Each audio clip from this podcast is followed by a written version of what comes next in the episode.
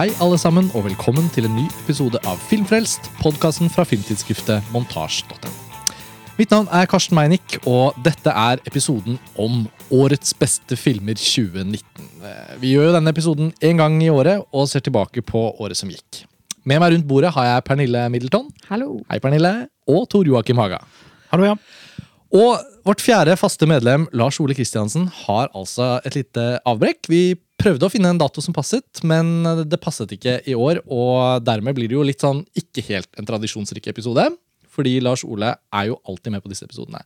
Det vil dere sikkert merke som lyttere også, men heldigvis har vi jo årslistene våre publisert på montasje omtrent samtidig med denne podkasten i år, så dermed vil dere jo kunne oppsøke Lars Oles liste og eventuelt ha den med dere når dere hører vi snakke om årets beste filmer. Men vi har jo vært samlet dette panelet da, med Lars Ole flere år på rad nå. Eh, Pernille og Tore Joakim, eh, har dere hatt noe ønske om å gjeninnføre tradisjonen nå om å snakke om filmåret og trender og hva slags filmår det var? Altså, Det der med trender syns jeg alltid er veldig vanskelig å snakke om. Ja. Så eh, er du ikke enig i det, Pernille? Jo, og man sitter vel med en slags tanke om at oppsummert sett så har det vært et sterkt Ja, det sånn, Det er alltid mye bra, eller det er alltid nok til at er, du kan få 20 bra titler på lista di. da. Ja, for i fjor, episoden om filmåret 2018, så tok vi et skarpt stikk inn i den samtalen og sa ikke denne gangen. Og det føltes jo ut som vi uansett kom inn på det når vi kommer inn på filmene. Så, så jeg syns vi skal holde på den tradisjonen og heller starte ganske raskt med vår egen gjennomgang. Men det føles alt, kanskje litt viktig at vi liksom påminner løst om reglene på montasje. Hvordan vi, hvordan vi setter sammen årslistene. Fordi eh, vi liker jo å ta oss god tid og gjøre det grundig. Og mange lurer på hvorfor ikke vi har lister som publiseres 1. januar. på en måte. Og i tillegg så har vi da den regelen om at vi ønsker å holde oss til det som faktisk var eh, lanserte filmer i et filmår i Norge. Og fordi vi reiser så mye på festivaler, som vi snakker Tor ikke vi har hatt denne samtalen før, og, og, og da kan vi jo føle at det noen ganger er veldig lenge siden vi så en film første gang som blir relevant for et gitt filmår. ikke sant? Sånn som Det vil vi komme inn på et par ganger nå på denne listen. At det er filmer som vi så på festival i 2018, som fikk norsk kinopremiere tidlig 2019. Og nå er vi tidlig 2020, og det liksom føles ganske lenge siden. Ja, det er veldig rart. Noen av filmene her er jo Cannes 2018-filmer, nettopp, så det er jo sånn to år siden vi så de første gang. nettopp. Men, men det er nå engang regler som har fungert fordi det gir liksom det gir mening, tross alt, for uh, lytterne tenker jeg, og leserne, at vi forholder oss til norske premierer. Da. Og i de tilfellene hvor da en film har sneket seg med fordi den ikke har hatt en vanlig kinopremiere, så er det jo da sånn at det er filmen sin festivalpremiere som gjelder. Så det vil jo komme noen av de òg. ja.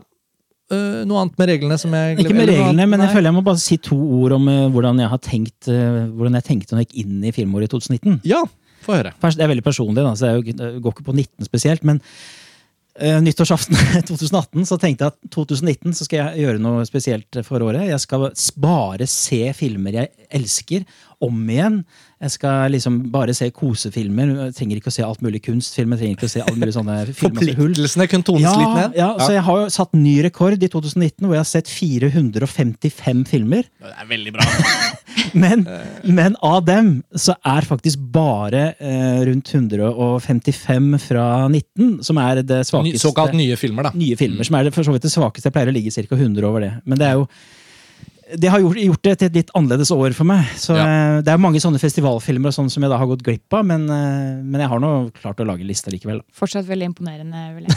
Hvordan, eh, Pernille, hvordan tenker du om et, Har du et like sånn analytisk forhold til hvordan filmåret ditt har vært? Nei, egentlig ikke. Eller nytt for meg i 2019 er at jeg begynte med sånn fullstendige regissørprosjekter. Jeg har Ja. for eksempel sett alt av David Cronberg i 2019. Det er også det veldig imponerende. Veldig gøy. Og Jeg vet, jeg har jo fått noen drypp underveis når du Ja, holdt på. Det er jo du er så flink til det. kjempegøy. Og så har jeg egentlig bare fortsatt med det. Så Mm. ved siden av å se så mye nytt jeg klarer, som jeg får unna for det meste på festivaler, Mm. så tar jeg sånn dypdykk i regissører. Så Mm. Cronberg ble tett etterfulgt av Lynch, og nå skal jeg begynne på Lynn Ramsey. Så det er en trend som jeg kommer til å fortsette med. Veldig bra. Og dette er jo alle tre er jo regissører som fortsatt kan komme med nye filmer. Eh, Lynch er jo kanskje mindre sikkert om han kommer med en ny spillefilm. Han har akkurat sluppet en ny kortfilm på Den er veldig søt. Ja, det har jeg også sett. Med apen. og, så, og så er det jo Cronenberg, da. Som eh, var Som i Venezia. Som var i Venezia i fjor. Vi lagde jo en egen episode om det, hvor han fikk vist Crash i nyrestaurert utgave. Og snakket om uh, Han virket ganske sånn resignert i forhold til den klassiske spillefilmen. Men han har jo flørtet med Netflix og, og skrevet romaner og sånn, så vi får se. Men um, Lynn Ramsey garantert, er jo fortsatt uh, aktiv med vanlige spillefilmprosjekter. og kommer sikkert noe nytt fra henne snart. 2019 er jo da et filmår som også er hva- ja, Nå ler jeg nesten når jeg sier det, men det har jo vært et veldig bra filmår. Og det er det vi sier hvert år. Og konklusjonen vår i fjor var veldig tydelig at vi kan bare, det er alltid et bra filmår. I hvert fall når man ser film sånn som vi gjør det, fordi vi ser så mye, og vi ser så mye variert film. Og da blir det jo egentlig veldig sjelden vi kan slå fast at filmkunsten har liksom snublet og, og blitt, eh, blitt av lavere kvalitet enn den har vært før. Tar man strømmetjenestene som Netflix, så vil det jo komme flere filmer nå eh, i løpet av listene våre som er eh, plukket opp eller støttet av strømmetjenester, og det har jo heller ikke gått ut over filmenes kvalitet nødvendigvis. Så vi får kanskje bare begynne. Um, som vanlig så skal vi jo nå gå gjennom topp ti til hver av oss. Begynne på tiendeplass og gå oppover. Dersom en film dukker opp lavt på en liste, men kommer til å komme høyere på en annen, så hopper vi over den og så snakker vi om den når vi kommer til den på den høyeste plasseringen. Um, Tor Joakim, vi har blitt enige med å starte med deg som i fjor. I fjor så startet vi med deg fordi du var den eneste som hadde Per Fugelli-dokumentaren Ja. til Erik Poppe Stemmer. på tiendeplass. Og du har også en film på tiendeplass i år som eh, ikke bare ikke vi har på listen vår, men ingen av oss andre har vel faktisk sett den. Så gleder meg til å høre om. Det er litt sånn med tiendeplassen min hvert år at eh, jeg liker å bruke den til å fremheve noe som har gått litt under radaren for folk flest. Eh, men det må jo selvfølgelig være en såpass bra film at den også er topp ti. Og gjerne en sjangerfilm. Og det er også tilfellet i år, hvor tiendeplassen min går til den svenske science fiction-filmen Aniara. Som eh, ble vist under årets, fjorårets Oslo Pix-festival. Men vel ikke har hatt noe ordinær kinodistribusjon, etter det jeg vet. I hvert fall ikke foreløpig. Ikke foreløpig. Jeg så at den faktisk ligger ute på strømmetjenesten Viaplay som en sånn original. Så det kan Ja. hende at de rett og slett har måte, kjøpt den for Norden da, og ikke satt den opp i kino. Men science være. fiction fra Sverige, jeg blir så nysgjerrig. Ja, altså det er det, dette paret som jeg er ikke sånn superkjent med, Hugo Lilja og mm, Pella Kågermann, som har regissert uh, filmen. Og eh, jeg gikk jo inn i den uten å vite noen ting. Eh, Jeg var altså Svensk sci-fi, bare det var liksom mitt innsalg da, for min del. Eh, og mm, det er en fascinerende Det er en skrue av en film, altså. Fordi at eh, den har kanskje litt fellestrekk med Claire Denise film High Life fra i fjor, men den syns jeg er litt overvurdert. Jeg var ikke så begeistra for den, men denne har litt av det samme uttrykket. Altså, det er, handler da om et sånt Basert på et kjent dikt av Harry, hva heter han, Harry Martinsson. Eh, fra 1956. Eh, og Aniara er også kjent eh, begrep for mange som har gått på sånne butikker i Oslo. Sånne fantasy-butikker. Er De har henta det navnet der også. Så, men jeg visste ikke helt hva det var for noe. Det handler jo da altså om et romskip som er på vei til, til en annen planet ved en, ved en annen sol. Og så skjer det ting underveis som gjør at det blir problematisk for de som er om bord. Men eh, grunnen til at jeg trekker en parallell her til, eh, til High av Denise, er jo litt eh, produksjonsdesignet og, og utseendet og uttrykket. Eh, det ser nesten litt ut som et kjøpesenter eller en danskebåt. Eller, altså, det er ikke liksom gjort sånn veldig flid i at dette skal være sånn high-tech nødvendigvis. Men jeg syns den løser det enda bedre enn High Life. Det er mer organisk forbindelse mellom det som faktisk er høyteknologisk, og det som er litt sånn danskebåt. Det er morsomt. jeg bare kan jeg kime inn. Ja. Eh, Romskipdesign på film føler jeg litt, har litt sånn endt opp med to. Enten så er det sånn industrial, sånn, sånn som Alien, og, altså sånn, er, de er på jobb, og det er mye sånn metallisk og rør og ditt og datt. Eller så er det sånn Wall-E Passenger, sånn der, Det er som et cruiseskip. Hvor de liksom Klinisk. skal klinisk, og de skal liksom være på en, på en eller annen form for sånn drømmereise. Ja. Um, det fins ting imellom oss, selvfølgelig, men jeg føler det er, eh, er det, Hvor er, legger Aniara seg da? Er det Nei, Den legger seg vel uh, ingen av de Nei. bolkene, og ikke midt imellom heller, egentlig. Altså, det er sin egen greie. De har ikke liksom brydd seg om at det skal se så veldig um Litt som High Life, at det skal ikke nødvendigvis være romskip. Og så ser du at dette er liksom snekrede dører, holdt jeg på å si. At det er At det er ikke gjort, lagt så mye ned i det. Men filmen er liksom først og fremst altså Tonen i filmen den er så rar. Altså Den går liksom fra å være en sånn satire rundt konsumkultur og sånn i første del, veldig fornøyelig for øvrig, og, og eh, forbrukersamfunn og sånn, og så beveger den seg inn i noe mer sånn abstrakt og metafysisk og sånn mot slutten av filmen.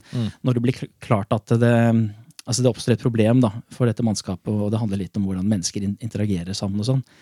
Og så, så den går liksom fra å være litt sånn humoristisk satire til å bli bare en sånn en poetisk eh, ja, parabel over noe. Som jeg syns var veldig, veldig fascinerende. Vanligvis så er jeg ikke så glad i filmer som har en sånn uregjerlig tone. Jeg blir sånn satt ut av det hvis det er for mye quirk og for mye rare ting. Akkurat her så syns jeg det først og fremst bidrar til fascinasjon. altså. Så, eh, Så ja. kult. Jeg må jo innrømme at jeg har den reaksjonen når jeg hører at svenskene har fått opp en science fiction-film å stå. Så blir jo jeg veldig imponert, fordi nordisk film er jo litt sånn i en fase, kan man si, de siste par tiårene, hvor, hvor man går man prøver å lage også bredere sjangere for sitt publikum. Det er jo nesten bare Norge som har lyktes med det. Eh, vi har jo lyktes med store grøsser Det er mer horror det går i da. Ja, ja, og store katastrofefilmer. ja vidt. ja. Eh, og eh, ja, jeg vil si det har vært en god del vellykket sjangerutforskning i norsk film. Norske blockbustere. Eventyrfilm. ikke sant? Så kan man si, Er det mer eller mindre vellykket med Askeladden-filmen og sånn? Men, men, men fra, ja, ikke sant? så kommer det andre ting også. Og, men science fiction gjenstår å se. Jeg husker Vi snakket med Ole Jæver på podkasten for mange år siden. og Da nevnte han at han hadde en sånn science fiction-idé. Den tror jeg blir til en serie istedenfor en spillefilm. Eh, Det siste jeg har hørt. Jeg vet ikke hvor, det, hvor statusen er på det prosjektet. Men da er det jo i hvert fall gøy at svenskene har fått til Men er den liksom lavbudsjett, sånn smart løst for lite penger? Husk vi snakket om den Prospect Ja. på podkasten i 2019. En annen liksom mindre science fiction-film. Der hadde de jo fått til mye pga. ideen lot seg gjennomføre uten at budsjettet var helt sånn eksplosivt stort. Ja. Hva, hvor legger Aniara seg sånn? Nei, det er det som er så fascinerende, at eh, når du ser mye av interiøret her, så virker det ikke som de har lagt så mye eh, vekt på det. Men så har du noen sånne eksteriørscener og sånn som er virkelig imponerende. Der er de skutt inn CGI-penger, altså. Ja, Som, så, og det er, det, er den, det er den eh, kombinasjonen der som gjør filmen så fascinerende. ja det høres Det er liksom ikke, ja. Så um, Helt, helt ukjent for meg, det her. Mm. Svensk sci-fi med danskebåtnestetikk. Det er er derfor listene, det er derfor listene til Tor Joakim er så morsomme. For det kommer alltid et eller annet. Du er veldig flink til å oppdage og følge med på litt sånn derre ja, under radaren-ting. da jeg si. spesielt sci-fi og horror og sånn. Ja. Så, ja. Så kan vi andre ta oss av det obskure Iran, iranske eller Ja. Du hadde jo den Under the Shadow, apropos iransk. Ja, eh, Som ble som du likte så godt for. Netflix etter hvert. Ja. Ja. Mm. Så bra, Aniara. Eh, som sagt så er jeg ganske Eller jeg har sjekket eh, at den er tilgjengelig på Viaplay, strømmetjenesten for de som abonnerer på den. Um, Vi håper at den kommer opp på kino på et ja, tidspunkt. ja, og i hvert fall eventuelle ekstra sånn spesialvisninger for science fiction. Det kunne jo vært kult. Um, det, takk for anbefalingen. Jeg, jeg merker at uh, den kommer jeg til å se. Pernille, vi skal over på din tiendeplass. Og så skal vi rakt videre. ja, men du får si bitte litt, da. Hvilken film er det du har på Nei, det er Shoplifters av Hiro Hirokazu Koreda. Og Shoplifters var jo da en av disse 2018 Cannes-filmene. Og vi har snakket litt om frustrasjonen over at det tidvis kan føles veldig lenge siden. For, for vi er jo bortskjemte som er ute og, Ja. og ser film så tidlig. Men, men det vant jo Gullpalmen i Cannes i 2018 Ja. og var jo en virkelig snakkes gjennom det halvåret der. Film fra Sørfestivalen 2018. Altså det var jo det var jo da Shoplifters var litt sånn oppe. Og så hadde den kinopremiere Mm. Ja. i januar eller februar Januar for et år siden. Ja, i fjor. Og gikk ganske bra på kino i Norge. Eh, En del andre Koreda-filmer som ikke har gått Og like gikk bra. også veldig bra på Film fra sør i 2018, vel. Men, sånn Men så dere... går det et helt år, og så skal vi Ikke sant? ikke sant? Og til deres fortvilelse så må jeg jo innrømme at det her er jo den filmen som føles fjernest for meg. Mm. Eh, og har ikke rukket et gjensyn, selv om jeg egentlig ble tvunget til det. Nei, Men, men eh, og den eh, lider jo litt av det. eh, og jeg kunne sikkert ha plassert den høyere opp. Altså. Men jeg har samme problem på andre filmer, og nå kommer den da høyere på, på en av oss andre tre sine lister. Ja, mye, mye, litt høyere for min òg. Ja, så da så kommer vi tilbake til Shoplifters, så får vi snakke litt om den når den kommer. Og den, eh, men det skal også sies at Shoplifters er jo en film vi har diskutert i en lang podkast på Filmfrelst tidligere. Riktignok er det jo snart to år siden. Det, 92, eller? ja, ikke sant? Men eh, så, så, så, så om ikke vi får den grundigste og mest detaljrike diskusjonen om Shoplifters på denne årslistepodkasten, så betyr ikke at ikke den er en film som har blitt snakket mye om på montasje. Men, eh, men ja, det føles litt lenge siden. Eh, vi kan da gå, ta min tiendeplass. da. Den er ikke så gammel. På tiendeplass så har jeg Hafsia Hersis spillefilmdebut You Deserve a Lover, eller Tu mérites un amour, som den heter på fransk. En film jeg så på filmfestivalen i Bergen i høsten 2019, og som hadde sin uh, urpremiere da i Cannes.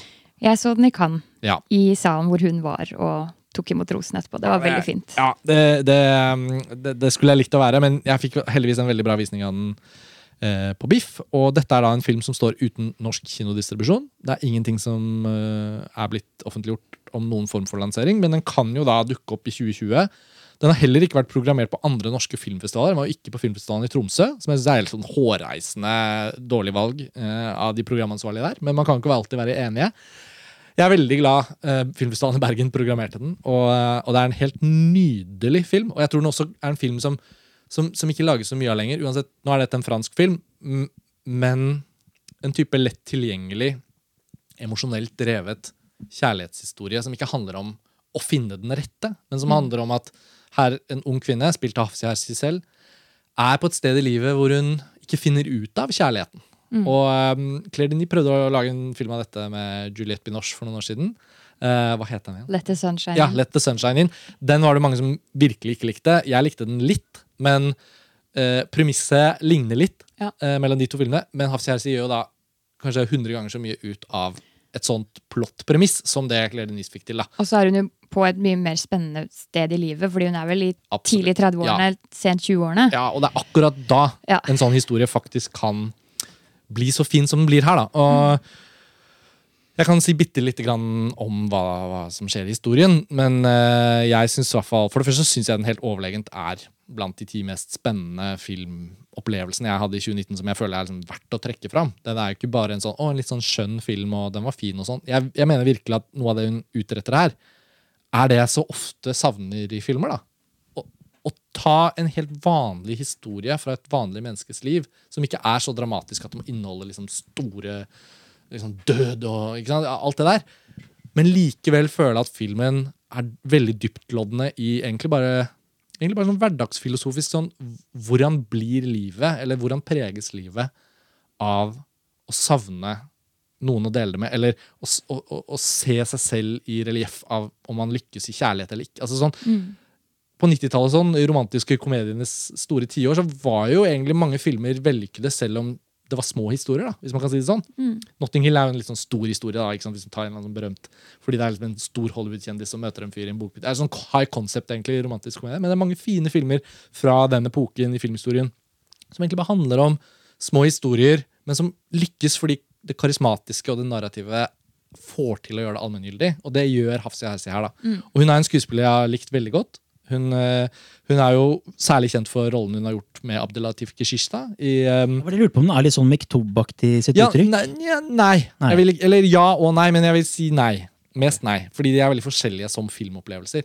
Men, men det Hafsi Hersi har gjort som skuespiller, har alltid hatt den derre Hun har også vært med i filmer hvor ikke alle skuespillerne er like bra. Mer sånne litt sånn overtydelige franske filmer her og der. Men hun er en veldig veldig naturalistisk skuespiller uten at det virker som hun jobber så hardt for det. Hun har bare sånt nærvær som bare, sånn, bare faller seg naturlig for henne. Man føler litt at hun nesten er seg selv. og det jeg liker spesielt godt med denne filmen, her, er at hun tør å være så håpløs som hun er. da. Ofte, Det er jo veldig episodisk, egentlig, de tingene som skjer i livet hennes. At hun Ja. faller tilbake på de samme feilene. og Det er veldig sånn neppe og usminket. Hun snørra renner, hun går rundt i joggebukse. Det er bare Ja. sånn, det føles så ekte og avkledd, og en god representasjon av hvordan livet er på sitt mest håpløse. da. Ja, ja, ja, ja. det, og i den første filmen som i hvert fall Hun har sikkert gjort en del ting jeg ikke har sett også, da, men i Abdelatif Kishis film som på svensk DVD heter Couscous, som på Criterion heter The Secret of the Grain, og som på fransk heter Le Grain eller Moulet. Eller noe sånt. Og alle tingene betyr forskjellige ting. Franske tittelen handler om den fisken de lager.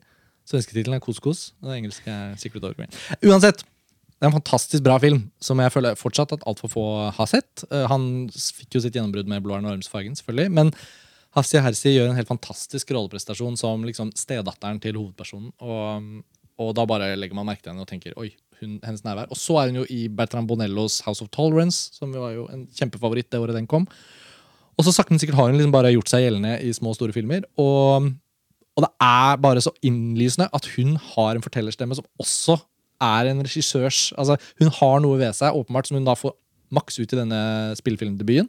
Så jeg bare legger det er jo fantastisk. Eh, hun, og jeg håper hun fortsetter å lage filmer nå. eh, Og at hun spiller i masse filmer. Men jeg virkelig virkelig håper at det kommer mer fra henne. Og Melanie Laurent, en annen fransk skuespillerinne, gjorde jo en kjempebra regidebut, hun også. Eller ikke debut, men ja, ja.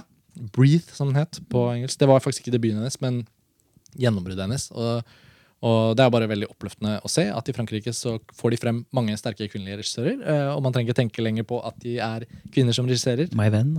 Ja, og Celine Skiamma. Jeg har portrett, ja. portrett av en kvinne i flammer har jeg på 16.-plass, så den skal ikke jeg snakke om i podkasten her, men det er jo selvfølgelig en film jeg også syns var veldig bra. Så nei, det er bare veldig oppløftende, men deprimerende da at norske uh, gatekeepers, skal vi kalle det det, uh, portvoktere, foreløpig ikke har vist denne filmen i Norge, bortsett fra Filmfestivalen i Bergen, som skal ha topp honnør for å programmere inn denne filmen. Eh, Jeg håper og tror at den vil dukke opp kanskje på Jeg vet ikke med Kosmorama, men i hvert fall Oslo Pix burde jo ligge i kortene. Fordi den hadde jo premiere så kort tid før Oslo Pix. Ja. Cannes-festivalen er bare en uke før Oslo Pix, så da Ja. må de egentlig vente et år med å programmere filmer derfra. Det her er jo egentlig sånn film som helt typisk burde vært i Kritikeruken i TIFF. Ja. Nå har jeg sagt det en gang, jeg trenger ikke gjenta det, men jeg syns det er forferdelig dårlig fordi jeg bare syns det er helt innlysende at filmen har kvaliteter. Men, men. Nå fikk jeg muligheten til å trekke den fram på min tiendeplass. Og det er så fint at du også har sett den, så fikk vi snakket litt om den. Det, Tor Joakim, det vil jo dukke opp anledninger. Ja, jeg, jeg, jeg gleder meg til å se den. Den har premiere i Frankrike, vet jeg. Så, så for de som ikke trenger tekstet eh, versjon, så går den sikkert an å få tak i på DVD og Blu-ray etter hvert. Men eh, ja, det var min tiendeplass, og jeg anbefaler den varmt. Den er jo så tilgjengelig òg. Så hvis man takler å se en fransk film, så er det jo ikke noe med filmens historie og utforming som, som er Det er ikke sånn frenetisk fransk. Men det, det er bare, bare helt nydelig, Ja. rett og slett. Og den Ja. kunne vært fra mange andre land òg. Den sånn den er ikke sånn at den måtte vært en fransk film. Så jeg tenker det er en kvalitet òg, at den er, føles veldig universell. Yes. øh, ja, da har vi jo tatt tiendeplassene. Det gikk jo, det Ikke gikk jo unna. Ja. Uh, Tor Joakim, din niendeplass? ja, det må vi vente med, for det er jo da Shoplifters, da. Ja, nettopp. Ja. Ja, men da, da skal Pernille få snakket om en film, da. Ja, som ikke dere har med. Uh, jeg har faktisk If Beale Street Could Talk av Barry Jenkins på min Spennende. Den gikk jo på kino tidlig i 2019, gjorde den ikke det? Tidlig, ja. Den var jo en del av Oscar-racet i fjor. ja. Og vant. Regina King vant jo for beste Nettopp. kvinnelige birolle. Men den tror jeg ikke vi har hatt noe særlig snakk om på podkasten, så det er jo en god Mm. anledning til å snakke litt om den. Ja. Rammene for den filmen er jo en slags klar kommentar over rettssystemets behandling av svarte i USA. Eh, En eh, problematikk som er like aktuelt i dag som det er på 70-tallet, hvor denne filmen her er satt. Men eh, selve kjernen i filmen er jo at det er en skikkelig sterk kjærlighetshistorie, syns jeg, da. Og alle som har vært stormforelska en gang i livet, vil kunne føle på eller forstå den smerten dette paret gjør uh, når det kommer til det å bli holdt vekk fra hverandre. For det handler jo om et ungt par som har hele livet foran seg, og som bare De er helt nydelige, og du heier på dem fra første sekund. Eh, og så blir han eh, feilaktig dømt for en voldtekt. Og herfra er det jo jævlig mørkt, da. Eh, fordi hun er gravid på utsiden og kjemper hans sak eh, med hjelp av familien. Veldig sånn støttende, god familie. Og prøver så godt de kan å ja, eh, få justice for stakkars eh, Von Gjerland, heter vel. Spilt av Stefan James, som var en sånn nyoppdagelse for meg. Jeg har også sett filmen, og kan jo bare eh, skrive under på det du sier. Um, den kunne helt fint Den er, den er sånn type sånn vipper opp mot 21., 22., 23. plass. da Den er ikke helt der oppe for meg, men det betyr ikke at ikke jeg likte den. Jeg syns den var veldig bra. Og jeg syns den definitivt var Barry Jenkins' beste film. Helt enig. Jeg tror eh, hans uh, debut er nok den nest beste, og så er Moonlight den tredje beste. Og det er ikke det at jeg syns Moonlight er så dårlig, men det har vi snakket om tidligere, at jeg opplevde den filmen som, som dypt overvurdert, og at den hadde mange ting som en ung filmskaper må finne ut av. da. Mm. Syns ikke Barry Jenkins hadde alt på plass nødvendigvis. Eh, Men jeg syns det er mye mye mer spennende å følge han fra og med If Beale Street Could Talk. Fordi Ja. denne filmen får jo til så mye av det som jeg syns manglet i Moonlight. Ja. Den har noe mye mer helhetlig over fortellingen sin som jeg har veldig sansen for. Jeg er ganske enig med deg med pro problemene rundt eh, Moonlight. Jeg syns den var interessant eh, visuelt. Men eh, allerede på den korte tiden mellom Moonlight og Bill Street så føler jeg at han har hatt en sånn ganske kraftig modningsprosess. Absolutt. Fordi nå, har han, nå danner han karakterportretter som jeg blir sånn ekte investert i. Og jeg føler Jeg, jeg kjenner liksom på eh, den tragedien da, som forekommer i filmen. Og, men det er jo mye pga. skuespillerne òg. Mm, Eh, fin spesielt Stefan James, som ikke er så mye med, for han er jo for det meste i I fengsel. fengsel. Ja. Men de scenene hvor han er med, som da er sånn hvor han er veldig sånn fra seg og trist bak et fengselsglass. Ja. Bare Han spiller jo med alle følelsene i hele fjeset, og jeg får lyst til å bare knuse det glasset og rive han ut derfra. liksom. Ja, ja. Du har jo også sett den, Tor Joakim. Ja, jeg har jo det. Jeg ser at jeg har den på 101.-plass. Um, Ja. Og så sitter, jeg- så sitter jeg og tenker på hva Ja, snakkes. Av de, av de 100 og something du har s- 150. Men jeg prøver å tenke på hva var det egentlig og- Men jeg har jo problemer med Barry Jenkins, det har jeg også fra Moonlight, som jeg snakket om. Om det er noe med den Mener husk huske at det har noe med den liksom melodramatiske vridningen som jeg sliter med? Som jeg føler blir for Det er melodramatisk, men, Men- det er sjarmerende. Ja, ja, ja. På en god måte. Og akkurat det melodramatiske Det er veldig morsomt at du akkurat sa det. Fordi det var en av de tingene jeg tenkte på med den filmen. Med at Jeg syns musikken her er utrolig bra. Ja. Nicolas Britell, er det det han heter? Ja. Brit- Britell. Ja. Og dette er en sånn film hvor hvis musikken smørte for tjukt på, så ville kanskje bildene raknet, på en måte, fordi det står og vipper. ikke sant? Og jeg syns bildene har en veldig sånn søtladen poesi, fordi de er ofte sånn ikke sant, dyp, lav dybdeskarphet og masse sånn nydelige sånn inn og ut av fokus. og sånn drøm, litt, sånn, litt drømmelignende. Særlig i portrettet av kjærlighetsrelasjonen. så er den mer sånn realistisk i andre sekvenser. Men jeg syns virkelig samspillet mellom hva han komponisten tilfører musikken, nei, tilfører filmen, og hva Barry Jenkins har ment i bildene sine, og sånt, det, det, det treffer akkurat det balansepunktet for meg.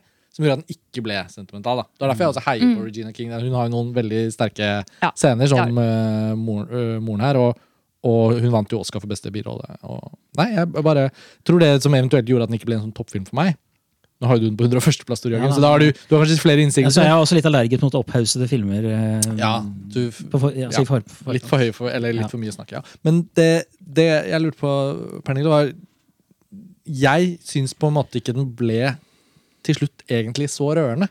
Det var ikke egentlig at det var noe feil med filmen, men det var bare det ble, liksom ikke til at jeg vippet mine følelser inn i filmen. da Jeg vet ikke om den Nei, distansen ikke- kommer fra ja, hva, hva tenkte du? Det var vel ikke en sånn typisk film som hadde en sånn avsluttende punch, egentlig. Men det var vel det er en, Se på det litt sånn mer helhetlig bilde, da. Mm.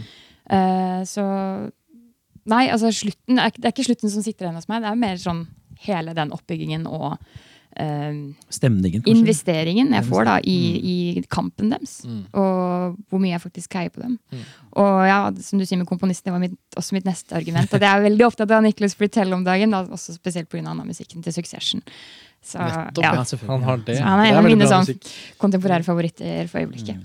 Men If Beale Street Could Talk, det er sånn jeg, jeg av og til gjør det sånn med filmmusikk at jeg bare drar det albumet over på en spilleliste i Spotify, sånn at jeg har liksom At jeg bare kan liksom scrolle, og så er det sånn Ok, der ligger If Beale Street Could Talk. Fordi de beste score-albumene er jo så lyttevennlige at de kan liksom bare være sånn, sånn score i hverdagen. Jeg synes ja. det er du jo, fint. den der hverdagen din, Ja, altså. jeg, jeg går rundt Jeg liker å ha liksom filmmusikk i livet. Soundtrack of my life. Å, men det, det, Jeg skjønner det, det, det, dette scoret her har jeg altså Funker. faktisk hørt ganske mye på.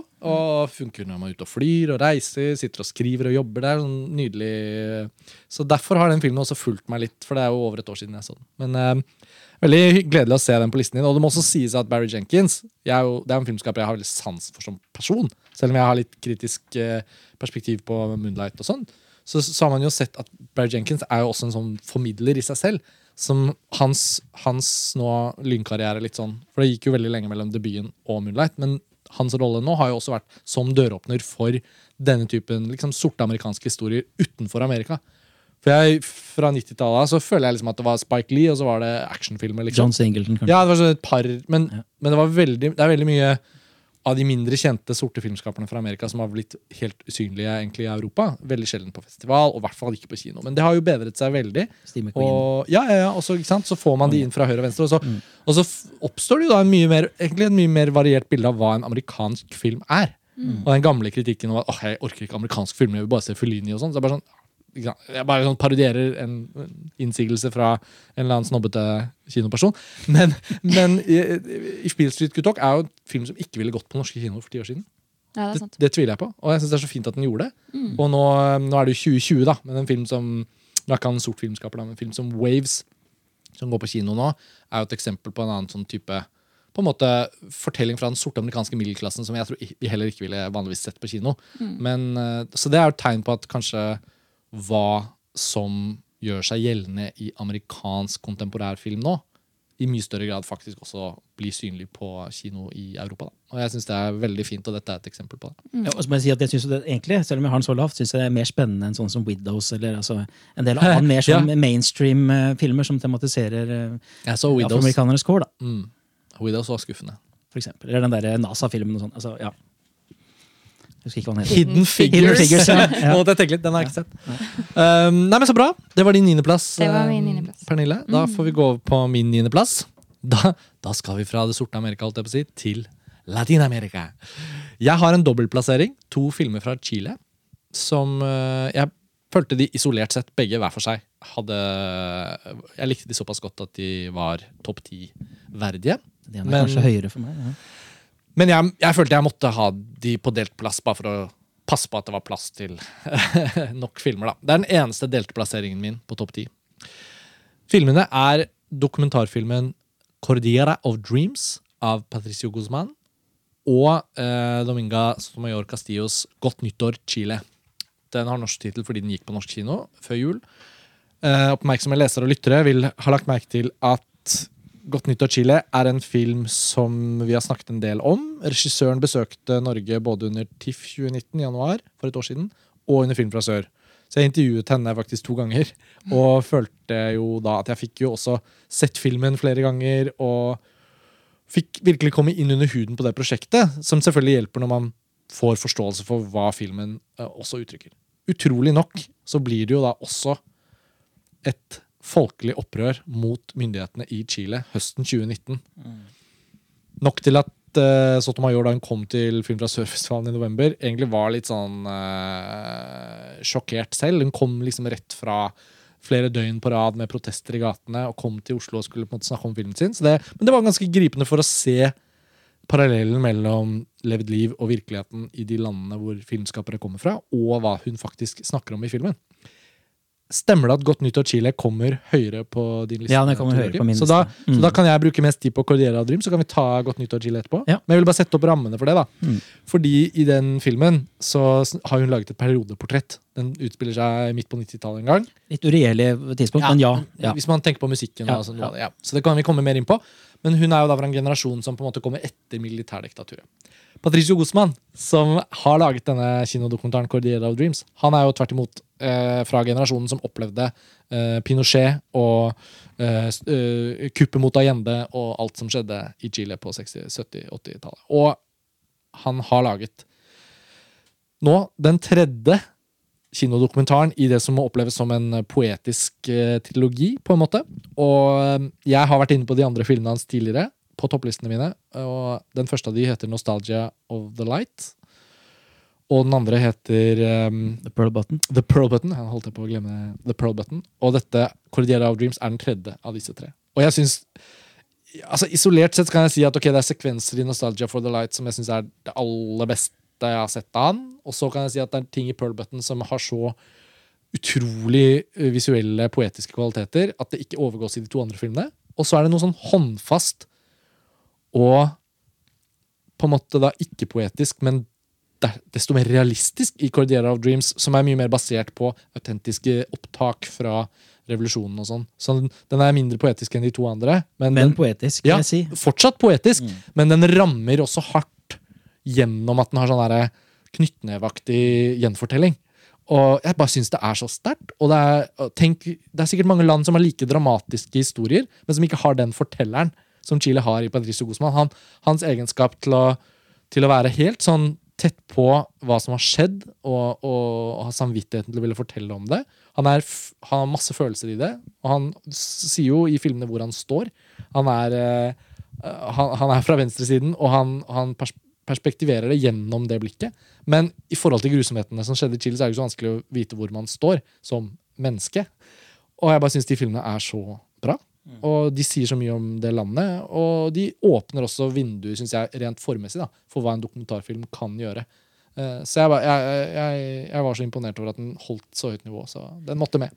Jeg, har også sett den, og den er ganske høyt oppe hos meg. Den er en hederlig omtale på, for meg for Ja. årets liste. Og, um, det, det ene, er jo de sekvensene som på en måte er ute i gata, og som dokumenterer. Der har den nesten litt sånn, uten sammenligning for øvrig, for Sama, som nå er en film som kommer på kino i Norge. Ja, fra Syriakrigen. Syriakrigen. Uh, Den er nok enda sterkere og hardere. Ja. eh, Men, men En rollefigur som har vært der med et kamera. med et kamera dokumentert. Mm. Men så det jeg liker så veldig godt med den filmen, er Jeg syns faktisk at den poetiserer ganske mye når den tar utgangspunkt i fjellene rundt, i naturen.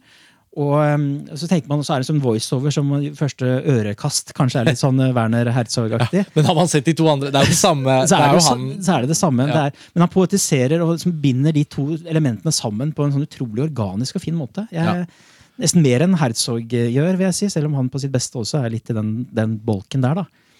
Så jeg bare fortsetter å bli det er, ja, Han er jo en av liksom, legendene i Chile, Chiles filmindustri, Ja. så det er kanskje ikke så rart å bli liksom, Nei, nei, imponert over han, men, Men han eh, åpner seg også enda litt mer opp i denne filmen, syns jeg. Man blir mer klar over at han har jo vært eh, i eksil. Altså, han, Mm. han har jo holdt til i Paris i, i flere tiår, og Ja. på en måte ikke hatt den nærheten til, til Chile. Og det syns jeg var veldig sterkt av Dominga Sotomayor, da, som er Mm. noen og 30 og som lager film nå, og som er en del av en revolusjon som pågår nå.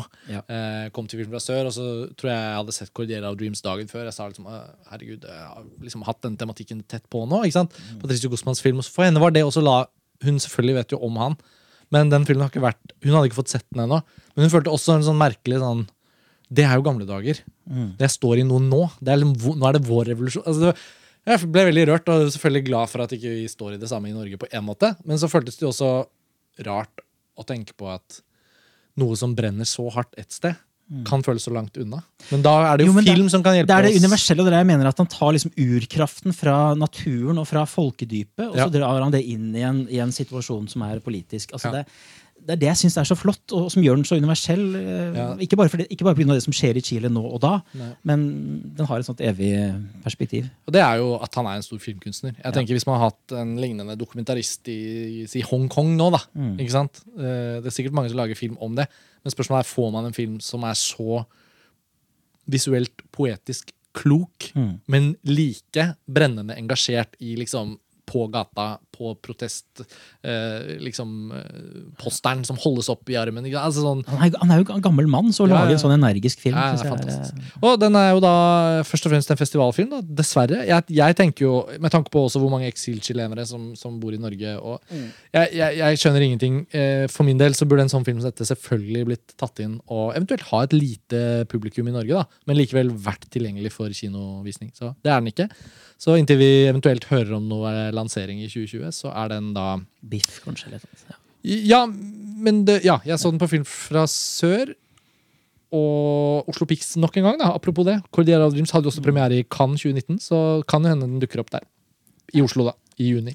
Vi får se. Jeg, jeg har ikke sett, så Nei, det er veldig veldig, veldig bra, som jeg nå har sagt, og som du understreket, Tor Joakim. Mm. Um, skal vi bevege oss over på din åttendeplass, da? Nå som vi har Ja. snakket litt om Chile. Det kan vi godt. Da skal vi til eh, gamle dager. Vi skal til eh, They Shall Not Grow Old av Peter Oh. Jackson, som jeg så Ja. på TIFF i fjor.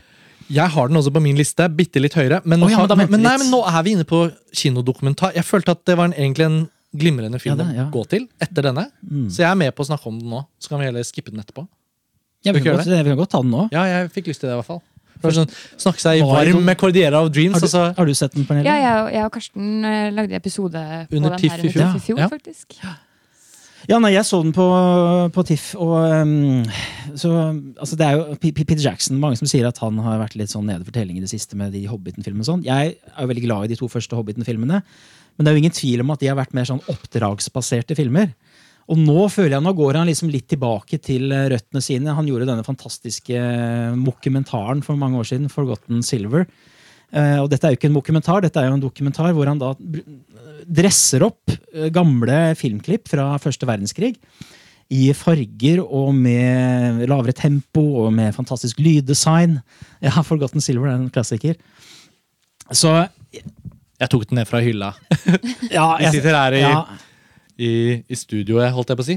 så det, meg. det var, Den står på hylla, og jeg, jeg, må bare skyte, jeg måtte bare blande meg inn. Ja. For det er så fint at du trekker den fram. Jeg føler man glemmer Peter Jackson utenom tolken. på en måte. Da. 'Forgotten Silver', bokstavelig Ja, talt. Ja. Men ja, ikke la meg Nei, men altså, han, Det er helt tydelig at han kan dokumentar også. På sitt, han vet liksom rammene for det. Men her det er noe sånn kroppslig og nært ved denne filmen. Og det er jo ikke bare fordi, eh, fordi det er i farger og det er liksom pussa opp bilde, men det er også lyddesign. Altså, hvor, du, hvor du hører stemmer og bråk. Og så er det ikke minst at han også viser mange scener utenfor krigshandlingene.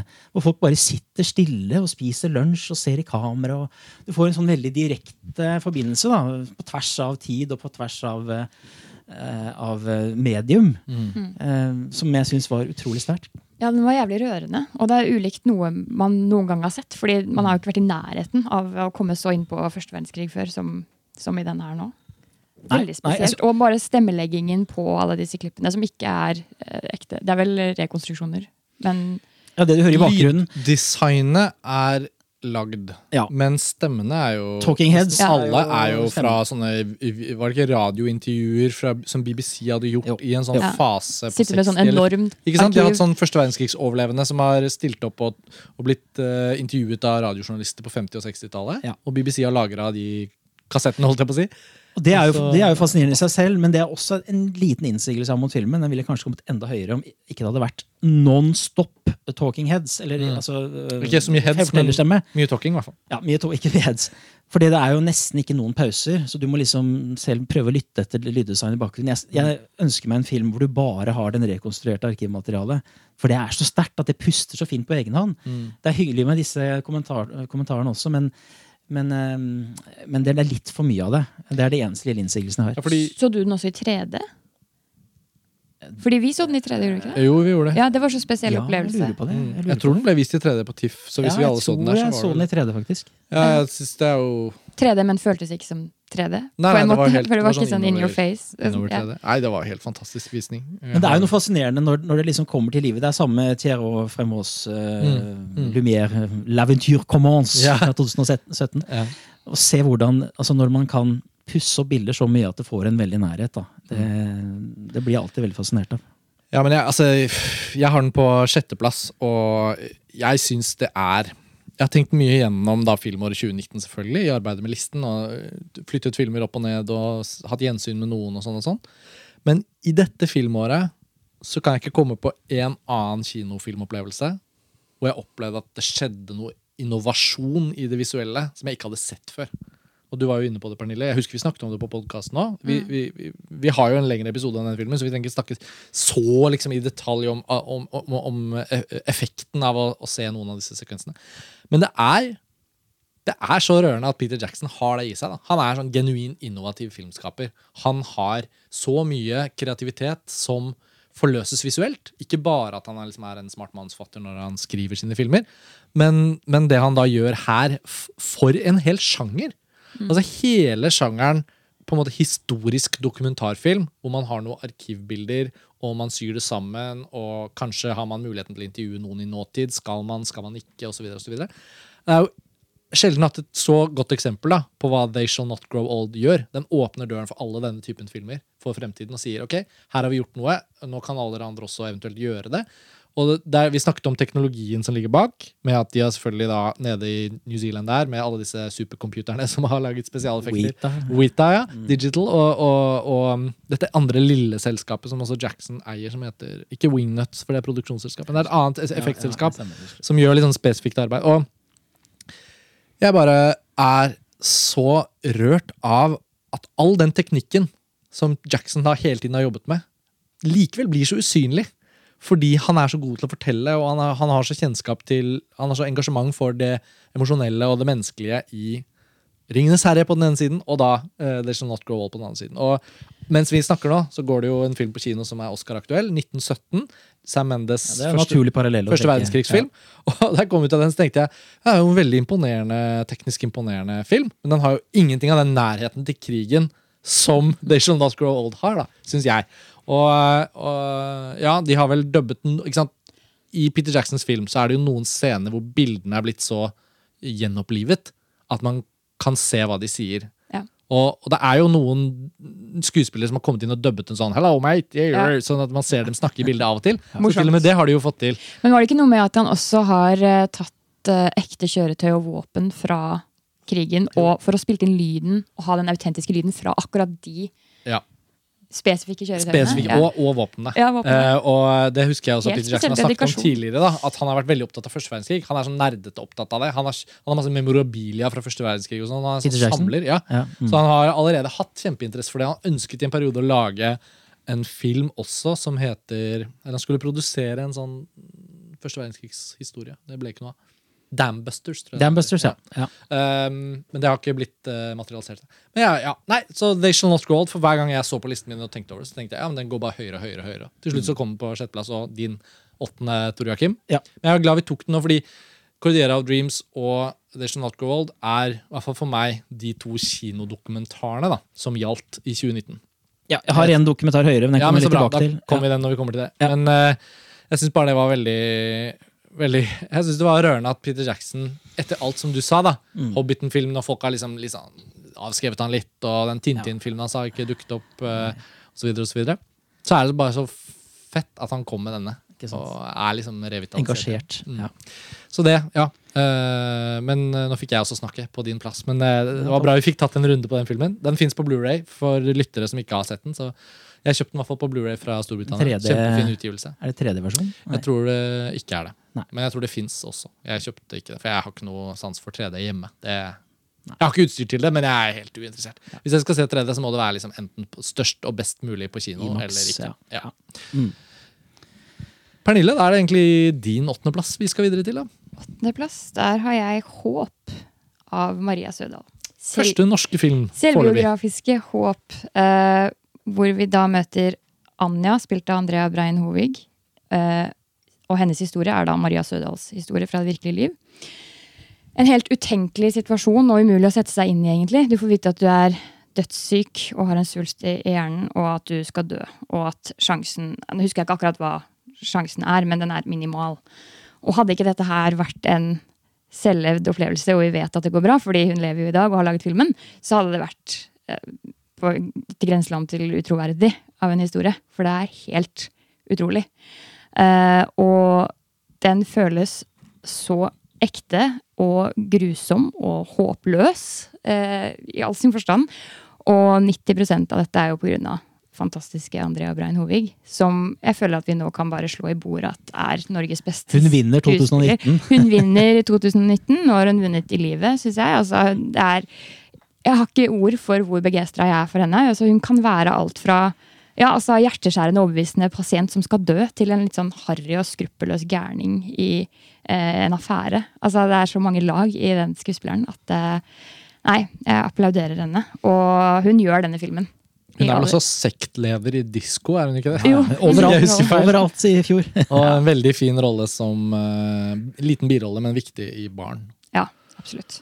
Så da, og det har jo vært snakket litt grann om hennes utrolige eh, bare serie av gode roller. da. Men vi snakket også, Både i Det er 2018 en slags og 2019. renessanse, for jeg husker henne fra 90-tallet.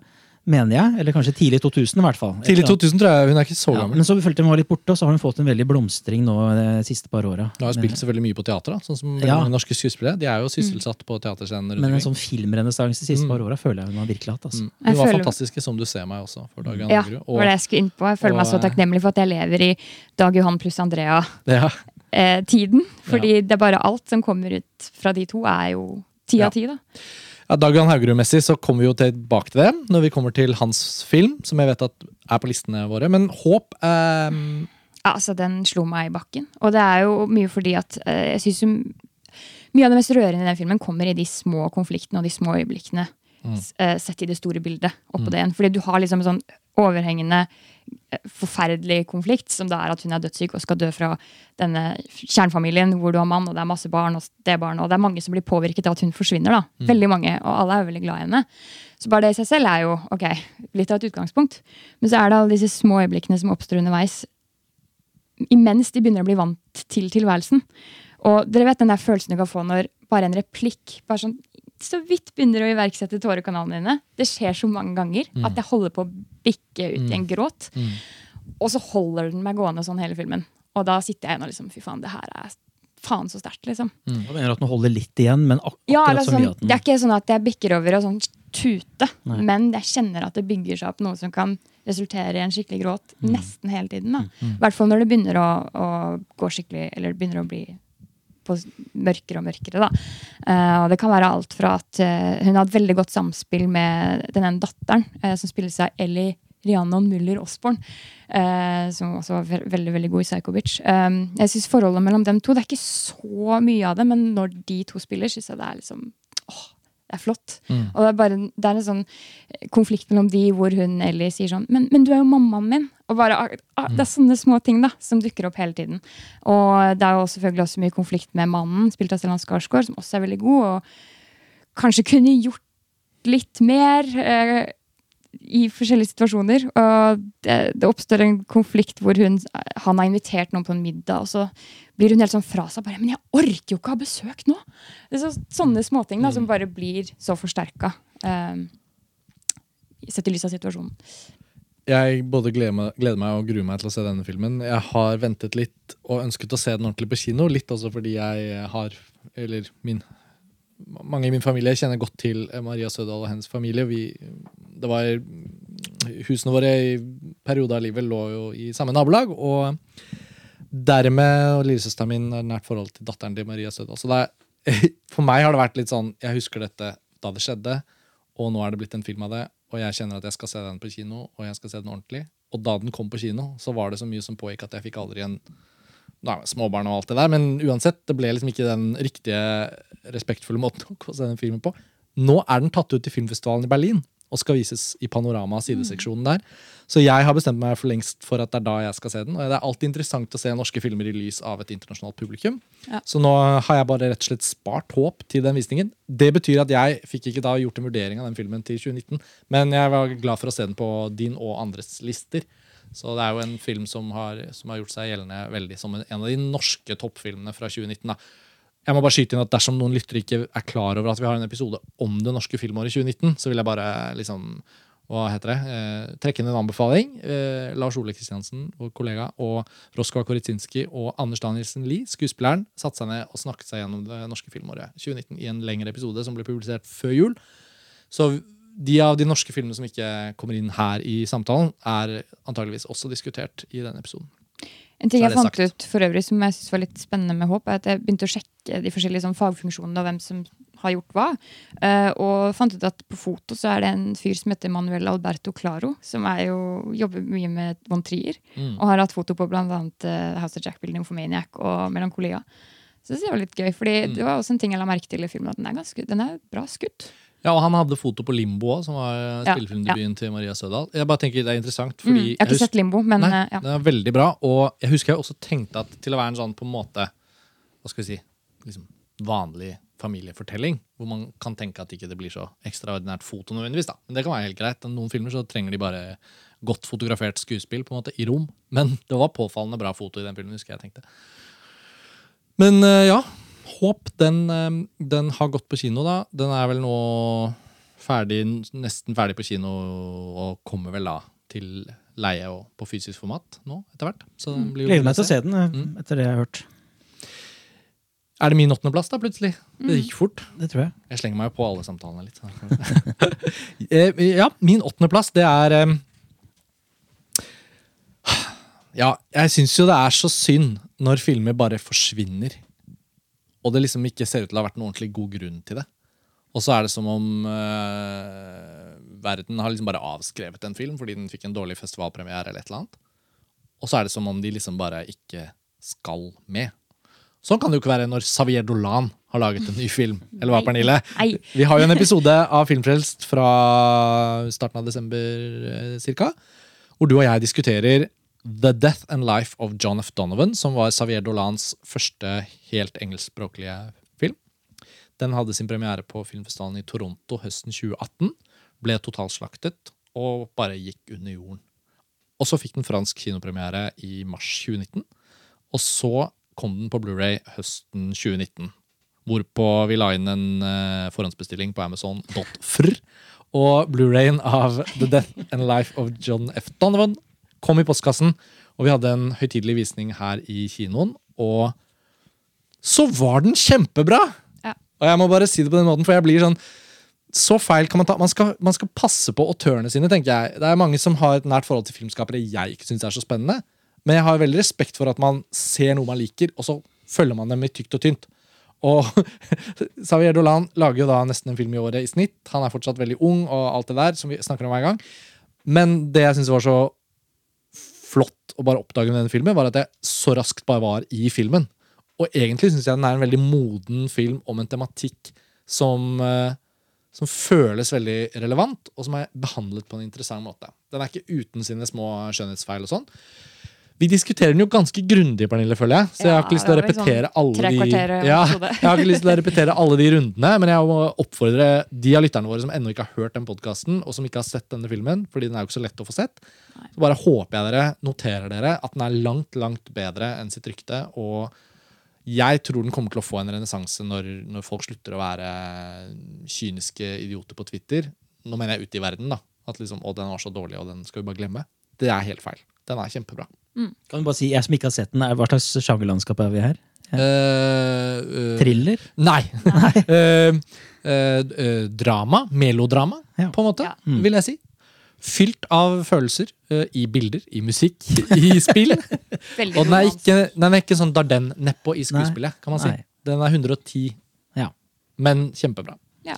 Og Litt sånn svulstig, men på en god ja, måte. Ja, ikke sant. Svulstig er på en måte ordet, men av og til er det et kompliment. Og det er veldig i tilfelle dette. For det er liksom en tematikk som er svulstig. Mm. Det handler liksom om noe som ikke er relevant for alle mulige mennesker i livene deres. Det handler om kjendislivet, det handler om stjerneglamour. Mm. Rise og, and fall. og det handler om identitet i, i det prismet. ikke sant? Og da er det jo ikke alle som har opplevd å være superkjendiser og ikke klart å være seg selv på den internasjonale scenen. Det er jo eh, en annen film vi skal snakke om senere, som også handler om det.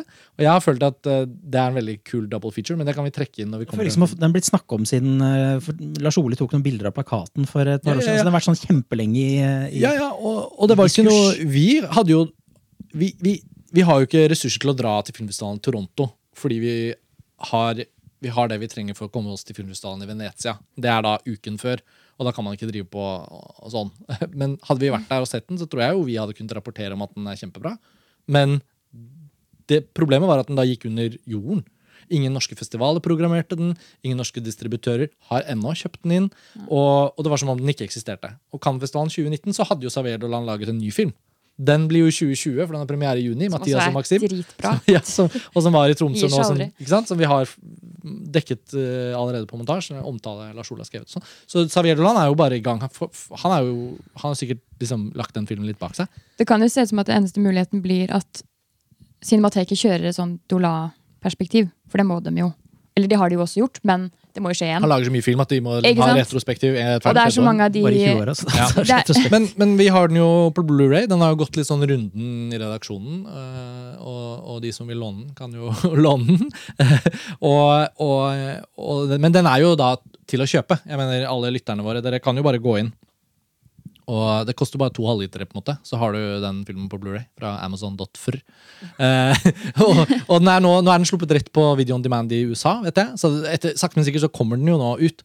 Og Det jeg frykter og tipper at skjer, er at den bare i stillhet dukker opp på iTunes til leie her i Norge, som, som om ingenting hadde skjedd. At Men det da får jo noen- flere sett den, da. Ja, og da ja, ja. skal vi hause om det. ja, ja, så vi skal prøve å følge med, og vi skal tipse dere. Men for meg er den helt overlegent en topp ti-film fra 2019. Eh, Men det var jo selvfølgelig også Det spiller jo inn hvor stor glede det var at den var så bra som den er. Og ja, jeg får bare si en gang til. Vi har en episode om den. Pernille og jeg snakker i, i grundig om den. Så da, så da føles det bare sånn repetitivt å ta alt det nå.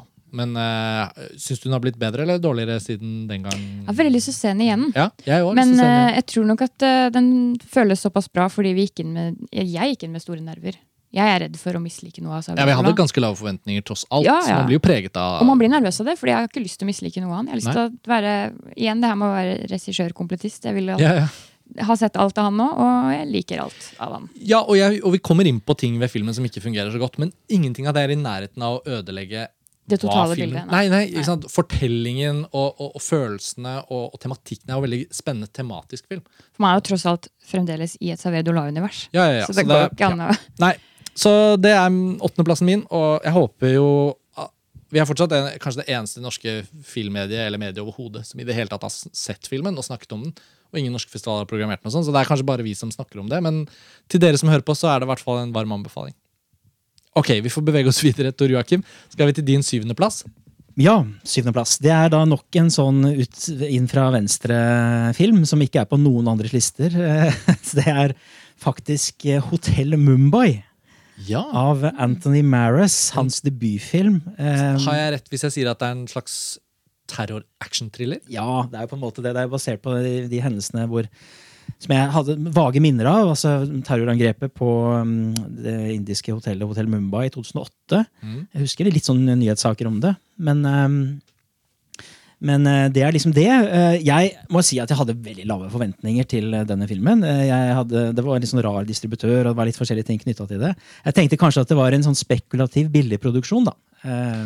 Men ja, basert på forhåndsomtaler og sånn. Før du sier noe, da, Tor Jørgen, for, det, for jeg, når vi spoler bare litt tilbake Jeg husker en tid hvor man ser at det er kommet en ny film som er litt sånn en actionthriller av noe slag. med et par kjente skuespillere, men ikke noe sånn spesielt. Og så får man bare lyst til å se den, fordi den har kult cover i videobutikken. eller liksom er sånn, White House Down. ja, sånn, ja, ikke sant? Så, å, bruksfilm i den sjangeren. Den vil jeg se. Sånn har jeg hatt det med den filmen, så har jeg ikke kommet til å liksom se den. Men de filmene er liksom litt sånn tapt, men den gikk faktisk på kino. Og den gikk ganske bra på kino i Norge. kino? Ja, ja. Ja, jo, altså, det husker ikke jeg. Men, Tror du den solgte eh, 10 000-15 000 billetter i Norge. Hvor kan jeg se den nå, da? Er den på strøm? Jeg vet ikke om det er strøm engang. Jeg hadde en screener, men eh, ja. Men du, må, nå, du- skal få fortelle om filmen. Men, jeg bare, nei, jeg. Nei, men utgangspunktet før du ser den, er det da litt sånn at du tenker dette blir ikke noen topplistefilm, men jeg ser den fordi Ja. jeg liker sjangeren? Nettopp, liksom den sjangeren. nettopp, nettopp. Jeg liker den sjangeren. For, Jeg, tenk- men jeg, for det kjenner jeg meg veldig igjen i. jeg da. trodde kanskje det skulle være noe White House Down eller et eller annet sånn. Bare enda mer spekulativt, fordi dette er basert på virkelige hendelser. ikke sant? Men det det viser seg at det var, det er jo en ekstremt absorberende film. altså Hvor Maris eh, han bruker altså, Det er en sånn realistisk, journalistisk reportasjestil i hvordan han beskriver disse grusomme hendelsene. Litt sånn i Paul Greengrass sitt territorium, vil jeg si. Ja. Og eh, så, altså bruker da dette hotellet, som er veldig sånn fancy hotell med veldig sånn flotte korridorer og rom og suiter og søyler og alt mulig, og forvandler det til et sånt eh, levende helvete i paranoia og røyk og blod og, og sånn. Og det høres i utgangspunktet litt spekulativt ut, men faktum er at den volden som røsker sterkest, det er den som skjer eh, offscreen.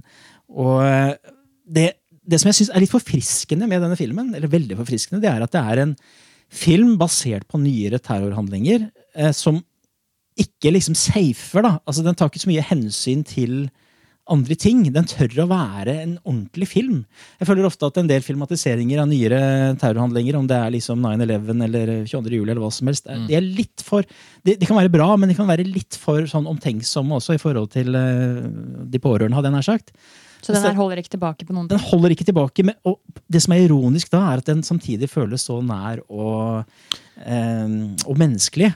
Det skulle man kanskje ikke tro når jeg beskriver den sånn som den gjør, men det er faktisk det den gjør. Og, eh, så jeg ble helt tatt på senga av den. Jeg tenkte dette var bare en sånn ny tullefilm. Jeg ser den for jeg liker sjangeren. Og så var det en ordentlig opprivende flott film, altså både visuelt og, og innholdsmessig. Så Du varslet jo at en av mine favoritter, Army Hammer, spiller i filmen. Ja. Eh, vil jeg, vil, er han nok som et trekkplaster for at jeg skal se den? Han gjør en fantastisk rolle, som han alltid gjør. eh, Og jeg tror nok kanskje han er liksom eh, hjertet i den filmen, på en eller annen måte. Han, han, har et, han har jo alltid et veldig register, men her liksom er det enda mer Ofte er han litt sånn, litt sånn nedpå og mystisk, men her har, spiller han hele registeret som, som skuespiller. Selve terrorangrepet i Mumbai 20, 2008, var det det? Ja. Det husker jeg fra nyhetene. Husker det selvfølgelig, for det var litt sånn der, typisk sånn der, Hva skal man kalle det? Det er jo grusomt, selvfølgelig, men noen av disse forferdelige terroristene evner også å, å, å, å, gjøre angrep som har noe sånn teatralsk overdrevent massivt over seg. Ta 11. september. Ikke sant? Sånn der, hvor selve volden er også tenkt ut å være en form for mediebegivenhet. Ja. Og jeg følte at den nyhetssaken var en stor nyhetssak også fordi det var noe sånt. De angrep dette hotellet. Fra, det var masse terrorister fra høyre og venstre med skytevåpen, med bomber og sånn og sånn. Men det ble også en form for okkupasjon. Og det var jo en sånn Det, det varte jo veldig lenge.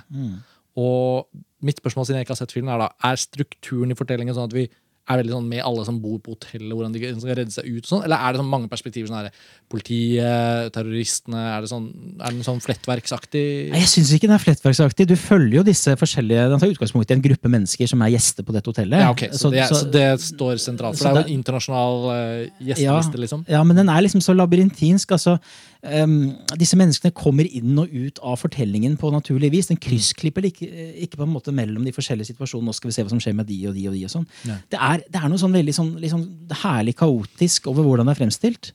Og, og, men noe, først og fremst noe veldig realistisk og nært. Det er ikke liksom eh, bombastisk musikk eller noe som skal Nei. understreke ondskapen til Det er bare et fullstendig kaos som skildres, altså. Eh, som jeg syns var helt fantastisk. Det er alltid litt vanskelig å liksom, ha lyst til å se filmer som har veldig grusomt innhold. Men Det er ikke en film, så jeg, har ikke sett den igjen. Jeg har Nei. sett den den ene gangen. jeg, Mens vi snakket nå, så kom jeg på at hun Stacey Martin Mm. spilte i en film om det terrorangrepet for noen år siden. Så bare måtte jeg slå den opp. og Det var en fransk film som heter Taj Mahal fra 2015. ja. Eh, Jeg har hørt om. Ja, hvor hun også spiller en sånn gjest på det hotellet. Også, Den har jeg hørt er litt sånn eh, ja, De som har sett den, er ikke så veldig begeistra for Nei. den. Men det er jo en sånn typisk sånn hendelse i hvert fall da, som Mm. naturligvis kan uh, avle frem en del filmatiseringer. Fordi det, det, det, Det egner seg jo for film. Det Ja, og så er det jo, selv om det er som du sier, er stjerneskuespillere, altså Ami Hammer og Dev Patel og sånn, så, så er det tonet ned betydelig. Det er, eh, det er mer opplevelse enn å leve seg gjennom dem, da, kanskje. Men, men det er ganske høyt på listen din, da. Du har sett 150-60 filmer. Ja. Altså, kan du avslutte med kanskje altså, Hva er det som gjør at den er da såpass bra? Nei, men Det er jo, handler jo med ty en type film og en ideologi som jeg identifiserer meg med. Som er en sånn viseral, går rett i magen-type opplevelse. Ja. Hvor ikke, den, er, den er ikke nødvendigvis drevet av, eh, av dialog eller eh, rollefigurer. Da. Den er drevet av å være til stede, være der det, det skjer. Og oppleve det på, på kroppen. Mm. Og eh, Det var ikke sånn supermange sånne filmer i år, men dette var, var en sånn en som gjør at den hever seg over en del andre filmer som eh, kanskje man tenker hadde vært mer naturlig på en topp, toppliste. Men eh, jeg syns det er ekstra gøy da, å kunne fremheve en sånn film som eh, Ja, absolutt. ingen andre har eh, tenkt på. U- Uansett hvor fæl Ja, ja, den ja, er. ja, ja. Det, er jo, det, det, det, er jo, det er jo du som får denne filmen inn på min liste over ting jeg får lyst til å se. Ja. Jeg har veldig tillit til dine anbefalinger. Jeg føler de veldig sjelden slår feil. Um, syvendeplass, ja. ja. Jeg vet jo at jeg vet jo at du har filmer jeg er veldig glad i under syvendeplass, men Ja, ja, men sånn er det. nei, av og til må man liksom bare innse at um, Man, det er man har gjerne en sånn filmatisk ideologi som man knytter seg til. Hva Mm. slags type film er det du får, altså får nærmest forbindelse med? Og det er nettopp en Altså ikke, ikke nødvendigvis terrorfilmer. Nei, nei, nei, men Men selve sånn- filmskapingen. Ja, på en måte. filmskapingen. Og det er Sjangeren. tilfellet her. Spennende. Bra. Syvendeplassen din, eh, Pernille. Vi får bevege oss uh, videre. Ja. Den kan også innledes på litt lignende måte som det du beskrev mot slutten her. fordi nå skal vi også over til en film som ikke nødvendigvis er drevet av spesifikke rollefigurer, men mer en hendelse og være med på det som skjer og føle på kroppen. Og det er Gaspar Noés Climax. Ja, det er en naturlig overgang, faktisk. Ja, ikke sant? Ja, Eh, vil jeg si. ja, og det er hans uh... Det er på en måte et slags terrorangrep, det òg. Selv, om- Ja, ikke selv om ikke det er eh, formulert sånn i filmen, eller på noen måte snakkes om som et terrorangrep. Ja. Uh, ja, nå er jeg litt usikker på om det er hans korteste film, men det må være bortimot en av de korteste. Den er 97 minutter lang, og det er det veldig lett å sette pris på når man ser Climax. Ja, jeg, jeg hadde ikke orket at den var et minutt lenger. ikke sant, det det. det. Hadde, det vært, eh, hadde han gått full Enter the Void Mm. med eh, Climax, så tror jeg det hadde vært eh, mer enn utmatta mot slutten. Uh, for det er liksom bare en sånn forferdelig helvetesreise som du som, ja, altså Jeg syns det er gøy å være med på den, men jeg venter også på at det skal ta slutt. Dette er jo en film vi har sett, eh, alle sammen. Jeg har den på 14.-plass, så den er jo, jeg vil kalle det høyt. Også på min liste. Tor Joakim. Ja, jeg har den jo på, på 50, Ja, ja. men uh, det er i tre, øverste tredjedel. Okay, hvil- hvilke andre filmer har du rundt 50.-plass? Bare for å Mid-90s, Terminator Dark Fate. Terminator Dark Fate er hvor, Hvilken plass er den på? 51. Oi, oi, oi. Wow, Så den er Ja. akkurat bedre enn Ja, Terminator. den, den er nok på min 140.-plass, holdt jeg på å si. Ja, nei, jeg er litt spesiell. Men, Nei, men- men, ja. Den, det er jo, den er på mange lister, må også sies. Nå er jo vi tre her til å snakke om våre topplister, men på montasje så publiserer vi jo lister fra mange bidragsytere. Og eh, Climax har gått igjen. Den er jo Det er jeg glad for, for det er også en av de eldre filmene som fort kunne falt i den 2018-ånden. Og jeg må bare si at jeg har hørt veldig mye på soundtracket. Det synes jeg er fantastisk. Er ja. Alt fra Moroder til eh, ja, husker jeg ikke alt som er der engang. Gary Newman og Saron. Ja, og det ba- bare snacks. Ja. Og historikken her er jo da Cannes-premiere 2018, som du Ja. nevner nå, Som jeg hadde en helt historisk bra visning av. Ja. Fordi det endte jo med at hele dansekompaniet i filmen kom ut på scenen etter visning Mm. og hadde dance battle med Gaspar Noé på scenen. Ja. Det blir jo ikke sjukere enn det. Nei, nei, nei. Ja, og vi har snakket om denne filmen i en episode fra Canvasdalen det året, men det, jo, det er jo snart to år siden. Det som selvfølgelig gjorde Climax veldig til en sånn 2019-hendelse, var jo, må jeg si, selvfølgelig at Gaspar Noé da kommer til filmfestivalen i Tromsø i januar for et år siden med Climax for Norges, Norges liksom, lanseringen eller premieren. Og, og er til stede på festivalen og snakker om filmen på visninger, stiller til intervjuer, nachspiel etc. Så Gaspar Ja. Noé det at han kom til Norge, tross alt et veldig lite land for en films lanseringsfase, gjorde jo også at Climax ble en veldig sånn 2019-opplevelse på starten av året for veldig mange. Vi, vi var og så den i Cannes først, men jeg opplever at den har jeg ikke så lang distanse til. Nettopp fordi det ble gjensyn, og det ble hele lanseringen. Og um, selv om den da egentlig fikk et ganske lite kinopublikum i Norge, så tenker jeg like, jeg tror den solgte 4000 billetter. Men det er en, også en fryktelig sær film, egentlig. De fleste går ikke på kino for å få opplevd det som skjer i Climax.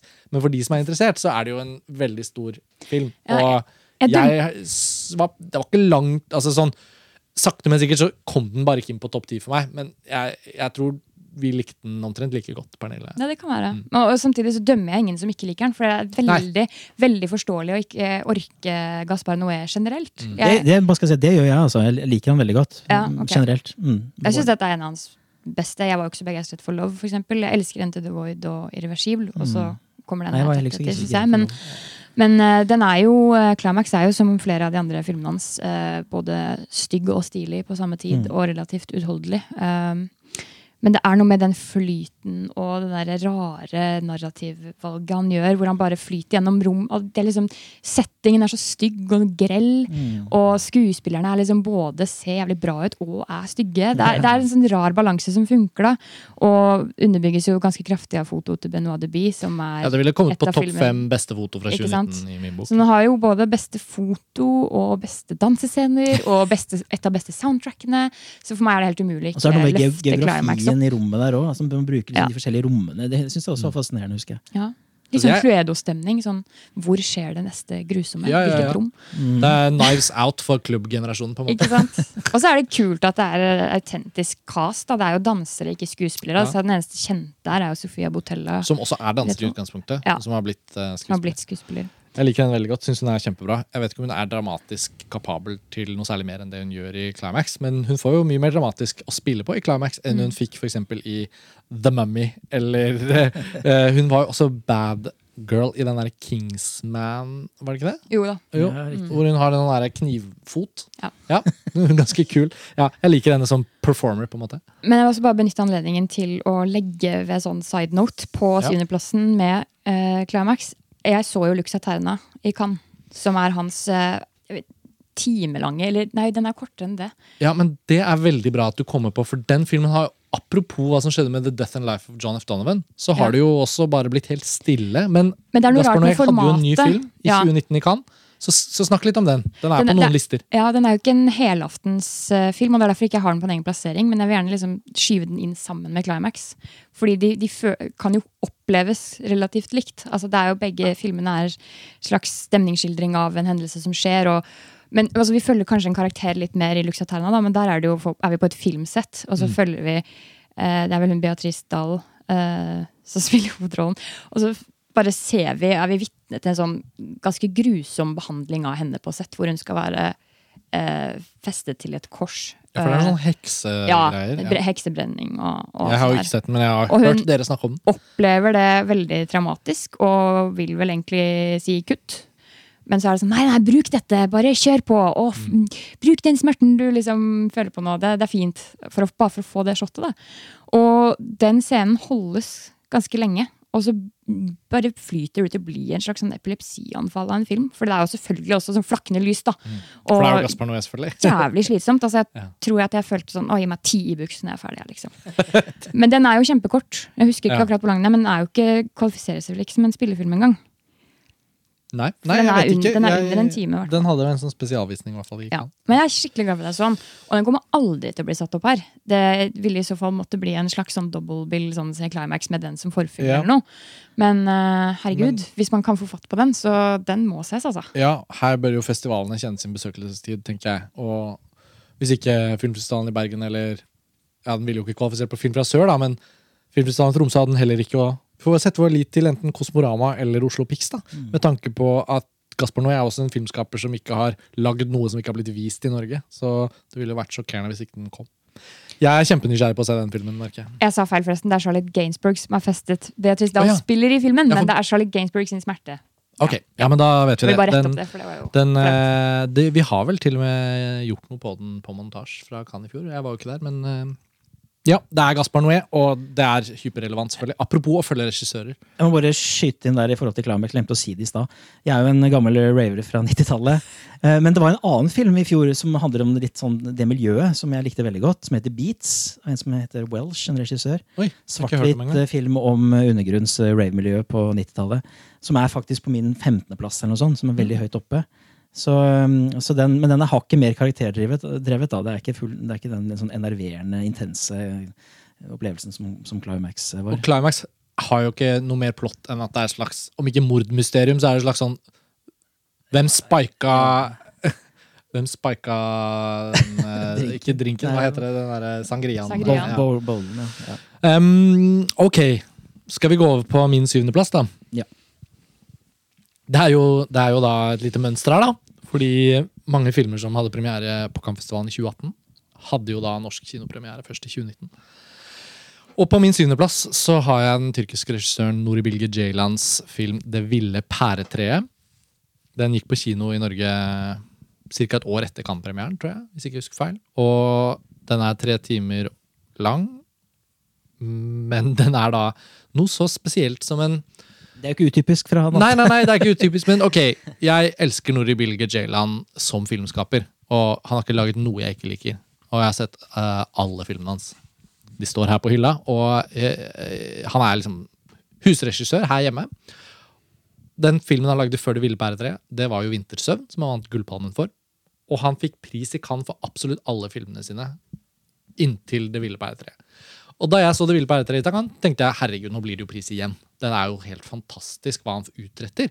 Det er en super det er jo sånn, Av alle filmene hans så kan man egentlig si Man kan si det om nesten alle, men denne mer enn noe annen, kanskje ved siden av 'Vintersøvn', er jo som en roman.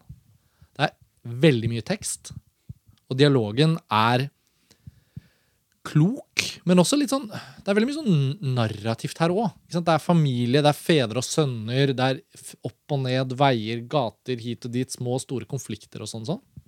Men i hovedsak så handler filmen om en ung fyr som, skal, som har ambisjoner om å bli forfatter. For å si det på den måten. Han, men han er, han er også liksom akkurat ferdig med studiene. Og, og har ikke noe særlig penger og har ikke noe jobb og har egentlig ikke noen fremtidsutsikter. Så han drar hjem til mor og far. Og, og mor og far bor i en, eh, en liten landsby litt utenfor en halvstor by eh, på vestkysten av Tyrkia. Litt sånn ut mot Egeerhavet, kan man si. Men også litt sånn uspennende. Det er jo vakkert der, men det er jo ikke sånn det vakreste landsbyen i Tyrkia. på en måte, ikke sant? Så det er, det er heller ikke en sånn derre sånn som hvis, hvis, hvis, Pittoresk. Nei, det er ikke sånn Geiranger, ikke sant? så det er sånn, ja. Det er noen sauer, og det er noen kuer, og det er en liten moské, og det er noen grusveier opp og ned og hit og dit. Men det er det ville pæretreet da, som vokser utenfor eh, hva skal vi si, liksom eh, grendeshytta til faren, som eh, er en litt sånn herlig type. Og vi følger hovedpersonen, en ganske usympatisk eh, ung mann, som kommer hjem og som har en ganske karismatisk og, og søt far, som er en håpløs type, da, som ikke har klart å spare på penger, han gambler litt og sånn, men han er lykkelig med sitt liksom tilbaketrukne liv. Og ut fra dette utgangspunktet så vokser det seg da en film som jeg syns lodder veldig dypt. Etter hvert så blir den jo ganske gripende.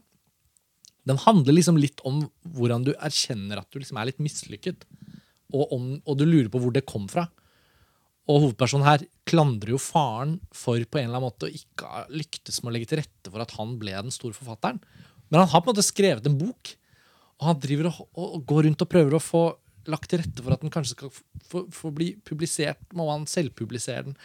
Og så kommer han i prat med forskjellige figurer. da. Blant annet en helt utrolig sekvens hvor han kommer i prat med en sånn imam. Han gående, eller to imamer som kommer gående ned en lang vei. Og den scenen varer kanskje 20 minutter, og de snakker og snakker. og snakker og snakker. Men fordi Scenen har film... problemer med den scenen. Men Ja da, men, og det, er jo for spesielt interesserte, selvfølgelig. Jeg, jeg, jeg har ikke noe problem med The Death and Life of John F. Donovan slenger jeg jo ut som en ekte anbefaling til liksom, typ alle lytterne. Alle dere som hører på det, tror jeg kan se den filmen og, og, og finne noe i den. Det ville pæretreet, jeg mener den er liksom helt åpenbart en av de store filmene fra 2019. Men jeg ville jo også selektivt anbefalt den. Litt fordi den er tre timer lang, og litt fordi jeg tenker at du må være med på en viss type sånn masse prat kombinert med egentlig hypervisuell filmskaping. Men også da at filmen er lagt opp til å liksom virke i to timer, to og en halv time, før den begynner å virkelig handle om det den skal handle om. Så slutten av denne filmen for meg blir helt sånn superrørende og veldig sterk. For de har vært så med på hele der masseringen av disse relasjonene. Alt de snakker om, og så etter hvert så begynner det å, å bli veldig dramatisk. da. Ja, jeg, jeg har glemt at dette var en 2019-film, eh, så jeg har den ikke på lista mi engang. Men den, jeg likte den godt, ikke så godt som Vintersøvn. Men det syns jeg er interessant det du sier til slutt der. fordi at eh, den har noen lange lange dialog, dialogdrevne sekvenser hvor det er veldig mye informasjon og politikk som skal diskuteres. Men de kan man egentlig tune litt ut. Og, og på en måte, Du trenger ikke få med deg Hvert innholdet. Det var akkurat det jeg gjorde, nemlig. Ja, ikke sant? Jeg gjorde også det. Og så lot jeg meg fascinere av, av den estetiseringen av uh, landsbygda til en viss grad. Ja. Eller altså det, de det er ikke feil med steadicam. eh, Nei. Noen sånne steadicam-vandringer rundt, og, det er veldig vakkert. Og det er sånn drøm, de drømmeaktige, føler jeg, da, nesten møtene han har med enten er denne forfatteren eller forleggeren, eller hva som helst, som, som har en sånn rar, merkelig dynamikk. Det syns jeg var fascinerende. Jeg har, jeg har jeg tonet ut på en måte alle disse her eh, politiske og religiøse diskusjonene som jeg fant ut at det må jeg bare gi opp til slutt. Jeg klarer ikke, jeg henger ikke med. For Det var akkurat det problemet jeg hadde òg. Altså, nå har jeg sett både Pæretre og Vintersjøen. Og jeg syns det er fascinerende å, å høre på spesielt din dyrking av det, og også Benjamin Jastan, som var veldig begeistret for Ja. det. Men for meg så blir liksom Det er nesten litt flaut å si det, men Chaulan blir kjedelig for meg. ass. Ja, men han er jo på en måte litt Nesten med vilje en litt kjedelig filmskaper. Men jeg har jo ikke noe mot snakkefilmer. Nei, Snakke nei, nei, men- snakkefilmer. Det er, Fokuset hans, det han er opptatt av som kunstner, er jo Han, han setter sånn Han setter lupe på sånn Nesten litt sånn på en sånn Knausgård-aktig måte, uten sammenligning for øvrig. Setter han sånn lupe på sånn, et stykke av noens liv som er sånn Han fyren her, han er jævla opptatt av akkurat det her i disse ukene her av livet sitt. Og det ville kanskje bare vært ti minutter i en annen film, men jeg skal lage tre timers film om akkurat det. Og, og denne filmen, mer enn noen annen, er veldig sånn. 'Vintersøvn' er jo den mest opplagt mesterlige filmen hans. Min favoritt er en film som heter Ozak, eller Distant, som han lagde i 2002, tror jeg. Men han holder egentlig på med det samme i alle filmene sine. Og det interessante her er jo også at det er sånn spesifik, kulturspesifikke ved Tyrkia, da, som et litt sånn tvangssekulært samfunn, egentlig, som har masse eh, religiøs eh, påvirkning. Men nå tar jo religionen egentlig har endt opp med å ta mye større plass i Tyrkia nå på 2010-tallet enn de gjorde på 2000-tallet, 1990-tallet og sånn. Men den sekulære skiftet i det tyrkiske samfunnet etter første verdenskrig, som da landsfader Atatürk tvang gjennom, ikke sant? bort med, med persisk og arabisk skript, inn med latinsk alfabet. Og, og det har vært sånne store revolusjonære ting, sånne store samfunnsendringer, da som egentlig ble gjort på 20- og 30-tallet, og som da har ligget fast i den sekulære tyrkiske staten gjennom da hele. Ikke sant? Og Jaylan er jo da kanskje 60 nå, eller sånt. Han er liksom veldig sånn Han forteller om familier og typer og ambisjoner fra rollefigurer i et Tyrkia som er litt sånn Det er en vanskelig nasjon fordi den, den strever hele tiden med en sånn modernitet som den, den egentlig kan ende opp med å bruke flere hundre år på å ta opp i seg. Da. Og det er Hvis man vet det, og, og, og tenker på det i lys av filmen hans, så blir filmene 10-20 ganger bedre. Det er jeg, da. veldig konsekvent i Vintersøvn, hvor du har Ja, dette her er jo- jordsamfunnet som er Ja. liksom midt mellom Drive det eh, hotellet oppi Ja, denne merket som er midt mellom to sivilisasjoner, nærmest. ja, ja. Altså, det Også jeg, klasseportrettet. og klasseportrett av mange ting. Ja. Mm. Mye av det som sies i dialogen, reflekteres i, i omgivelsene. og sånn. Så Den er nok hakket mer konsekvent og, og mer ja, gripende, synes jeg Ja. kanskje. En, en Ja, jeg kan si meg litt enig i det, men eh, det fine er ja, det, er ikke, det er ikke så lett å gå tilbake og drive og se disse filmene om og om igjen. Jeg har vel maks sett ja, Vindsjøen har jeg sett to ganger, Rosakka har jeg kanskje sett to-tre ganger. og sånn. Så det er ikke sånn at jeg har sett noen av filmene hans mange ganger og vært sånn, og den. Men det er noe med å følge kunstnerskapet hans som jeg bare opplever så, så utrolig tilfredsstillende. Nesten litt sånn som å følge de filmene han Patricio Guzman som vi snakket om i stad. Cordillera Dreams, altså bare sånn, Den ene filmen føler jeg bygger veldig videre på den andre. Og desto flere av dem du ser, desto egentlig mer spennende er det å se hvilken som helst av dem. da. Så Nei, jeg regner med at jeg måtte føre hoveddelen av samtalen på Det ville pærtreet, men eh, det er altså min eh, syvendeplass. Og, og siden den er såpass lang òg, så er det jo litt sånn De gangene man får satt seg ned og sett J-Land ordentlig, er jo enten på festival eller liksom når man skal se det første gangen sånn om det er film fra sør eller når den går på kino. Men, men de har jo faktisk gått på kino, da, mange av disse filmene. Ikke så mye av det han lagde aller først der, men, eh, men de Fikk fleste. Pæretre Det ville pærtreet gikk på kino, vanlig kino. 18, var det ikke det? Vintersøvn. Nei, jeg, Cannes-festivalen 2018, ja, så gikk den på kino at, eh, Jeg 2019. å ta den med, for det er 19, ja. Mm. Og Vintersøvn gikk på kino, og de før der også. Jeg tror Once Upon a Time in Anatolia gikk ikke på vanlig kino. Den er også over tre timer lang. Nei, det gjorde kanskje ikke det. Og jeg må le litt. Det er jo fryktelig surt. da Tenk deg en som ikke er sånn dødsinteressert i film, som får anbefalt å gå på en av de, Ja, og ikke vet hva man Det er jo en slags parodi for de som ikke liker uh, Ja, på en måte. Men, eh, men jeg syns Jo, men hvis du snakker om jeg, jeg Hvis man snakker om da dialogdreven kunstfilm fra et land i Midtøsten, Ja. så ville jo jeg, selv om jeg elsker også mye av det bra som har kommet fra iransk film de siste par 20 årene, så vil jeg jo si at Jaylan er egentlig lettere tilgjengelig, fordi det er noe med at det er noe veldig mellommenneskelig og konkret som snakkes om hele tiden. Noen av de iranske filmene som jeg også liker veldig godt, syns jeg oppleves enda mer sånn fremmede. på en måte, For det blir liksom enda mer sånn «Åh, Hvordan er dette igjen? Ja, syns jeg, da. Men ok, uansett. Dette er bare ment som en kjempeanbefaling av Det ville pære tre, så, så jeg skal ikke trekke den ned. Men eh, jeg innser jo at den har sine begrensninger som, som i, i dens tilgjengelighet da, for et mer allment publikum. Men da skal vi over på din sjetteplass, da, Tor Joakim. Ja, sjetteplass, sjetteplass. Um, og vi er jo ikke helt ferdig med dokumentarfilmene. Vi har Nei. snakket jo om to veldig bra i stad. Og eh, min uh, siste dokumentarfilm for dagen i hvert fall, det er jo eh, Maradona. Eller Diego Maradona, som den heter. Um, jeg har allerede skrevet en omtale om den på montasje, så kan du lese der for å få litt mer fyldigere info. Men klart, jeg i likhet med alle andre har vært veldig fascinert av Asif Kapadias pro prosjekt. da. Altså Dette prosjektet om unge genier og berømmelse eh, med, med Senna og, og Amy tidligere. Men det er jo ingen tvil om at det er Maradona jeg har nærmest forhold til eh, av de tre. Eh, jeg vokste opp på, delvis på 80- og 90-tallet hvor Maradona fremdeles var aktiv. Eh, Riktignok ikke helt eh, altså Det var ikke mye, mye vi fikk sett av han på norsk TV. Men jeg fikk nok til at jeg skjønte at dette var en, eh, en kompleks figur. da. Mm. både på banen og utenfor banen. Og eh, Det er blitt laget mange, laget mange dokumentarer om han før, men eh, det er jo noe med Kapadia og hans musikalitet og hvordan han behandler disse geniene. Eh, hvor, eh, hvor man skal få en følelse av deres personlighet gjennom filmspråket. Mer enn bare informasjonen og det vi blir vist.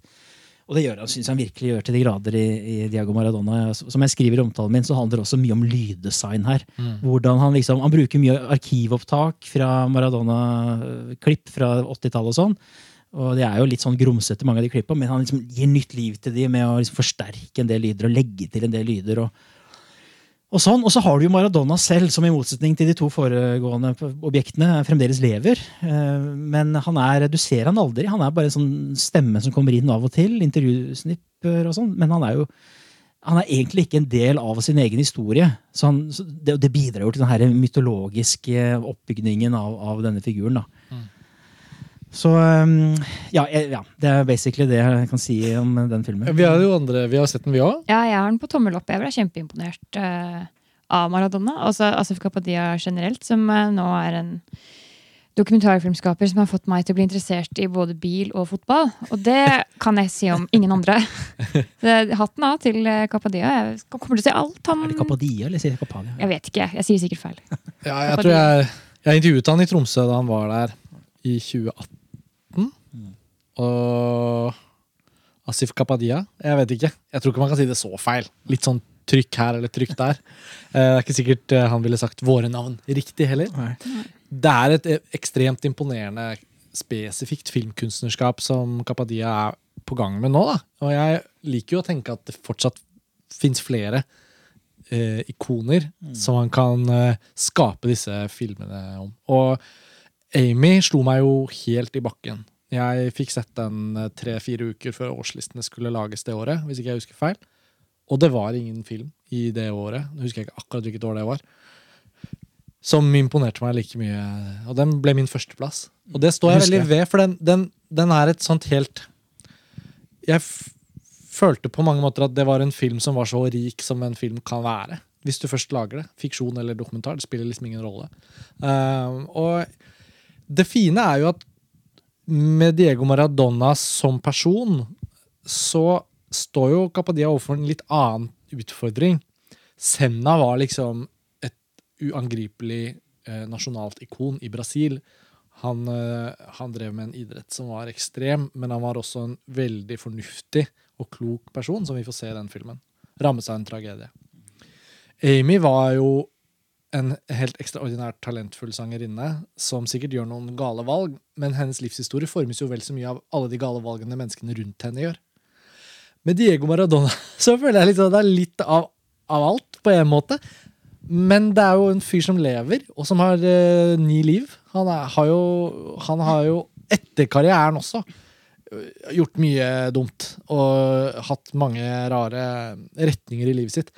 Det jeg liker veldig godt med denne filmen, er jo også hvordan Kapadia fokuserer på en egentlig, på en måte litt sånn overskriftsmessig litt sånn usexy del av Diego Maradonas liv og karriere. Det er jo så mange ting man kan ta fatt i. Mm. Fotball-VM i USA i 1994. Maradona gjør et slags comeback på det argentinske landslaget. Skårer et helt utrolig mål og blir tatt for doping fordi han har noen spor av kokain i blodet.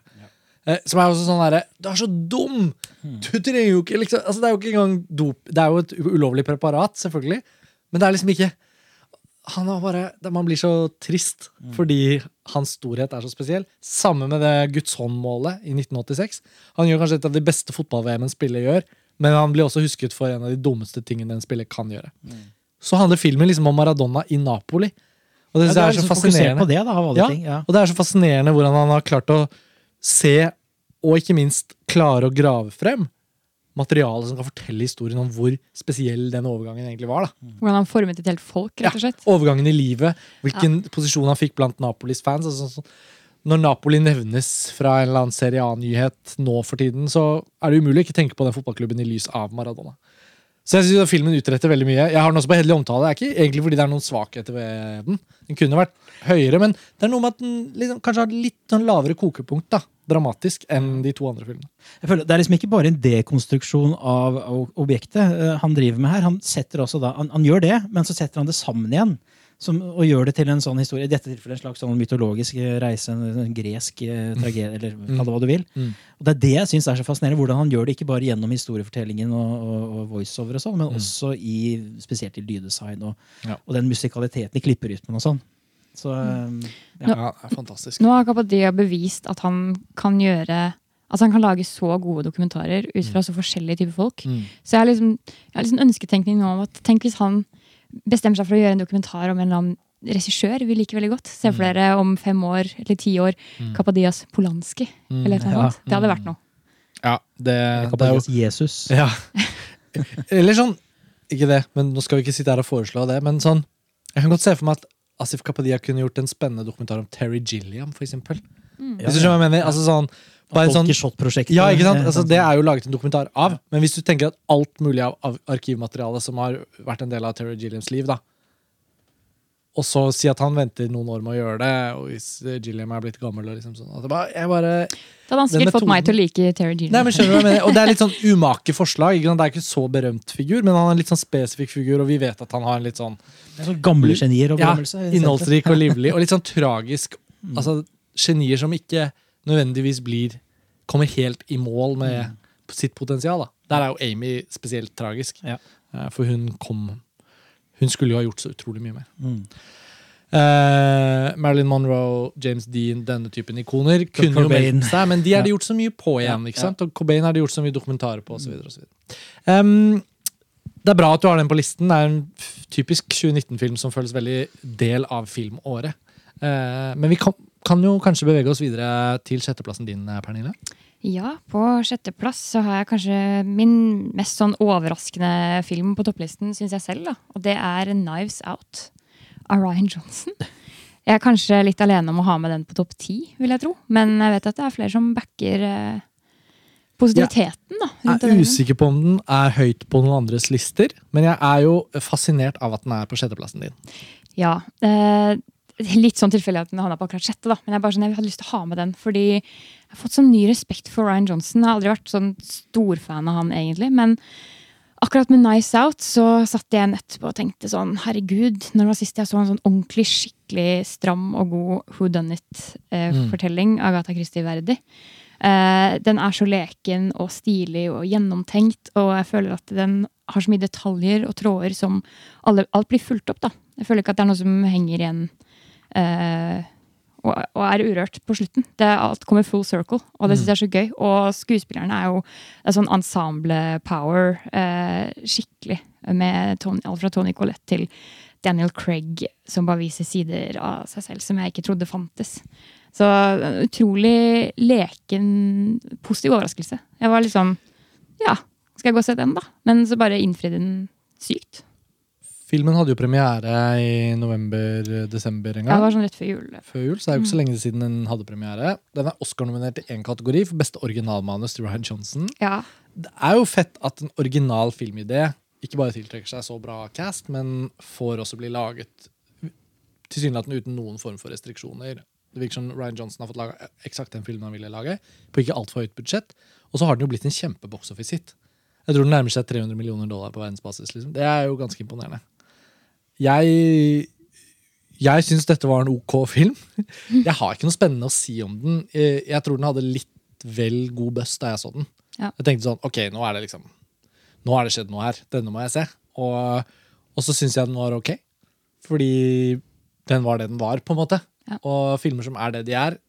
Med det mener jeg jo liksom at man ser filmen, det som skjer, det skjer. Og så er jeg ferdig med den. Og jeg har ikke hatt så mye bruk for den etterpå. Jeg syns ikke direkte at den bruker noe av det den holder på med. Bruker den liksom ikke helt til å fortelle om en tematikk, men det gjør selvfølgelig ingenting. Det er ikke meningen, og jeg kan ikke kreve at filmen skal gjøre noe mer enn den gjør, men da blir den bare ikke så verdifull for meg. Men jeg er jo på en måte Jeg ler jo litt i skjegget over hvor, hvor tøft det er å se Ryan Johnson Man kan ikke synes synd på en fyr som har blitt invitert inn til å lage en Star Wars-film på enormt budsjett og lyktes så bra. Men han har fått en helt merkelig storm av kritikk mot seg som jeg ikke skjønner noen ting av. Jeg syns heller ikke han har vært en spesielt stor filmskaper. Men jeg har liksom sånn Brick, sånn mm, tommel opp, spennende. Brothers Bloom, kanskje en av de teiteste og dårligste heistfilmene jeg har sett. Um, Looper, oi! Tøff. Tøff liksom action sci-fi, konseptuell. Den likte jeg. Og så syns jeg også Last Jedi er veldig bra. Så Knives Out var litt mer sånn hm, Ja. Ja. Nå kan du bare lage noe annet, og så skal jeg være med. Jeg har jo stor, vært stor fan han. Ikke så stor fan som jeg er av Gareth Edwards. Det er naturlig å liksom sammenligne de to og deres vei eh, opp i karrieren. Begge har gjort Star Wars og sånn forskjellig. Men, men eh, jeg har alltid vært fascinert av hans blikk og hvordan, hvordan han bruker det som egentlig er tradisjonell fortelling. Og så har han noen sånne små, rare innfall underveis. Det ser du i Last Jedi, for eksempel, og sånn. Eller Looper, hvor han også bruker en velkjent uh, sjanger til å leke seg litt. Jeg har ikke fått sett uh, Nice Out. Jeg har liksom unngått den fordi jeg egentlig hater sånne Agatha Christie-romaner. eller uh, Ja, den er krim. 100, 110 sånn. Ja, men det er det jeg lurte på. om det kanskje, Er den litt sånn subversiv, leker seg med den sjangeren, eller er det bare rett og slett en sånn Agatha Christie Ja. Jeg hadde jo liksom ikke blitt overrasket om det bygget på noe originalmateriale fra Agatha Christie. Den bygger jo på det som er inspirasjonskilder. Ja. Ja, den er jo en pastisj, egentlig. Pastisj, Ja. ja. Ja. Det vil jeg si at den er. Ja. Men Det er jo ikke egentlig en kritikk, det er jo like originalt og kult å, å, Ja. å gjennomføre det. Karakterene er jo kjempekarikerte og med intensjon. Det er helt tydelig. Så for meg så er dette her fjorårets kanskje mest sånn rendyrkede underholdningsfilm, da, ved siden av Once Upon a Time in Hollywood. Så ja. Nei, jeg, jeg føler den her kommer til å ha stor gjensynsverdi, og kanskje en sånn type film man kan plukke opp en gang i året. Kanskje sånn rundt juletider og litt sånn uhøytidelig. Ettersom du ikke har sett den, Tor Joakim, kanskje noen av lytterne ikke har sett den, så tenker jeg vi hopper over å diskutere plottet og sånn. Men på helt generelt grunnlag så trodde jeg vel 20-25 minutter inn i filmen at det kom til å snøre seg skikkelig til helt på slutten. At det kom til å liksom være en sånn skikkelig ending. Filmen er strukturert litt annerledes. Ja. Og det tror jeg også gjorde at noe av luften i forventningene mine i hvert fall, gikk litt sånn ut av å følge plottet. Så sånn, midtveis så kjente jeg jo at å ja, jeg skal se Jeg vet vel egentlig litt hva dette går i nå. Så filmen inviterer oss jo egentlig også til å sette pris på den faktisk mer og mer. Den blir mer og mer karakterdrevet også. Ikke så plott whodunit-drevet som man kanskje man tror. Så det er jo egentlig litt bra, for den blir Ja. ikke så uoriginal. Men jeg føler kanskje også, merkelig nok, så hadde jeg da egentlig forventet mye mer sånn typisk Poirot Agatha Christie-aktig. Så jeg vet ikke om det var bra eller dårlig med den, men jeg hadde vært åpen for å se den igjen sånn om tre-fire-fem år hvis den dukker opp. og så er det sånn, ja, ok, jeg kan se den igjen. Men litt ok, da, for meg. Ja, det er greit, det. Men jeg synes det er, jeg synes det er Jeg slår et slag for Knives Out. ja, men det er jo så bra. ikke sant? Jeg føler jo det, det morsomme med årslister og det å gå gjennom et filmår når man er tilstrekkelig nysgjerrig på forskjellige ting, selv om man har mange av de samme filmene fordi det er mange filmer som er så bra at vi alle liker dem. Men jeg liker jo hvordan listene våre allerede til nå egentlig har liksom hatt litt fra høyre og litt fra venstre.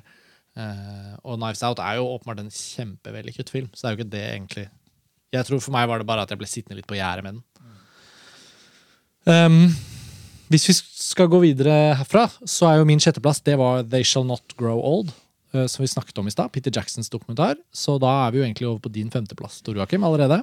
Og den, ja, og den har vi allerede også vært innom. Det er eh, Godt nyttår Chile av eh, Dominga Ja. Sotomur Castillo. ja, da er vi den opp igjen. Og vi kom jo da inn på de chilenske filmene da jeg kom inn på min niendeplass. Men hvis vi skulle løftet den litt fram for lytterne, ettersom den hadde ikke så mange besøk på kino, og det kan godt hende mange har registrert den som en sånn film. Den ble distribuert av Arthouse, fikk gode kritikker og sånn. Men hvis man skulle prøve å trekke dem inn i hva slags, hva slags film det er, Tor Joakim For du har skrevet om det i en Ja, veldig fin omtale. Spørsmålet kan si så mye mer enn det jeg egentlig har skrevet i den. Jeg føler jeg liksom destillert eh, essensen av den filmen i den omtalen jeg gjorde. Ja. Uh, Regissøren er ung, men hun har laget to filmer før. ja, som jeg ikke har, Jeg har sett eh, begge. sett. Eh, den ene heter Thursday to Sunday. Som er sånn Mm. Jo, hallo, den har Ja. jeg jo sett. Ja. Ja, det er denne road movie. Nydelig Ja. sånn roadmovie med en familie i oppbrudd. jeg har jo sett begge to. Ja. Nå ble jeg jo helt eh, Se der! Da var det ikke så ille. så jo, sånn Og ja. og så er det en timeslang film Ja, på midten der ikke som ikke er så god. Men det var nok Hun fortalte i intervju på Film fra Sør at det var et prosjekt hvor hun ble kontaktet av en skuespiller fra Argentina som lurte på om de skulle jobbe sammen. Han hadde en idé, og de hadde litt penger, og så dro de og filmet. Og så ble, vokste det seg litt større. Mm. Og da ble det en timeslang film som ble vist i Forum i Berlin. Ja. Men eh, jeg tror ikke hun anser den selv som en sånn en hel spillefilm. Da. Sånn Mannen i eksistensiell krise. Jeg, jeg, jeg syns den var nei, litt som den første. Ja.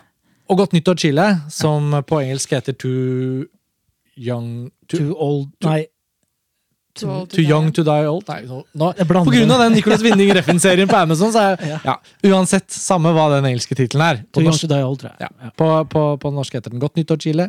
Og den utspiller seg jo blant annet på nyttårsaften, så det er jo ikke tilfeldig at den heter det. Men det er jo helt åpenbart da hennes gjennombrudd. Og, og det du skriver veldig fint om, syns jeg, bare for å parafrasere, så, så går jo du litt inn på hvordan hun har tatt i bruk liksom, oppvekstskildringens eh, hva skal vi si, konvensjoner, Mm. men lagt et veldig sånn poetisk, opplevelsesorientert billedvisuelt visuelt språk på det. Ja, det, er jo, det handler jo litt om overgangsriter. da. Både om, om Chiles politiske skifte, men også om uh, menneskers overgangsriter. Altså om denne unge jenta Sofia sin, sin um, transformasjon fra jente til kvinne. Og, eh, men, men, og det, det som også er litt fascinerende her, er at dette er reflektert i det visuelle uttrykket. Altså Ja. Det er et sånn polaroidaktig utvasket eh, foto, som også er også litt sånn tidsubestemmelig. Og det gjelder egentlig filmen også. Det er, du må liksom grave litt for å skjønne når er dette egentlig utspiller seg. Ok, det er noen sånne, det er O'Connor-plakat, og det, det er noen sånne små markører. Men ellers så er det litt, litt vanskelig. Det tror jeg er meningen også. Å legge et slags tidløst slør over det. Litt sånn mid-90s, egentlig. mid ja. Jeg var, nå var ikke jeg så glad i den, men eh, ja, jeg skjønner hvor, hvor du vil. Den syns, jeg var enda finere til å dyrke akkurat den perioden. da, Mid-90s. Ja, Eh, den er jo den er ikke på min topp ti, men eh, Jonah Hill sin debutfilm, da, Mid-90s, er jo da også en sånn overgangsrite oppvekstfilm om helt andre Ja. Altså om gutter og om skatere i Los Angeles. Det er en helt annen film, egentlig, men de to filmene har koblet seg litt sånn i hverandre eh, for meg. Jeg så de tett på hverandre på vårparten i fjor, og så Ja, videre. jeg, kan, jeg skjønner det, men jeg syns dette er en mye mer ambisiøs film. Altså, den går også på enda høyere metanivå, på en måte, føler jeg. Jeg vil kanskje si meg enig, fordi jeg syns mid-90s også var litt sånn little 90s. Og Det, var veldig, Ja. det satt igjen med en følelse av at det var en veldig liten film. Ja. Vi har en podkastepisode om det nå, som, hvor Lars Ole Kristiansen og jeg diskuterer filmen. Mm. Mens Godt av Chile har den kvaliteten at den på en måte portretterer et lite samfunn og noen få karakterer. Men på en eller annen merkelig måte er den utformet slik at man kan lese mye mer inn i den. Jeg syns filmen også vokser seg større på en eller annen merkelig måte av å være litt liten. Mm. Ja. Um, Og den vokser seg også litt ut av jorda. Og Ja, hvordan bruker har- naturelementer her, og Akkurat. ild og jord og vind og Akkurat. Det er jo en sånn skogbrannsekvens som Ja. minner litt om den lignende sekvens i uh, Alfonso Cuarons Roma. Ja, det kan du Eh, for så vidt si. Ja. på måte, da. Bortsett fra at den Uten sammenligning for øvrig. særere, den Ja. Men vi skal holde øye med Dominga Ja. Sotomayor Castillo. Hun har helt åpenbart en stemme, men også en vilje, og hun produserer sine egne filmer. Da hun var i Oslo, så var det jo revolusjon i Chile, selvfølgelig, så hun var jo veldig påvirket av det. Men hun har jo, har jo åpenbart et veldig sånn sterkt miljø hun er en del av. Med unge filmskapere, fortellere, skribenter osv. Så, videre. så det, det virker som det skjer veldig mye spennende der. Vi følger med. Ehm, jeg tenker vi kan gå videre. Nå har vi liksom snakket om den litt sånn i to etapper. Hvis ikke du hadde hatt noe å si om da? Jeg har ikke så mye å si på. Jeg har sett to av filmene, og jeg, jeg var så vidt innom dette på Film fra Sør-podkasten vår, at hun Ja, jeg husker det var da vi snakket. anerkjenner at hun jeg ser at hun har noe der, men det er ikke helt for meg. Nei, Det er fair. Fair enough. Så da har du ikke Godt nyttår chili på femteplass? Nei, det er ikke, og i lys av det dere nevner nå, så ser jeg jo hvor kommersiell listen min er. Fordi nå skal vi over til Netflix, eh, og på min femteplass så har jeg Marriage Story av Noah Baumbach. Mm. Som jeg allerede føler at jeg har forsvart eh, ganske kraftig på podkasten vår i Venezia. Fordi da møtte jeg motgang hos dere. Altså, en veldig, veldig, veldig, veldig hyggelig ting å trekke inn her, er jo at den podkastepisoden vår om Marriage Story ved flere anledninger har jeg i hvert fall fått veldig sånn god tilbakemelding fra lyttere på den spesifikke Ja. episoden. Ok. Eh, Det er jo selvfølgelig alltid hyggelig å få tilbakemelding. Eh, Man kan få kritisk tilbakemelding òg, og se om det er noe vi kan gjøre bedre.